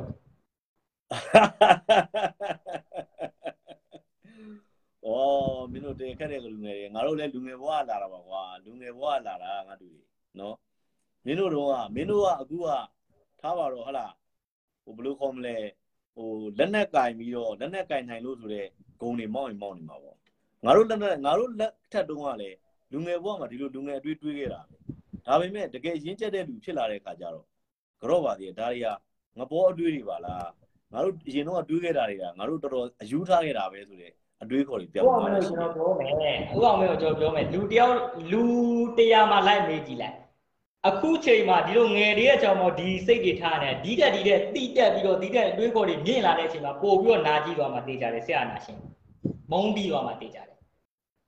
အဓိကကတော့ဘယ်လိုပြောရ အ လဲ တွေးခေါ်ပြောမယ်မမီတော့အတွေးခေါ်လေးနဲ့တောင်မှဆရာနာရှင်ဒီလောက်ယွန်နေရတကယ်တကယ်ရင့်ကျက်သွားပြီဆိုရင်ဘလောက်ထိများယွန်သွားမလဲဆိုတော့ဟိုအောင်မစောင့်ကြည့် ငါတို့တို့လိုပါပဲဟာလားထူးရင်တင်တို့ဘာတို့လဲတောက်ခုခဲ့တာပါပဲเนาะထူးရင်တင်တို့ဘာငါတို့ကြားဘူးလားမသိဘူးเนาะ ဆိုတော်ကြီးတကယ်ငှက်ကြီးခေါ်တာပေါ့နော်တော့ဟုတ်ခဲ့တာဒါပေမဲ့နော်ဒါပေမဲ့နောက်ဆုံးကျတော့ဒီလမ်းအလိုမှားရင်းတဲ့လမ်းဆိုပြီးသူကိုယ်တိုင်ရန်ကုန်ဓမ္မပြည်ပြန်လာပြီးတော့အဲ့ဒါဟိုးရင်ခစ်ကအခုခေတ်မှာကစောင့်ကြည့်လိုက်ဦးအောင်မယ်မကြတော့ဦးအောင်မယ်ဦးအောင်မယ်ပြောလို့6လတစ်နှစ်ဆိုရင်အာနာရှင်ကအမြင့်ပြုတ်ဖို့များနေပြီဦးအောင်မယ်လည်းအချိန်မီသေးရဟိုဘက်ကန်းကိုပူးရင်ပူးလိုက်ဟုတ်ငါတို့ဦးပြောပြမယ်ငါတို့လို့လို့ပဲ 60ရွေးကောက်ပွဲမတိုင်ခင်88 88ပြီးရဲ့နောက်ပိုင်း89လို့ဘာလို့မှာအမေရိကန်တက်ကြီးရပဲလာတော့မလို့ကရင်ရပဲဟလာဟိုနေ့ကိုတိန်းတော့မလို့ဖအံကိုတိန်းတော့မလို့နဲ့နောက်ဆုံးကြတော့ဘိုးများလည်းထွက်ပြေးရတာပဲလေဆိုတော့အဲ့လိုအဲ့မျိုးဒါငါတို့တော့ပါအဲ့ဒါကျွန်တော်မမွေးသေးပါဘူးဗျာအခုကျွန်တော်တို့ဆရာနာရှင်အခုသိမ့်လိုက်တော့တောင်မှယူဝမ်လာမလို့ဘာလို့ဖြစ်ခဲ့သေးတယ်ဘာမှမလာဘူးအခုဘာမှမလာတော့ကိုယ့်အနေကိုယ်ပဲရှိရလက်နဲ့ဆွဲကင်ပြီးတော့တော်လာနေတယ်ပဲဦးကတော့ပွင့်လင်းပြောရရင်တော့ကွာလူငယ်တွေအလောင်းတွေပုံကုန်တဲ့ဟာကြီးတော့ဦးမမြင်ဘူးဘ ယ်ဘက်ကပဲဖြစ်ဖြစ်မမကြည့်ဘူးဆိုရင်ဦးအောင်မယ်ဒီတရားနာရှင်ကိုစွန့်လွတ်ခိုင်းလိုက်လေစစ်သားကစစ်သားလို့နေလိုက်လေစစ်စစ်သားစစ်သားလို့နေလိုက်နိုင်ငံကြီးကနိုင်ငံကြီးသွားလိမ့်မယ်ဘာဖြစ်လို့ဒီအာဏာကိုအရန်ယူနေရလဲဗျာဒီလူကဒီစစ်တပ်ကိုလမ်းပေါ်ဖြစ်သွားတာဦးတို့ပြောသူ့ရဲ့အကြောင်းပြချက်တွေဘာမှမခိုင်လုံမဲနဲ့ဒီလိုဖြစ်သွားတာအဲ့ဒါကြောင့်မို့လို့မြန်မာပြည်မှာကြည့်လိုက်ဆုံးရှုံးဒီစစ်တပ်ကိုဒီစစ်တပ်ကိုလမ်းပေါ်ဆွဲခေါ်တာနိုင်ငံရေးသမားတွေလို့ဥတို့အမြင်ပြောပါတယ်ဥတို့ပြောတာပဲ အရင်တော့ဥတို့ live တွေငါတို့တို့ကြည့်ရင်ကြည့်မှာပါနော်နိုင်ငံရေးသမားတွေနိုင်ငံရေး news နဲ့ရှင်းမှာစစ်တပ်ကိုလမ်းပေါ်ဆွဲမခေါ်နဲ့ဥတို့ပြောတယ်စစ်တပ်ကလမ်းပေါ်တက်လာလို့ရှိရင်ဒီလိုပြဿနာတွေဖြစ်မယ်ဆိုတော့ဥတို့အများအများကြီးဝင်နေဖြစ်တယ်ဒီဒီလက်ရှိကာချုပ်ကိုနိုင်ကပြောထားတယ်ကျွန်တော်အာဏာလည်းမသိ ኝ ဘူးဒီနေရာကိုလည်းကျွန်တော်မလုပ်ချင်ဘူးဒီလူတွေအားလုံးကပွင့်လင်းပြောရလို့ရှိရင်ဒီစစ်ဆိုတဲ့သဘောတရားကိုကိုသူတို့မလုပ်ချင်တဲ့လူတွေဒါပေမဲ့တာဝန်ရှိတယ်တာဝန်ရှိတယ်သူရှိမှတာဝန်ရှိတယ် तू မလုပ်ရင်သူရှိမှတာဝန်ရှိတယ် အမြဲပြောတယ်ဦးပြောပြတယ်ဟုတ်လားတာဝန်ရှိတယ်သူရှိမှ तू ဟာဒီနေ့ဒီအချိန်ဒီနေရာမှာတာဝန်ထမ်းဆောင်ရင်ဒီအလုပ်တွေလုပ်ရမယ်ဆိုတဲ့တာဝန်သူရှိမှရှိတယ်ဒါကြောင့် तू လုပ်ကိုလုပ်လိုက်ရတယ်ဒါပဲဦးပြောပြတယ်နော်ဒီဟာကြီးကိုတတ်မှတ်လို့လည်းမဟုတ်ဘူးမမအဲ့ဒါကြောင့်မလို့လက်ရှိမြန်မာပြည်မှာအာဏာထိန်းလိုက်တာဟာပြောရရင်နှစ်လလောက်ကြိုကျင်ညာပြီးထိန်းလိုက်တာအာဒီကြိုချထိန်းတာလည်းမဟုတ်ဘူးဘောမပြောရစစ်တပ်တွေကရှိတဲ့အရာရှိကောင်မှအာနာထိမ့်မှလည်းတိမ့်မှလည်းမသိပါဘူးဆိုဦးအောင်မြင်အဲ့ဒါတော့များသွားပြီ ငါတူကဦးပြောပြမယ်လေဟိုနေ့မှပြောတယ်ဗိုလ်ချုပ်စော်မင်းတို့သတင်းစာရှင်းလင်းပွဲမှာပြောတယ်လေသတင်းတော်တယောက်ကမေးတယ်ဒါဆိုရင်ဒီလိုလုပ်နေတာတွေကဟိုတက်မတော်ကအာနာသိမ့်မယ်ဆိုတဲ့သဘောလားလို့မေးတော့ကျွန်တော်တို့အနေနဲ့အာနာသိမ့်မယ်လို့လည်းမပြောဘူးမသိဘူးလို့လည်းကျွန်တော်တို့အာမမခံဘူးဆိုတော့ဒီစကားရှင်းရှင်းလေးပဲလေငါတူဟုတ်တယ်မလားဒီစကားရှင်းရှင်းလေးပဲအဲ့ဒီအချိန်မှာတွေကနိုင်ငံရေးသမားတွေပန်းနေရမှာပေါ့ပန်းနေရမှာပေါ့ဟုတ်တယ်မလားဆိုတော့ဒီအချိန်တွေမှာဦးကုနာပြောသလိုပေါ့ဒီတစ်ခါအာနာထိန်းတာ အငင်းသာဆုံးနဲ့နော်လူသေးပြောက်အ ਨੇ ဆုံးပဲဒါပွင့်ပြောတာဦးဒါဒါပွင့်ပြောငါတို့တို့ကမင်းတို့ကြံခဲ့တဲ့တမိုင်းတွေကိုမင်းတို့မသိဘူးနော်ဒါအနည်းဆုံးပဲအဲ့တော့အဓိကကဘာလဲဆိုတော့လူငယ်တွေအနေနဲ့အရင်ဆုံးအမြင်မှန်ရတဲ့တိုင်းပြည်ကိုတကယ်တိဆောက်ချင်တယ်ဆိုလို့ရှိရင်တနက်နဲ့တိဆောက်လို့မရဘူးတိုင်းပြည်ကိုကျွန်တော်ပြောမယ်တော့အမြင်မှန်ရလို့လေအခုလိုလက်နက်ကင်ပြီးတော့တော်လန်နေတာအဲ့ဒါအမြင်မှန်ရလို့အမြင်မှန်မရရင်အရင်လိုပဲသွားရင်နောက်တဲ့နှစ်ပေါင်း90 80အသာလေးပဲ အဲ့ဒါဆိုရင်မြန်မာပြည်တော့အဲ့ဒါကူကငါတို့ကမှားနေတာအခုမဟုတ်ဦးအောင်မတော်နောက်တစ်ခုပြောမယ်ဒါအခုစေအာနာရှင်ကအဲ့အာနာကိုပြည်သူပြန်ပြရင်တော့မှဘယ်သူမှလက်ခံမှာမဟုတ်ဘူးခုချိန်မှာဒီစေအာနာရှင်ကိုအကုန်လုံးကိုတက်ရှင်တွေကိုပုံပေါ့ရင်ပြောရလို့ရှိရင်အဲ့ဒါငါတို့တွေးတာလေအဲ့ဒါငါတို့တွေးတာလေဒါပြောလို့ရှိရင်လူတွေစိတ်မှာဒေါသတွေရှိမယ်ဆိုတော့ဒါဥရုတက်ပါတယ် ဒီဒေါသတွေကလည်းမှားယွင်းတဲ့အချက်လက်တွေပေါ်မှာပေါ့နော်ဒီပေါ်မှာဒေါသတွေဖြစ်နေကြတာဒီအတွက်ဥရုဘာမှမပြောလို့ဒါကဘာမှမပြောလို့အဓိကကဘာဖြစ်လဲဆိုတော့ဒီအချိန်မှာအရန်တင်းရတင်းရခတ်သွားဆိုတာလေဘာကြောင့်လဲဆိုတော့အဓိက Facebook ရဲ့ဝါဒဖြန့်ချိမှုတွေလည်းအများကြီးအများကြီးပုံကတူပါပုံသဏ္ဍာန်မျိုးမျိုးပေါ့ဟုတ်လားအများကြီးပါတော့အဲ့တော့တချို့တွေကသတင်းမှားတွေဟုတ်လားဟိုဘယ်လိုခေါ်မလဲ disinformation တို့ misinformation တို့ပေါ့နော်ဒါတွေအားလုံးကလူငယ်တွေရဲ့ဟက်ကိုထိသွားတာပြဿနာဒါပဲပထမရွေးကောက်ပွဲမတိုင်ခင်က နိုင်ငံရေးပါတီတွေကြားမှာဆွေးနွေးတဲ့အချက်ချက်ရှိတယ်ငါတို့ပြောပြမယ်အဲ့ဒီချက်ကဘာလဲဆိုတော့အခုလက်ရှိ2020ရွေးကောက်ပွဲမှာမဲပေးနိုင်တဲ့လူငယ်တန်း9သန်းရှိတယ်ဒီ9သန်းကိုဘယ်လိုမဲဆွဲကြမလဲဆိုတဲ့ဟာတွေနိုင်ငံရေးပါတီတွေကြားမှာအများကြီးဆွေးနွေးကြတယ်ဒါငါတို့တွေကြားဘူးလိမ့်မယ်နော်ဒါပေမဲ့ဒီ9သန်းကိုမဲဆွဲရမှာလေဒီ9သန်းကိုလက်နက်ကင်ပြီးတောတဲ့တွန်းပိုးရမှာမဟုတ်ဘူးအမှန်မှန်အခုကမမရရင်လုပ်လိုက်တာ ဒီလူငယ်9သန်းပေါ့နော်ထားပါတော့9သန်းလည်းရှိခြေနေရတော့2020မှာမဲပေးခွင့်ရှိတယ်လူငယ်9သန်းပေါ့နော်ဒီ9သန်းကိုစနစ်တကျတောတဲ့တွန်းပိုးလိုက်တာလက်ရှိဖြစ်နေတဲ့ဟဟလာမြန်မာပြည်ထဲမှာဖြစ်နေတဲ့လက်နက်ကင်ပြိပခါစနစ်တကျကြိုတင်ကြံရွယ်ပြီးဖြစ်တဲ့လက်နက်ကင်ပြိပခါဒါကြောင့်မလို့တက်မတော်ကလည်းနိုင်ငံရေးသမားတွေကိုမယုံဘူးဆိုတာအဲ့ဒါပဲနိုင်ငံရေးသမားတွေကိုတက်မတော်ကမယုံဘူးဆိုတာအဲ့ဒါဒီတက်မတော်ကိုဒီနော်ဦးဦးပြောပြအောင်မယ် ဒီတတက်က်မဖို့တော်ကိုကိုပြောတော့ဘောမလားတက်မတော့ဘယ်လောက်ကြောင်မယုံလဲဆိုတော့သူ့အောက်ကလူကိုတော့သူမယုံတော့ဘူးဒါတွေကငါတို့တို့အထင်တွေပေါ့ဒါဆိုတာငါတို့တွေဒါတွေကငါတို့တို့အထင်တွေပေါ့အထင်တွေနဲ့တော့နိုင်ငံရေးလုပ်လို့မရဘူးဘယ်လိုလဲချင်းတာတော်တော်မပြောလို့ပါပဲဘုရားမဲကျွန်တော်လည်းကြားသူတော့မဟုတ်ဘူးဒါမျိုးလဲမဟုတ်ပါအခုဘူးချိန်မှာတော့ပြောတဲ့တော့ကလေးသားကကြားရင်စားမယ်ပြောပြမယ်ဟိုမရိုင်းတာလို့ဖြစ်တယ်ရန်သူလို့ရန်သူလို့မတတ်မှာဘူးကျွန်တော်ခန္ဓာတက်ကိုကျွန်တော်ပြောတာမှန်ပါတယ် ဦးကဘသူ့ကိုမှရန်သူလို့မတတ်မှတ်ဘူးသူတို့ဘာလို့သူတို့စကားပြောပြီးတော့သူတို့ဘာလို့သူတို့ဂျောင်ပိတ်ပြီးတော့ရန်သူဦးကိုရန်သူထင်သွားတော့ဦးအဲ့ဒါတော့ sorry ပဲအဲ့ဒါတော့ဦးမှတောင်းလို့မရှိဘူးဒါပြောပြရန်သူမတင်ပါဘူးရန်သူကလည်းဂယူဆိုင်ကြဘာအကြောင်းမှမရှိပါဘူးသုံးရအေးပေါ့ဘာဖြစ်လို့မဟုတ်မှန်ပါတယ်မှန်ပါတအားယ်လုံးဒါမှပေန်တယ်သူတို့လုပ်ကြတာပဲလေဟုတ်တယ်မလားမှန်တယ်မှန်တယ်ဦးတို့လူအဖွဲ့အစည်းကအဲ့လောက်ရိုင်းတဲ့လူအဖွဲ့အစည်းဖြစ်တော့ဘယ်သူလုပ်လိုက်တာလဲဆိုတော့ငါလူငယ်တွေအကုန်သိတယ်နော် ဒီဟလာဒီနိုင်ငံရေးဘုရားမျိုးကျွန်တော်တို့ပြောမယ်အခုလိုမျိုးအခြေအနေဖြစ်လာအောင်ဘာကြောင့်မို့လို့ဖြစ်လာလဲဆိုတာကိုအရင်လေးလာအခုလူတွေတော်တော်များများလွယ်လွယ်လေးပဲပြောသွားတယ်မဲပို့လို့အာနာသိမ့်လိုက်တယ်အာနာထိမ့်လိုက်တယ်ထားပါဗျာအာနာသိမ့်တာပဲဖြစ်ထိမ့်တာပဲဖြစ်အဲ့တော့ဒီဒီမလို့ဘူးလေဗျာသူတို့ကလက်နက်ကင်တာပဲအခြားနီးလန်းနဲ့ဖြည့်ရှင်းလို့ရတယ်လေသူတို့တော့ဒါကိုမဖြည့်ရှင်းလို့ပေါ့နော်တရားဥပဒေရမဖြည့်ရှင်းလို့မို့ဒီလိုလုံးလိုက်ရတယ်ဆိုတာအကြီးကတဘာပေါင်းမကြဘူး တကယ်အေးပေါ့အဲ့ဒါကတော့ဒီဟာတွေကတော့ပြောရရင်တော့မင်းတို့ကခုနပြောလို့ပေါ့ဒါတွေကသဘောဝိုင်းမှာရှင်းရမယ့်ကိစ္စတွေကဘာအောင်မှာဖြစ်လာတဲ့စေပွဲတွေတယောက်တယောက်အတူတူလို့နိုင်သွားတယ်ဆိုအရင်ကတော့ကပြောင်းလို့ပြောင်းဥပမာကျွန်တော်ပြောမယ်ဥအောင်မင်းခုမင်းအွန်လိုင်းကတနက်ကင်ပြီးတော့ဒါခေါင်းဆောင်ဗျာဘိုးချုပ်မှုကြီးပေါ့ကာချုပ်ပေါ့ကျွန်တော်တို့ပြည်သူဆိုတာထားပါအစိုးရ အစိုးရကိုသူခေါ်ရင်ဘယ်လိုပဲဖြစ်နေဖြစ်နေလာမယ့်အနေအထားမှာရှိတယ်ဒါကျွန်တော်အမြင်ပေါ့ဟုတ်လားဘာပဲဖြစ်နေဖြစ်နေတွေးလို့ရတယ်စုံလို့ရတယ်ညှိနှိုင်းလို့ရတယ်ကျွန်တော်ပြောတာသဘောပေါက်ခေါ်တယ်လေငါတို့ဖိတ်ခေါ်တယ်လေအများကြီးဖိတ်ခေါ်တာပဲဖိတ်ခေါ်တဲ့အချိန်မှာတာဝရဲ့နေရမလားလို့ဘာလို့ဟုတ်တယ်မလားဟုတ်ကျွန်တော်ပြောတာတာဝရဲ့နေရမလားလို့ဘာလို့ဆိုတာ အားလုံးအခုကလိုမျိုးဟိုပြောရလို့ရှိရင်နိုင်ငံတော်တာနာလုံးတော့တိမ့်လိုက်တော့ထိမ့်လိုက်တော့ထားပါပဲတိမ့်တာပဲထိမ့်တာပဲဖြစ်ဖြစ်ခုလိုမျိုးဖြစ်လာတာအာတကယ်တမ်းဆိုဒီအသက်တွေဆုံးရှုံးရအကြောင်းကိုမရှိဘူးဗျာပြီးခဲ့လွန်ခဲ့တဲ့ဥပမာဟိုအစိုးရအုပ်ချုပ်သွားတဲ့9နှစ်ဘယ်မှာတွေဘာဖြစ်ခဲ့လဲဘယ်လောက်ကြီးကြောင်ဆိုးဆိုးဝါးဝါဖြစ်ခဲ့လဲအခုလောက်ကြီးဖြစ်နိုင်ဖြစ်လာကြအကြောင်းမရှိဘူးသူများတွေကဟိုရိုင်းရိုင်းပြောရရင်တော့ဟိုစောက်ယူတွေလို့စောက်ဘောတွေလို့ဟာဟိုဘာနိုင်ငံကြီးဖြစ်မယ်ကလားနိုင်ငံကြီးဖြစ်မယ်ဒါကဖြစ်နိုင်ရအကြောင်းမရှိဘူး ဘာလို့လဲဆိုတော့တစ်ဖက်မှာကာကွယ်ရေးကစစ်တက်ကြီးတက်လည်းမရှိတယ်ဗျာကျွန်တော်ပြောတာအဲ့လိုမျိုးကလားနိုင်ငံဖြစ်လာနိုင်ကြဘာအကြောင်းရှိလဲဒီကောင်းလေးကျွန်တော်တို့ဆိုတာကျွန်တော်ပညာမတတ်ဘူးနော်ကျွန်တော်၃လေးနှစ်မှနေခဲ့ရတယ်ကောင်ကျွန်တော်အမြင်နဲ့ကျွန်တော်ရဲ့အတွေးပေါ်နဲ့စဉ်းစားကြည့်တော့ဖြစ်လာနိုင်ကြအကြောင်းမရှိဘူးမြန်မာနိုင်ငံမှာကလားနိုင်ငံအဲ့လက်ခံလားဥပမာလက်ခံလားအဲ့ဒါငါလက်မခံဘူးငါတို့ကဦးလက်မခံဘူးဦးလက်မခံဘူးဆိုတာဘာကြောင့်လဲဆိုတော့ဦးပြောပြမယ် ဦးပြောပြမယ်မြန်မာပြည်ဟာ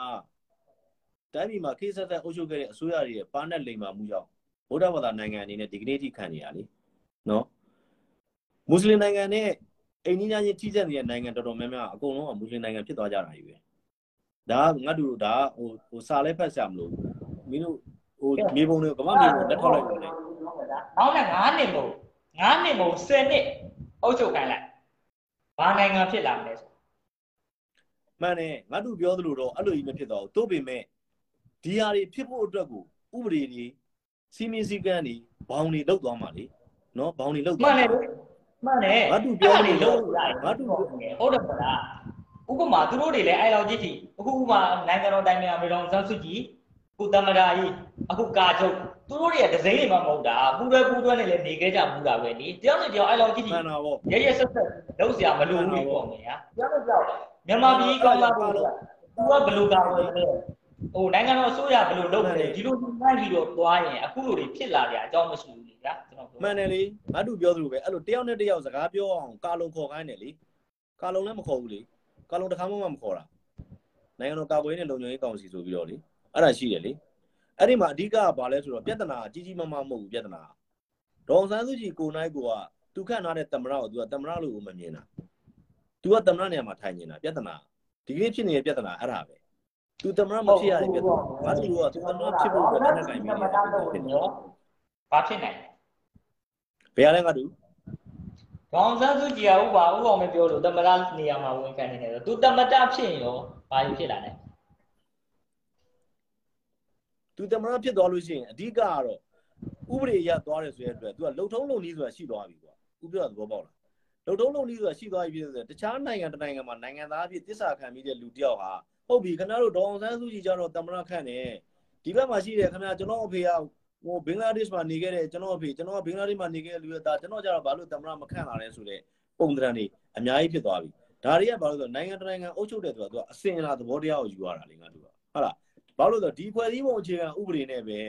ဒီဖွဲ့စည်းပုံအခြေခံဥပဒေနဲ့ပဲဒေါအောင်ဆန်းစုကြည်အင်္ဂလန်မှာနှစ်ပေါင်း90လောက်နေခဲ့တဲ့ဒေါအောင်ဆန်းစုကြည်ကြတော့ ခမရတို့တမရပေးတယ်ကျွန်တော်ဂျာကစ်ကြတော့ခမရတို့ဘာကြောင့်တမရမပေးလဲဆိုတော့တောင်းဆိုမှုတွေဖြစ်လာရင်ဘယ်လိုသားရှင်းမလဲငါတို့အများကြီးရှိတယ်အဲ့ဒါကြောင့်မလို့ तू ကဟောဘာကြောင့်မလို့တမရဖြစ်မှ तू ကတိုင်းပြည်အတွက်လုပ်ရမှာလားအလုပ်ကတခြားပုံစံလုပ်လို့မရဘူးလားထားပါအခုကသူကတိုင်မင်္ဂမာနေရာနေရာတမရတမရတတ်တက်သွားတယ်ဒီတိုင်းလည်းပြည်သူတွေအရန်ကြိုက်ကြတယ်တော်တော်များများပေါ့နော်အများစုက အဲ့ဒါကိုလက်ခံတယ်ပေါ့လက်ခံတယ်လက်ခံတယ်ကာကြုတ်ကြီးကိုယ်တိုင်တော့သူ့ကိုကြိုက်ရင်ကြိုက်မှာတို့ပေမဲ့စီကန်းချိုးပေါက်လာတဲ့အခါကျတော့တာဝန်ရှိသွားပြီလေသူအရေးပြလို့မရတော့ဘူး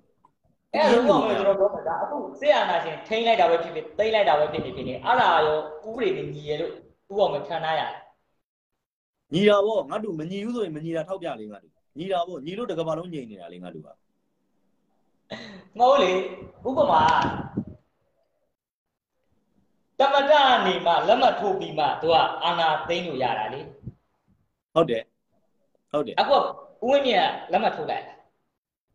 ဦးဝင်းမြင့်ကတမရမို့တော့လေငါတို့ဦးဝင်းကရွေးကောက်ပွဲဝင်ပြန်လိုက်တဲ့အတွက်ဦးဝင်းမြင့်ကဒါရိုက်ကိုကတိတိအစ်စ်ကိုဆင်းသွားတယ်ဖွဲ့စည်းပုံအခြေခံဥပဒေမှာတမရရွေးကောက်ပွဲဝင်ပြန်မှုရှိတယ်တမရကရွေးကောက်ပွဲဝင်မပြိုင်နဲ့ဦးမြင့်ဆွေတယောက်ပဲတမရဖြစ်ကြံခဲ့တာလေဦးမြင့်ဆွေကိုသွားပြီးတင်ပြတယ်တက်ချုပ်က ဒီလိုလိုတိုင်းပြည်လိုလိုရှိနေတဲ့ဖွဲ့စည်းပုံချုပ်ပုံအခြေခံဥပဒေအရာရောဘယ်သူကတင်မြောက်လိုက်တာလဲတမတအဖြစ်လွတ်တော်ကတင်မြောက်ထားတာလေငါတို့ဒေါအောင်ဆန်းစုကြည်ဦးဆောင်တဲ့လွတ်တော်ကတင်မြောက်ထားတာလေငါတို့သူတို့ဒေါအောင်ဆန်းစုကြည်အစိုးရကနေဒေါအောင်ဆန်းစုကြည်အစိုးရဦးဆောင်တဲ့လွတ်တော်ပေါ့နော်အဲ့လိုပဲပြောကြပါလို့သူကတင်မြောက်ထားတာလေငါတို့အခုပြောပြမယ်ဥပမာမမပြူဥပအောင်မလိုက်မိလိုက်ယူအရောက်တသိန်းကိုလိုက်မိပြီလိုက်ဦးမြင့်စုတမတတိလာ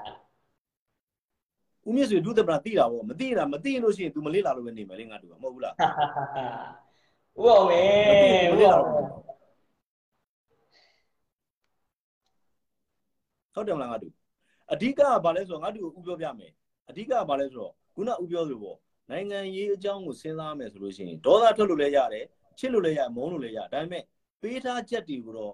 သိအောင်တော့နားလည်သင့်တယ်ငါတို့ဟုတ်တယ်မှန်တယ်ပေးထားချက်တွေသိအောင်နားလည်ဥပမာကျွန်တော်ပြောပြီလေ ခုနပြောတဲ့ဦးမြင့်စုကိုတမတပါလို့ဘသူကပြောတိလို့လေစစ်တပ်ထဲကလူတွေတော့လိုက်မိလာအောင်တိလားမတိလားလို့ဒုသမ္မတဦးမြင့်ဆွေဆိုတာ तू ကဒို့တိုင်းပြည်ကသမ္မတစနစ်နဲ့အုပ်ချုပ်တဲ့အတွက်ဒုသမ္မတနှစ်ယောက်ဦးဟင်းနီဘန်ဒီယူကိုသိကြတယ်ဟင်းနီဘန်ဒီယူဒုသမ္မတကျွန်တော်ပြောတာရှင်းရှင်းလေးဥအောင်မေကျွန်တော်ပြောတာရှင်းရှင်းလေးလက်ရှိကဦးဝင်းမြင့်ပဲတမတလို့ပဲအကုန်ကတိကြတာညာတော့အပြင်တကဘာလုံးညာကျွန်တော်တနိုင်ငံမြန်မာနိုင်ငံကိုပြောမှာမဟုတ် ကျန်တဲ့နိုင်ငံတွေကလိုက် မှန်တယ်ဒါပေမဲ့ဦးဝင်းမြင့်ကရွေးကောက်ပွဲဝင်လိုက်လို့သမ္မတမဖြစ်တော့ဘူးဆိုတော့လူတွေကမလေ့လာကြဘူးလေအဲ့ဒါအရင်လေ့လာမှာငါတို့က အဲ့ဒါဆိုရင်စစ်ကောင်စီရဲ့တုံးကတော့ဘာလို့နိုင်ငံတော်တမတာကြီးကိုဖမ်းဆီးလိုက်ပါပြီဆိုတာကြီးကဘာဖြစ်လို့စာတမ်းမြတ်ထုတ်อ่ะ तू ကနိုင်ငံတော်သမ္မတလုပ်ခဲ့တဲ့လူတယောက်လေ तू ကနိုင်ငံတော်သမ္ တ မ မ တ တာ လုပ် ပြော ခဲ့ လို့ တဲ့လူတယောက် ဘာမှပြောတယ်ဘာမှပြောလို့ဆိုတော့တမတာမှမဟုတ်တော့ မှန်တယ်လေ तू ကနိုင်ငံနိုင်ငံတော်သမ္မတဖြစ်ခဲ့တဲ့လူတယောက်ဖြစ်လို့နိုင်ငံတော်သမ္မတဟလာနိုင်ငံတော်သမ္မတဦးဝင်းမြင့်ဆိုတာ तू ကနိုင်ငံတော်သမ္မတဖြစ်ခဲ့တဲ့လူတယောက်ဖြစ်ခဲ့တယ်သူ့ကိုပြောတာလေငါတို့ကလက်ရှိနိုင်ငံတော်သမ္မတကြီးလို့ပြောတာမဟုတ်တော့ငါတို့ကအဲ့ဒါတော့ဥအောင်မတိတိနေဥအောင်မလူလူကြတာလေကြာခင်ဗျအာငါတို့မင်းတော်တော်ဟိုနေဖြစ်တာပဲလေးလာဟာငါတို့ကမင်းတို့လေးလာမယ်မင်းတို့အများကြီးလေးလာမယ်မင်းတို့လူငယ်တွေပို့လေးလာဟုတ်ပါတယ်ကျွန်တော်အများကြီးလူတွေကျွန်တော်ပြောပြရအောင်တော့ပါတယ်ကျွန်တော်အဲ့ဒါကိုလက်ခံတယ်အဲ့ဒါကိုကျွန်တော်လက်ခံတယ်ငါတို့ကိုဥပြောပြမယ် မင်းတို့ပြောသလိုနိုင်သွားခဲ့တယ်ဆိုရင်တော့မင်းတို့ဒီပုံစံနဲ့အုပ်ချုပ်မယ်ဆိုတိုင်းပြည်ကမင်းတို့တက်မတော်အုပ်ချုပ်တာတဲ့10သားလောက်မပြဟုတ်တ်ဘူးသွားလို့လို့ဥအောင်ကျွန်တော်အုပ်ချုပ်မှာမဟုတ်ဘူးကျွန်တော်အုပ်ချုပ်မှာမဟုတ်ဘူးအေးပေါ့ထားပါတော့မင်းတို့ဆရာတွေရှိမှာပေါ့ဟုတ်လားဟိုနင်းတို့ဇော်ဝေဆိုးကျွန်တို့တော်မှဆရာပြောလည်းမရှိဘူးအော်အေးကြည့်ထားလိုက်ပါဦးအောင်မယ်ဘယ်သူအုပ်ချုပ်ပြီးတော့ကျွန်တော်တို့နိုင်ငံဘယ်လိုဖြစ်လာမလဲဆိုတော့ဦးအောင်မယ် မတည်သေးရင်စောင့်ကြည့်ပါဦးကျွန်တော်လည်းမတည်သေးရင်စောင့်ကြည့်မယ် အေးအေးဟုတ်ပါပြီဟုတ်ပါပြီ တော့စကားပြောလို့တော့ကောင်းတယ်နောက်နေလေနောက်လေပြောချင်ပါသေးတယ်ဆွေးနွေးပါဆွေးနွေးပါဘာပြောကျွန်တော်လည်းအားရလာဘူးကြည့်လား ဦးကတော့ဦးကအကုန်လုံးကိုခေါ်တယ်ကြိုက်တဲ့လူစကားတက်ပြောလို့ရတယ်ဘယ်သူပဲဖြစ်ဖြစ်နော်ဦးနောက်တစ်ယောက်တက်ပြောနောက်တစ်ယောက်ပြောမယ်နောက်တစ်ယောက်ပြောပြီးရင်တော့ဦးလည်းအိတ် ဟုတ်ကဲ့ဟုတ်ကဲ့ဟုတ်ကဲ့ဟုတ်ကဲ့ဘိုင်ဟောနောက်လည်းပြောမယ်ကျမလည်းယူဆိုင်စားစားရယူဆိုင်ပါမယ်နော် โอเคပါโอเคပါโอเคပါ ဟုတ်ကဲ့ဟုတ်ကဲ့ စ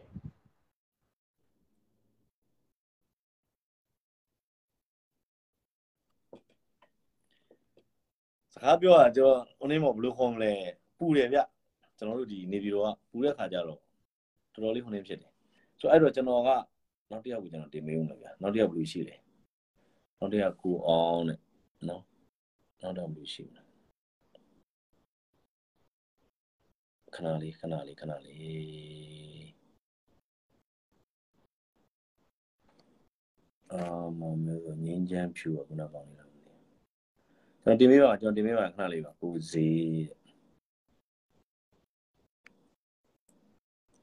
ကဲကိုစီတဲ့ဗျာကျွန်တော်တယောက်တင်ထားတယ်ကိုစီတဲ့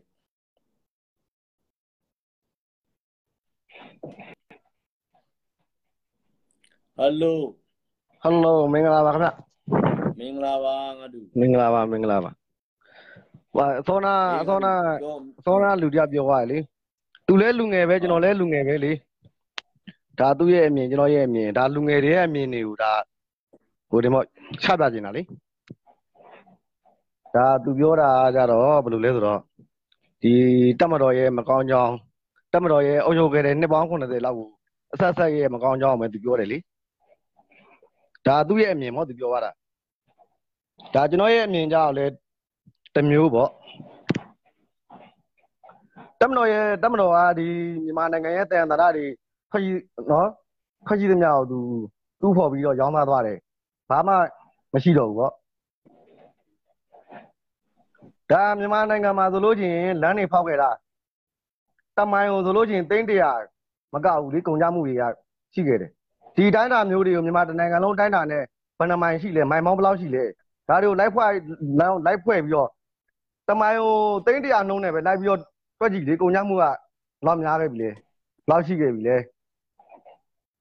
ဒါတွေကိုဒီလိုမျိုးကောင်တွေသိဖို့လိုအပ်တယ်လေ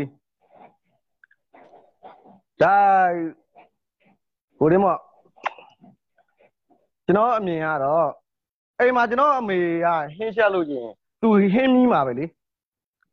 ဟင်းရဲ့အပေါ်ငံတော့သူမီးမိမှာပဲဒါမှလည်းဒါတော့ NLD လက်ထက်မှလည်းမဟုတ်ဘူးပြည်ခိုင်မျိုးလက်ထက်တော့ကလည်းဟုတ်အောက်ခြေစင်အားအစကြည့်လိုက်လေကြည့်လိုက်ဒါတွေကတွေ့နေရမှာပဲ အုတ်ချုပ်ရင်ဘူအားစာထောက်ခံတာတလို့လို့ချင်းပြည်ခိုင်မျိုးမှလည်းအနည်းဆုံး900ပေးရတယ် NLD လက်ထက်လည်း900ပေးရတယ်ဒါတော့ဘယ်ဆိုရလက်ထက်ပဲဖြစ်ဖြစ်သူတို့ရဲ့လုတ်ပိုင်ခွင့်ရှိသွားရင် အောက်ခြေအားစလောက်ကြမှာပဲစားကြမှာပဲဒါတွေကတော့နော်ဟိုလူကခိုးတယ်ဒီလူကခိုးတယ်နဲ့သွားပြီးတော့ကျွန်တော်တို့ကအပြစ်တွေကတပြောလို့မရဘူးလက်ရှိအခြေအနေမှာကျွန်တော်တို့ကဘာတွေဓာတ်မီမှာဒီလိုမျိုးလူမှုစာဝင်တွေကြက်တဲမှုတွေ ဒီဒီလိုမျိုးတက်ဖြတ်မှုတွေကြုံတွေ့နေရတာဘယ်လိုကောင်းအောင်လုပ်ကြမလဲဘယ်လိုငြင်းကြအောင်လုပ်ကြမလဲဒါပဲကျွန်တော်တို့ကပြောရမှာလေဒါသူမကောင်းငါမကောင်းနဲ့ဆိုပြီးတော့တယောက်နဲ့တယောက်လိုက်ပြီးတော့အပြစ်တင်ပုံချနေမယ်ဆိုလို့ချင်းကျွန်တော်နိုင်ငံကဘယ်တော့မှလည်းမအေးချမ်းဘူးမြန်မာနိုင်ငံကဒီပုံစံတိုင်းသွားမယ်ဆိုလို့ရှိရင်ဒါကျွန်တော်အမြင်ဆိုလို့ရှိရင်မြန်မာနိုင်ငံကဒီအရက်လေးမျက်နှာမှာလီချမ်းတောင်ကွဲသွားနိုင်တယ် အခု live ပေါ်မှာဆိုရင်ကြည့်လေ live ပေါ်မှာဆိုလို့ချင်းဒီမြန်မာနိုင်ငံကနှစ်ရှမ်းမကွဲပြီမဲ့လို့ live ပေါ်မှာနှစ်ရှမ်းကွဲနေတာလေကျွန်တော်တို့ဆိုလို့ချင်းဒါတပ်ပတော်ထောက်ခံတဲ့သူအမှန်ကန်ပြောတာလေတမတော်ထောက်ခံတဲ့သူဆိုလို့ချင်းကျွန်တော်တို့ဆိုလို့ချင်းအဆဲဆိုခံရဒီဆဲဆိုခံရမှုတွေကြောင့်ကျွန်တော်တို့ဆိုလို့ချင်း NLD တွေကိုဆိုလို့ချင်းတော်တဲ့အောင်ကျွန်တော်သိမ့်မထားဘူး NLD ကလူတွေလည်းအတူတူပဲကျွန်တော်တို့ဆိုသိမ့်မထားဘူးဒါကြောင့်မလို့ကျွန်တော်တို့ကဒီကျွန်တော်တို့ line သုံးတယ်ကျွန်တော်တို့ ဒီမှာရှိတဲ့ဒီကျွန်တော်တို့တငယ်ချင်းတွေကတင်သမျှလောက်ပဲကျွန်တော်တို့ကသိနိုင်တာလေသိနိုင်တော့ဒီတချို့ရွာတွေဆိုလို့ဟုတ်တကိုင်းမှာဆိုလို့ရှိရင်ဒီ PDF တွေကမီးရှို့ဖြတ်စည်းသွားလို့ကြီးရွာတွေမီးလောင်သွားတယ်တပည့်ကြီးတွေမီးလောင်သွားတယ်ဒီတချို့ဆိုလို့ချင်းခလေးတွေတမ်းမဲ့ဒီဆောင်းတွင်းတော့ဆိုလို့ချင်းဆောင်းမရှိဘူးအဲ့နေရတာကြီးဒါတွေကိုကျွန်တော်တို့လည်းတွေ့ရတယ်လေ အေးအဲ့လိုပဲကျွန်တော်တို့ကဒီ NLD က NLD ကအုပ်စုကြတော့လေအစစ်ကောင်စီကမီးရှို့လိုက်လို့ကြီးရွာတွေပျက်စီးသွားပြီကြီးရွာတွေပျက်စီးသွားပြီဒီခလေးတွေဒုက္ခရောက်နေတဲ့အကုန်လုံးကဒုက္ခရောက်နေကြတယ်ဒါဘယ်သူကြောင့်လဲစစ်ကောင်စီကြောင့်ဒီလိုပဲဒီ line ပေါ်ကသတင်းတွေကိုကျွန်တော်တို့ကလိုက်ပြီးတော့ခံစားလို့မရတော့ဘူးကျွန်တော်တို့ကိုယ်တိုင်ကကျွန်တော်တို့ပတ်ဝန်းကျင်မှာဘာတွေဖြစ်နေသလဲဆိုတာကိုကျွန်တော်တို့ကသိဖို့လိုအပ်တယ်လေအခုကျွန်တော်တို့ကြည့်ရမှာ ကျွန်တော်တို့ကြည့်ရတော်တော်များများကျွန်တော်တို့ရွာပတ်ဝန်းကျင်တော်တော်များများမှာဆိုလို့ရှိရင်ဒါကျွန်တော်အမြင်ပြောရမယ်အခုဒီနွေရာသီမှာဆိုလို့ရှိရင်ကျွန်တော်တို့တောင်သူတွေဘာဖြစ်လဲဆိုလို့ရှိရင်ပဲတွေတဘာတွေရကြတယ်ပဲတွေတဘာတွေရကြတဲ့ခါကျတော့ PDF တွေမရှိတဲ့ကြေးရွာတွေမှာဆိုလို့ရှိရင်အလှူဒန်းလုပ်လို့ရတယ်ဘာသာရေးရှင်ပြုရဟန်းခံတွေလုံနိုင်တယ်လုံလို့ရတယ်ဘယ် PDF မှမရှိဘူး PDF တွေရှိတဲ့ရွာတွေဆိုလို့ရှိရင်ရှင်ပြုတ်လောက်ထားတာတော့မှ ဒေါအောင်ဆန်းစုကြည်ပုံပြီးနဲ့ရှိတ်ပြီးတော့နိုင်အောင်မှလည်းမြင်မြင်ရလိမ့်မယ် PDF တွေရဲ့ကလေးချင်းပြုတ်ပွဲနာတာပွဲဆိုပြီးတော့အဲ့လိုမျိုးဆိုင်ပုတ်ကြီးနေမှာသူတို့တွေလှုပ်ရဲကြတာဒါဘာသာရေးဒီကောင်တွေကကျွန်တော်ကျွန်တော်အမြင်လေဒေါအောင်ဆန်းစုကြည်လက်ထက်တော့ဘာတွေလောက်ခဲ့သလဲဆိုတာကိုမသိတဲ့ကောင်တွေလေ့လာမှုအားမရှိတာပေါ့နော်ကျွန်တော်တို့လည်းအဲ့လောက်တောင်ကြီးလေ့လာမှုအားမရှိပါဘူးနည်းပါတယ်ကျွန်တော်တို့လည်း ဒါကျွန်တော်တို့လည်းလူငယ်တယောက်ပဲဒါပေမဲ့လို့ဒေါအောင်ဆန်းစုကြည်လက်ထက်မှာဘာတွေလောက်ခဲ့သလဲနိုင်ငံမှာဒီအမျိုးသားဥပဒေတွေဘာတွေဖြတ်စည်းခဲ့တာတွေသူတို့သိသလားဒေါ်အောင်ဆန်းစုကြည်လက်ထက်မှာဘင်္ဂလီကိုဘင်္ဂလီလို့ခေါ်တာကိုမရလို့ခေါ်တာတော့မရလို့ထောင်ကျသွားတဲ့ကိုနောင်တော်လေးမသေးသေးဘူးအပီဒီအက်တွေဒီ NLD ထောက်ခံတဲ့ကောင်တွေစောက်ပိတ်နေသိလားမသိဘူးတမတော်ကအာနာရှင်လို့မပြောနဲ့ဒေါ်အောင်ဆန်းစုကြည်လက်ထက်မှာကိုနောင်တော်လေးဘ င်္ဂလီကိုဘင်္ဂလီလို့ခေါ်လိုက်လို့ထောင်ကျသွားတာရှိရှိတတယ်ယ်ငါတို့ကတခုတော့ရှိတယ်တခုတော့ရှိတယ်ထားပါတယောက်နဲ့တယောက်အဲ့ဟိုအမုန်းစကားတော့မပြောနဲ့မပြောနဲ့ဆိုတာဘာကြောင့်လဲဆိုတော့ဦးပြောပြမယ်သူတို့လည်းသူတို့ဘာလို့သူတို့ထောက်ခံခွင့်ရှိတာပေါ့နော်ဒါပေမဲ့မှားတာတော့မှားတယ်နော်မှားတာတော့မှားတယ်သူတို့တွေနော်ဟုတ်ကျွန်တော်ပြောတာဟုတ်တယ်မလားဘင်္ဂလီလက်ခံတယ်ဟုတ်မှန်တယ်ပြောပြောအဲ့ဒါပြောလက်ခံတယ်လက်ခံတယ်လက်ခံတယ်ဆိုတာဒါဟိုလေသိအာနာရှင်လို့မသူတို့ကတာအားကြီးပြောနေလို့လေ ဒေါ်ဆန်းသူကြီးလက်ထက်မှာတော့ဘင်္ဂလီကိုဘင်္ဂလီလို့ခေါ်လို့မရပဲထောင်ကျသွားတဲ့လူတွေရှိတယ်ဆိုတဲ့အကြောင်းကျွန်တော်ကပြောပြတာလေဒါအခုတော်လန်ရေးသူတို့တော်လန်ရေးလောက်တာဘာအလံနဲ့လောက်လဲသူတို့ပါတီကိုကိုသားပြုတ်သလားနိုင်ငံကိုကိုသားပြုတ်သလားမြန်မာနိုင်ငံအလံကိုကြတော့ဝါသိန်းဒီအလံကိုကြတော့သူတို့6တွေနဲ့နင်းတယ်မီးရှို့တယ်ခွတ်တောင်းအလံကိုကြတော့ခွတ်တောင်းအလံနဲ့သူတို့ကိုသားပြုတ်ထားတယ်ခုနကတယောက်ပြောသားသလိုမျိုးနော်ငါတို့ ခုနတယောက်ပြောသားသလိုမျိုးဟုတ်လားဗမာပြည်ကို PDF တွေတိန်းတော့မယ်ဘာညာဆိုတဲ့ဟာကိုငါတို့လက်ခံကျွန်တော်က PDF တွေကဘယ်လိုတသိမ်းမှလဲဦးရယ်ဘယ်လိုလက်ထက်မျိုးနဲ့သူတို့တိုက်ပြီးတော့သိမ်းမှလဲကျွန်တော်အမြင်လေအခု PDF တွေသိမ်းလိုက်ကြည့်အခုပြ PDF တွေအမှန်တကယ်သိမ်းလိုက်ကြည့်ဘယ်သူကဥဆောင်မှလဲဥအေဥဆောင်တဲ့ကောင်ကတစ်ချိန်လုံးကအခုတော်လိုင်းရေးကာလမှာຫນွေဦးတော်လိုင်းရေးကာလမှာ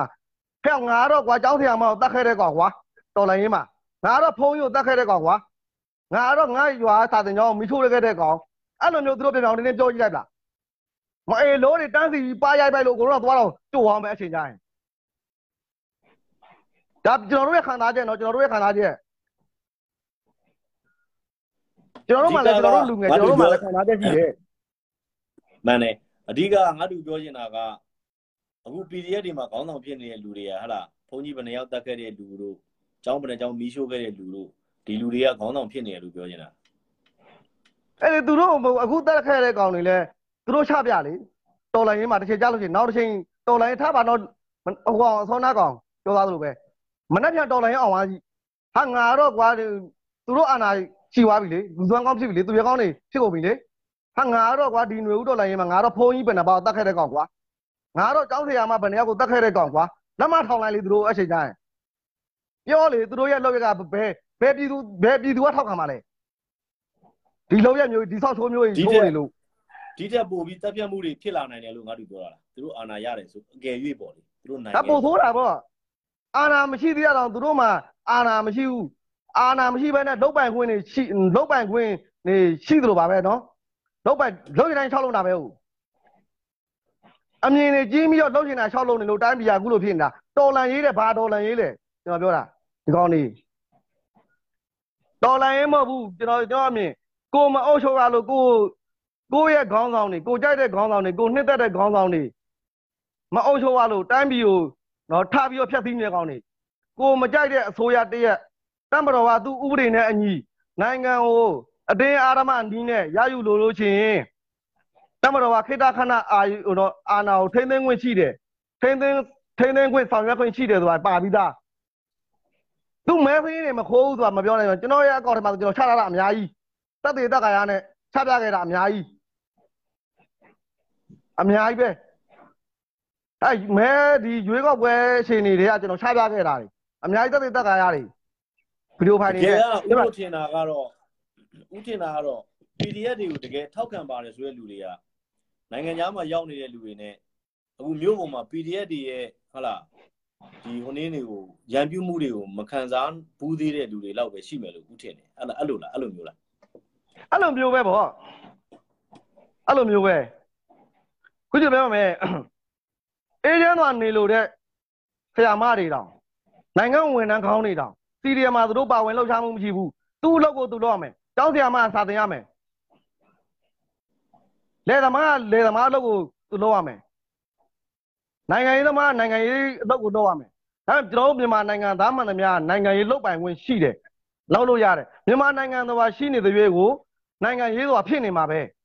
ဒါကြောင့်မလို့ကျွန်တော်တို့မြန်မာနိုင်ငံသားမှန်သမျှနိုင်ငံရေးကိုစိတ်ဝင်စားရမယ်လုပ်ကိုလုပ်ရမယ်မလုပ်လို့မရဘူး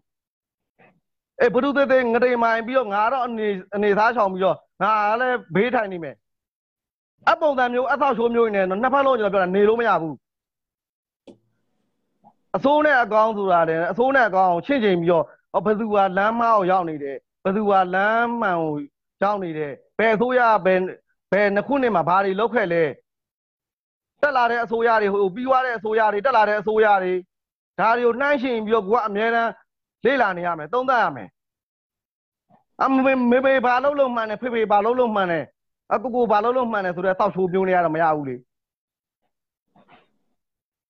ဒါကျွန်တော်တို့ပါပြည်သူတိုင်းပြည်သူတိုင်းဘယ်အစိုးရမကောင်းဘူးလားကိုကြိုက်တဲ့အစိုးရမလားကိုထက်ခဲ့တဲ့ဒီအစိုးရကိုမဲထက်ခဲ့ပြီးတော့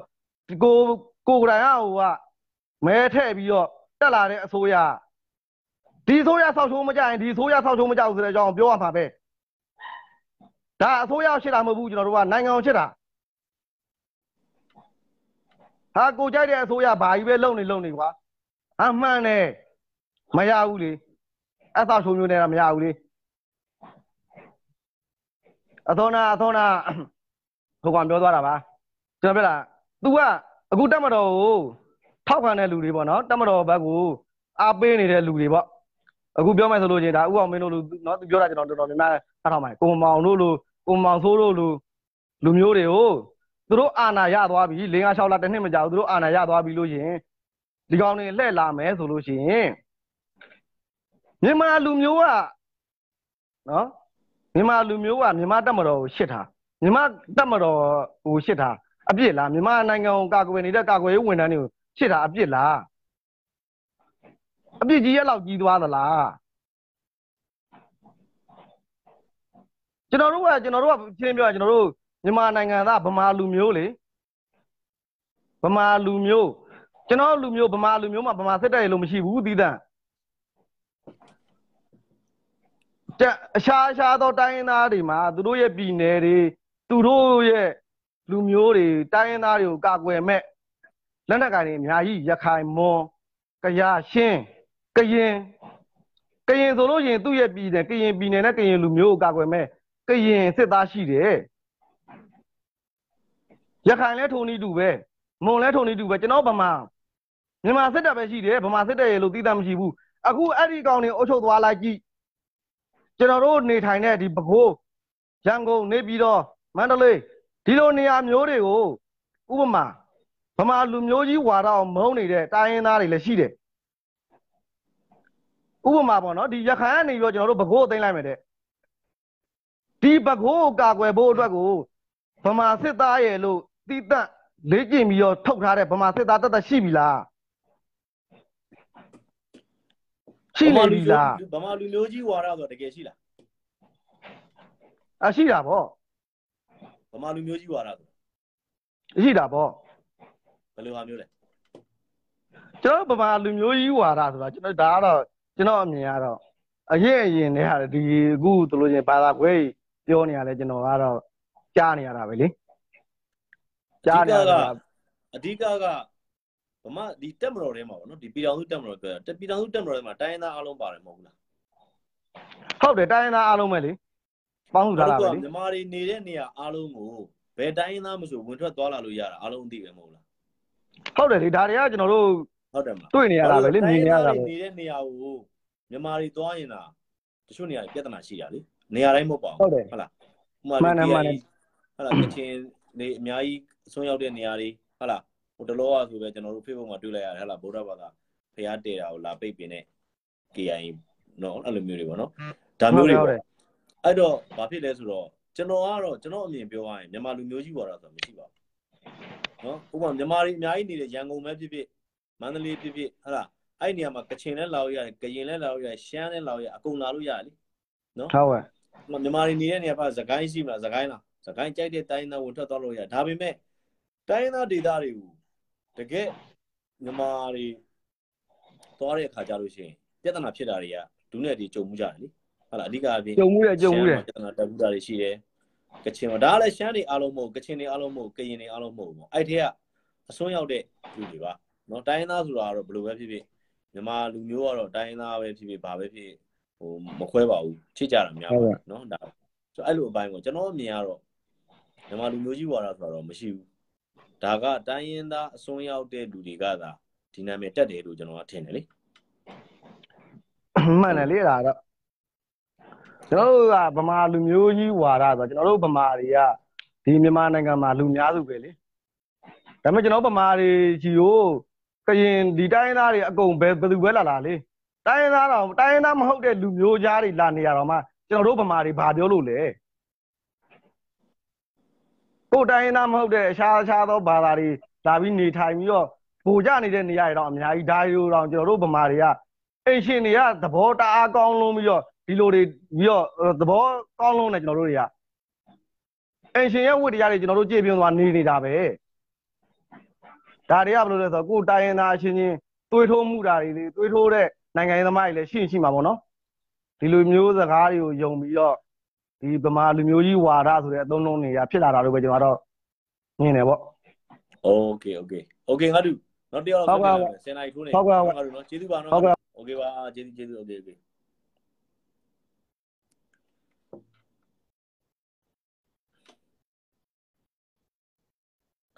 အာအားလုံးကျေးဇူးပါဗျာဆိုတော့အာခုနကပထမပြောတဲ့ညီငယ်တယောက်ကပြောတာအချိန်အများကြီးကြာသွားတဲ့အတွက်နောက်လူတွေပြောလို့တော့နည်းနည်းအခက်အခဲဖြစ်သွားတာပေါ့နော်အ ဓိကဘာဖြစ်လဲဆိုတော့လူငယ်တွေကြားထဲမှာကျွန်တော်ဟိုအရင်ကဗမာပြည်လွတ်လပ်ရေးရပြီးကစားပုံစံမျိုးပေါ့နော်